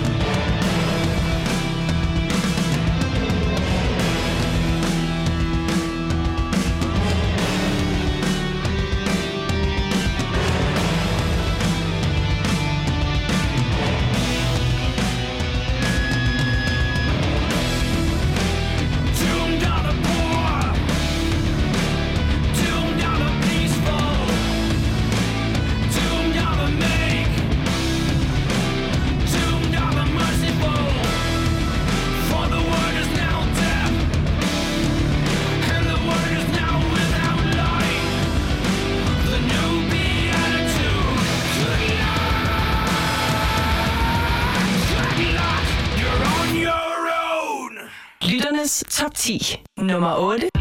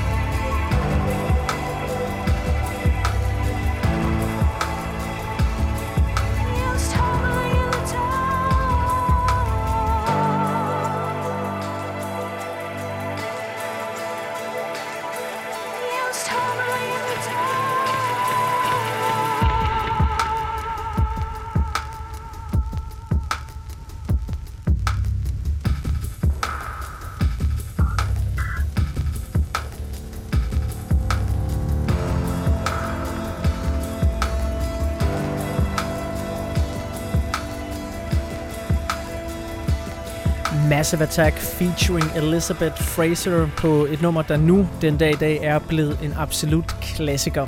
Teardrop hedder den her meget, meget, meget smukke sang, og det kan man da håbe, at de kommer til at spille på Roskilde Festival. De har spillet på Roskilde Festival øh, tidligere. Hvad var det, du tjekkede ud til det? Hvor mange år var det siden? Øh, altså sidst de spillede det, der, det var i 2003, så det er 15 år siden. For inden da, så spillede de så i 1996, hvor du havde din Roskilde debut, yes. og så øh, gruppen. Og året før spillede de også, men det var altså under Massive Attack Sound System navnet. Ah, ja. Jeg kan huske at se Massive Attack på Roskilde Festival, men jeg tror, jeg blander dem lidt sammen med de øh, oplevelser, jeg havde med øh, et andet sådan halv, eller ikke halv elektronisk band, virkelig elektronisk band, uh, Underworld. Fordi Ah. så vidt jeg husker, så spillede de faktisk hver dag på Roskilde Festival i 96, og lavede sådan nogle jamen, kæmpe fester, øh, hvor det blandt andet rygtedes, at øh, Bjørk, hun var i blandt de fester sådan flere af dagene, altså nede på dansegulvet, så at sige. Ikke? Mm. Så vi var jo nogle, nogle unge teenage-drenge, der gik rundt og, Og håbede søgte. på, ja, om hun ikke lige ville danse med os. uh, ja, uh, det var herligt, men så vidt jeg husker, så var den der Massive Attack-koncert virkelig, virkelig god, og men nok ikke så inderlig som det her nummer. Det, det var, der var sådan lidt mere knald på. Mm. Nu skal vi til en uh, herre, som vi uh, næsten lige har lavet en P6 Beat elsker udsendelse om, så det er jo også min gode public service pligt lige at informere dig om, at hvis du gerne vil vide noget mere om Jack White, som spiller på dette års Tinderbox Festival, så skal du gå ind på dr.dk-podcast, og så skal du finde den podcast, der hedder P6 Beat elsker Jack White. Er Jack White øh, sådan en type, du øh, har et forhold til, eller er det sådan lidt mere over i den der, hvad skal vi kalde det, mainstream rocket ting? Øh, det er ikke en, øh, jeg personligt har dyrket. Jeg vil sige, jeg var da øh, godt tilfreds, da Roskilde offentlig- Festival offentliggjorde ham som afløser for Drake. Øh, fordi det gjorde da lige, at jeg blev hængende til den øh, koncert på Roskilde Festival, i stedet for måske at være taget hjem, da det skete for nogle år siden. Ja, men øh, jeg er fuldstændig enig. Jeg har haft nogle fantastiske live-oplevelser med Jack White, og noget af det, der er Jack Whites helt store styrke, det er, at han er så sindssygt professionel en musiker, at han kan virkelig sætte sig ind i sit publikum og de steder, han spiller, så du kan være helt sikker på, at det vil være en anderledes Jack White-koncert, den han spiller på Orange Scene, end den han skal spille på Tinderbox. Han skal nok øh, ligesom få afmålt og afvejet, hvad er folk interesseret i her, og ligesom følt efter, sådan, hvilke hits skal jeg fyre ud over, og jeg tror godt, Jack White ved, at det ikke, når han kommer på Tinderbox, at han skal spille hele sin nye plade. Mm. Ligesom at Eminem udmærket godt ved, at på Roskilde, Det er hitparaden. der skal være nogle hitparader. Vi skal have Jack White på et uh, sindssygt sexet nummer, 16 Saltines.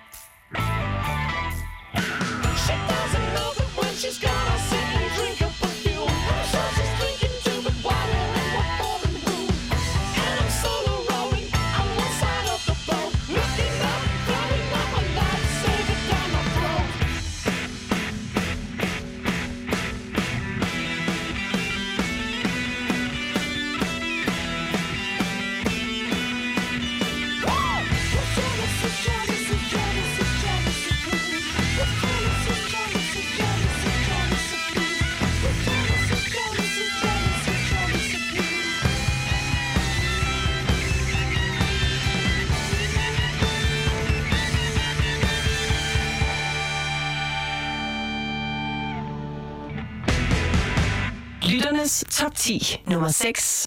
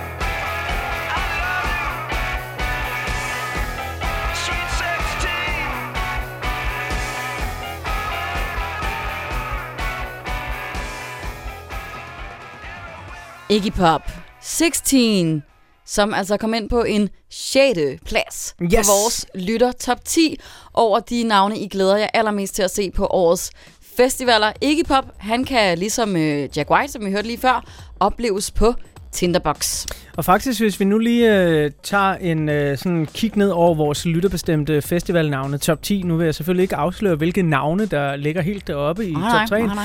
Men hvis vi bare ser på festivalerne, så er der sådan en rimelig bred fordeling omkring Northside, Roskilde, Heartland, Copenhagen, Tinderbox. Men jeg tror faktisk, det lige præcis måske er Tinderbox, der løber med flest navne på den her top 10. Eller også så har de lige så mange som Roskilde. Det kan vi i hvert fald få afsløret lige om snart.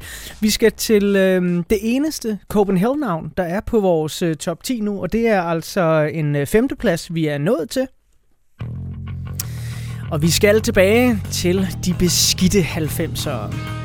1992, der udgiver Alice in Chains et album, som øh, jeg på det tidspunkt er også kun 11 år gammel, ikke? men jeg forstår det ikke helt. Det er måske sådan lige, ah, lige lidt for avanceret for mig, lige lidt for voksent. Teksterne, ja, de er ikke helt lige, så lige til som Nirvana og Pearl Jam, som jo heller ikke var lige til, men senere, nøj, hvor er jeg blevet glad for det. Her er Alice in Chains på en femteplads med Wood.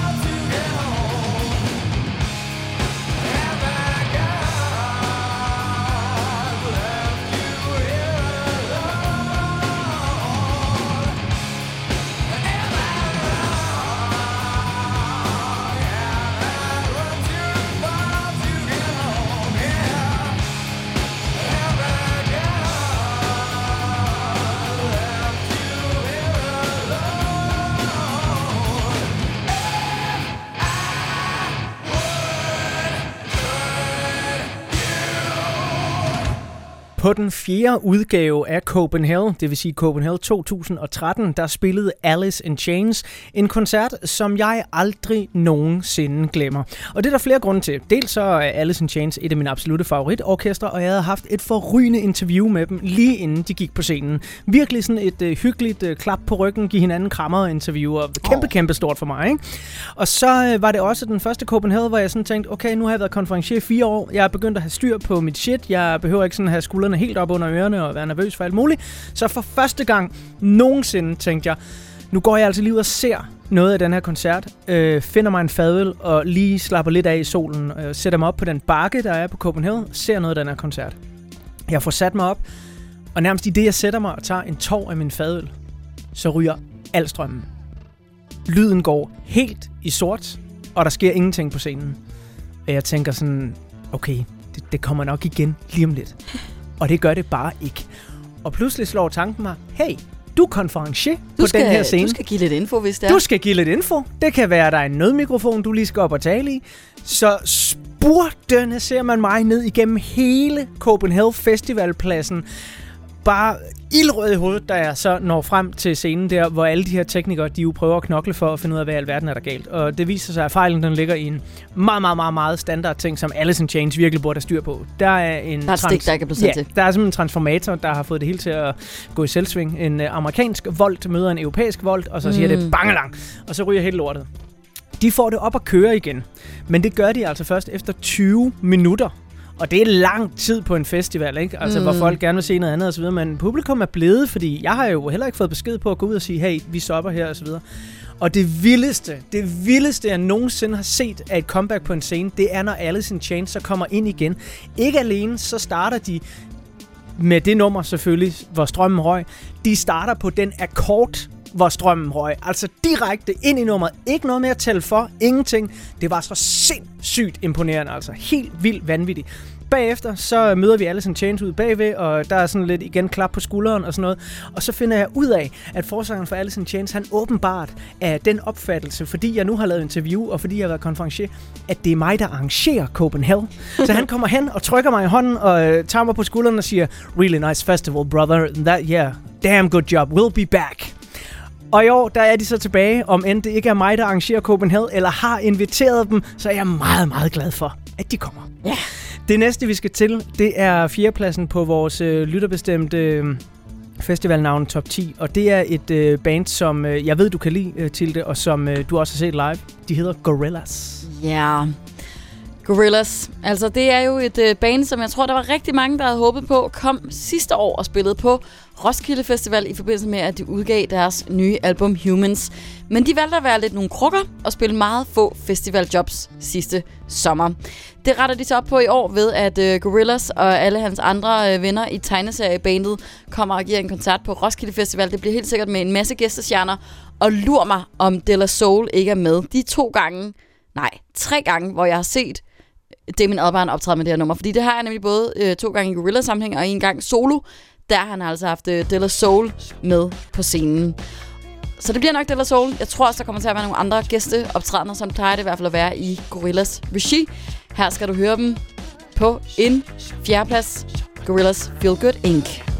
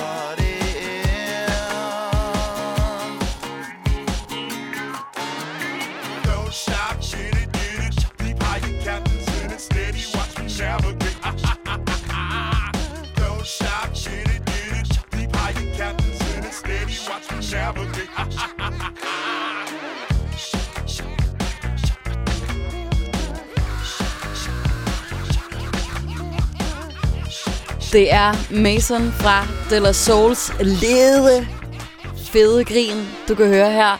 Gorillas Feel Good Inc. Og det bliver helt sikkert en masse feel good stemning, når de altså spiller på Roskilde Festival i år, er kommet ind på en fjerdeplads på jer lytters top 10 over festivalnavne, I glæder jer til at se i år. Og lidt apropos fjerdepladsen og den tredje plads, vi skal øh, i gang med nu, så har Anne Holtzmann Høg skrevet ind til os. Jeg glæder mig helt vildt meget til at se The The på Heartland. Jeg har set setlisten fra deres seneste koncert, og de spiller mange af mine yndlingsnumre. Love is Stronger Than Death. Det kunne godt gå hen og blive en mindeværdig oplevelse at høre lige præcis det nummer live. Og så glæder jeg mig også til at se, gense Gorillas på Roskilde, og naturligvis min all-time favorite Nick Cave. Det er svært kun at nævne tre, når der er så mange fede bookninger på de danske festivaler i år. Uden at afsløre for meget, Anne, så kan jeg da måske godt sige, at øh, du med din top 3 sådan rammer rimelig godt ind i, øh, hvad vi har tilbage her i P6 Speed Elsker Festivaler 2018. Vi har lige hørt øh, Gorillaz, som altså kom ind på en øh, tredjeplads, og øh, derfor... Fjerdeplads. Ej, hvad er det, jeg siger? Fjerdeplads. Se, det er den der øl! Jeg vidste, du vil gøre det, der, Ja, det jeg din vidste, du ville give mig skylden. Ja, fuldstændig. Øhm, på tredjepladsen, der skal vi så have øh, en af dem, som du glæder dig til, Anne. Og helt tilfældigt faktisk. Jeg havde ikke læst din mail før. Jeg læste den op, men så har jeg udvalgt et nummer, der lige passer dertil, ikke? The The spiller på Heartland Festival, og please, spil nu den her, ikke? Love is stronger than death.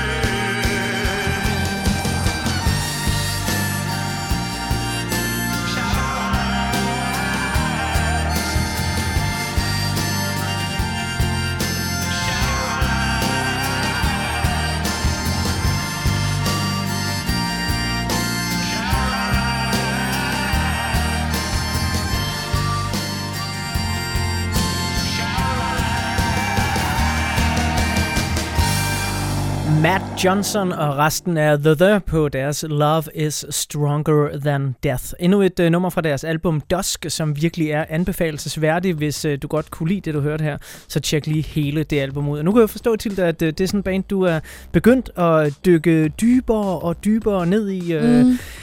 Når, når du hører det her, øh, og jeg siger sådan, det her det er fra, fra 92, synes du stadigvæk, det holder sådan rent produktionsmæssigt? Altså er der, er der stadig noget friskhed over det? Ja, det synes jeg faktisk. Jeg synes virkelig, det lyder lækkert. Og så, altså, jeg er bare virkelig vild med Matt Johnsons stemme. Ja, men den er jo helt, altså det er jo Øh. seks på to ben, eller stemme på to, eller et eller andet. det omkring.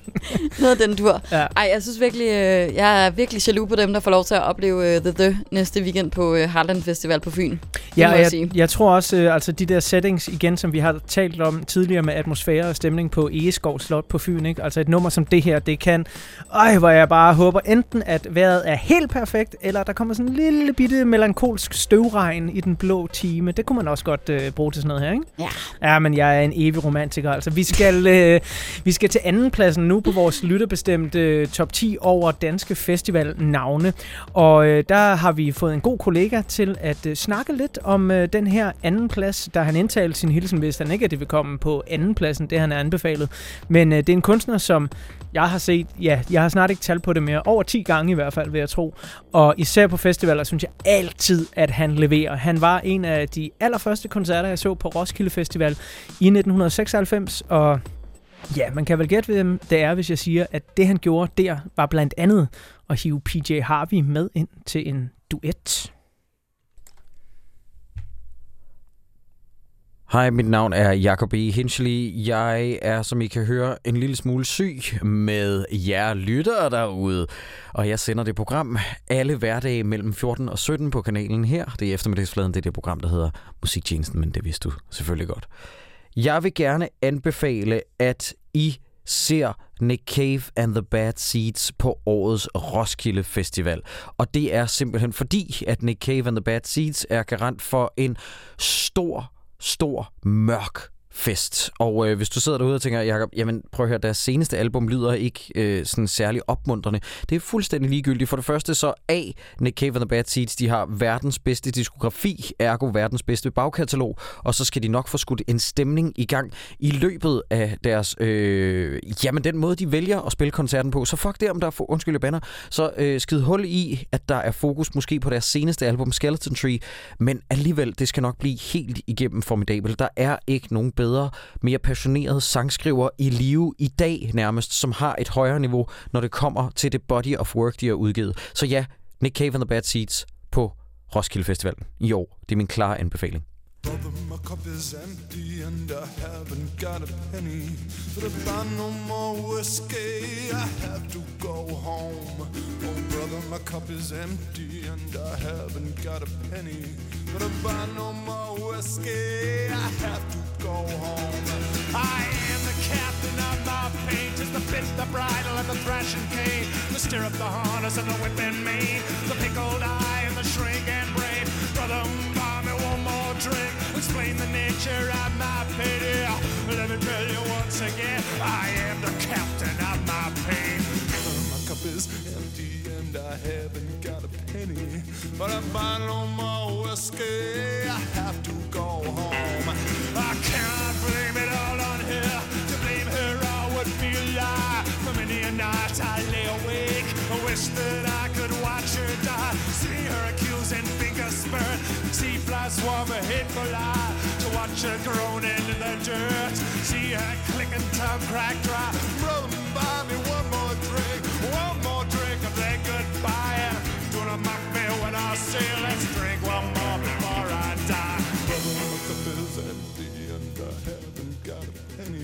But I no more whiskey, I have to go home. I've been sliding down on rainbows. I've been swinging from the stars. Now this wretched beggar's clothing bangs his cup across the bars. Look, this cup of mine is empty. Since I'm misplaced my desires. Since I'm sweeping up the ashes, I've all my former fires. So, brother, will be a brother. I Fill this tiny cup of mine. Please uh, make it whiskey. I have no head for wine. Brother, my cup is empty and I haven't got a penny. But I I no more whiskey, I have to go home. Well, brother, my cup is empty, and I haven't got a penny. But I buy no more whiskey, I have to go home. I counted up my blessings, and I counted only one. Blessing, and that blessing's gone. So buy me one more drink, my brother, and I'm taking to the road. Yes, I'm taking to the rain, and I'm taking to the snow. Oh, my friend, my only brother, do not let the party grieve. Yeah, throw a dollar on the bar, now kiss my ass and leave. Brother, my cup is empty and I haven't got a penny. But I buy no more whiskey, I have to go home. Brother, my cup is empty and I haven't got a penny. But I buy no more whiskey, I have to. Oh, Brother, My Cup is Empty and the Cave and the Bad Seeds fra albumet, der hedder Henry's Dream, som kom i 1992. Det var som sagt en af de første koncerter, jeg nogensinde så på min første festival nogensinde, Roskilde Festival 1996. Husker meget tydeligt især, da Cave han hiver PJ Harvey ud på scenen og øh, giver nummeret Henry Lee, som de jo netop havde lavet en duet med på albumet Murder Ballads.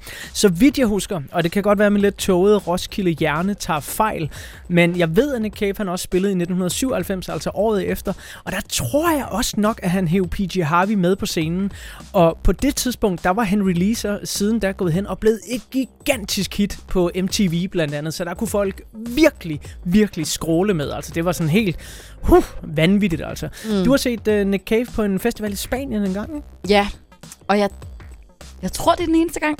Ja? Jamen, det er fordi, jeg er lidt i tvivl om, jeg også har set ham på Roskilde.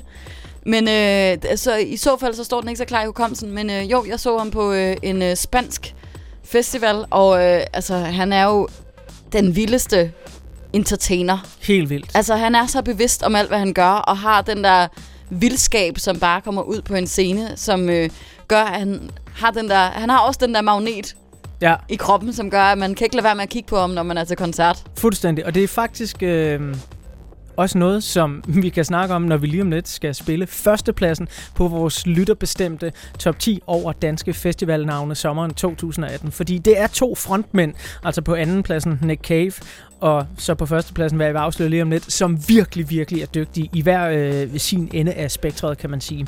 Her til allersidst, så vil jeg jo gerne sige tusind mange gange tak, fordi du endnu en gang har lyttet med til en P6 Speed Elsker udsendelse. Skulle du have gået glip af noget, eller vil du gerne anbefale den her udsendelse til alle de venner, du skal på festival med, så kan podcasten findes inde på dr.dk-podcast.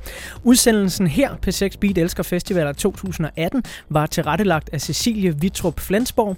Bag de sociale medier, der stod Signe Elin Gram og Tilde Bang Hansen. Tusind mange gange tak, fordi du ville være med mig her i studiet. Det var så lidt. Det har virkelig været en fornøjelse. Ja, ikke? Og tak for al den dejlige musik, altså. Åh, oh, ja. Yeah. Jamen Også altså, jeg føler, at der ikke er blevet spillet. Jeg, Ja, ja, du vil så gerne spille med, men prøv at høre, man, kan, man skal også ud og tjekke noget ud selv. Det er ja. altså også vigtigt, at man gør det. Det er rigtigt. ikke? Og husk, ude på de sociale medier, der er hashtagget P6 Speed Elsker. Og så skal vi til det. Apropos en af verdens bedste frontmænd overhovedet nogensinde, lige meget om du er til musikken eller ej. Så er der bare 100% sikkert mødepligt, når Depeche Mode giver deres første festivalkoncert i Danmark nogensinde. Det sker på Tinderbox i Odense, og her der skal du have Dave Gahan og resten af hans rigtig dejlige band på førstepladsen her i P6 Beat Elsker Festivaler 2018. Det her er Depeche Mode med Enjoy the Silence.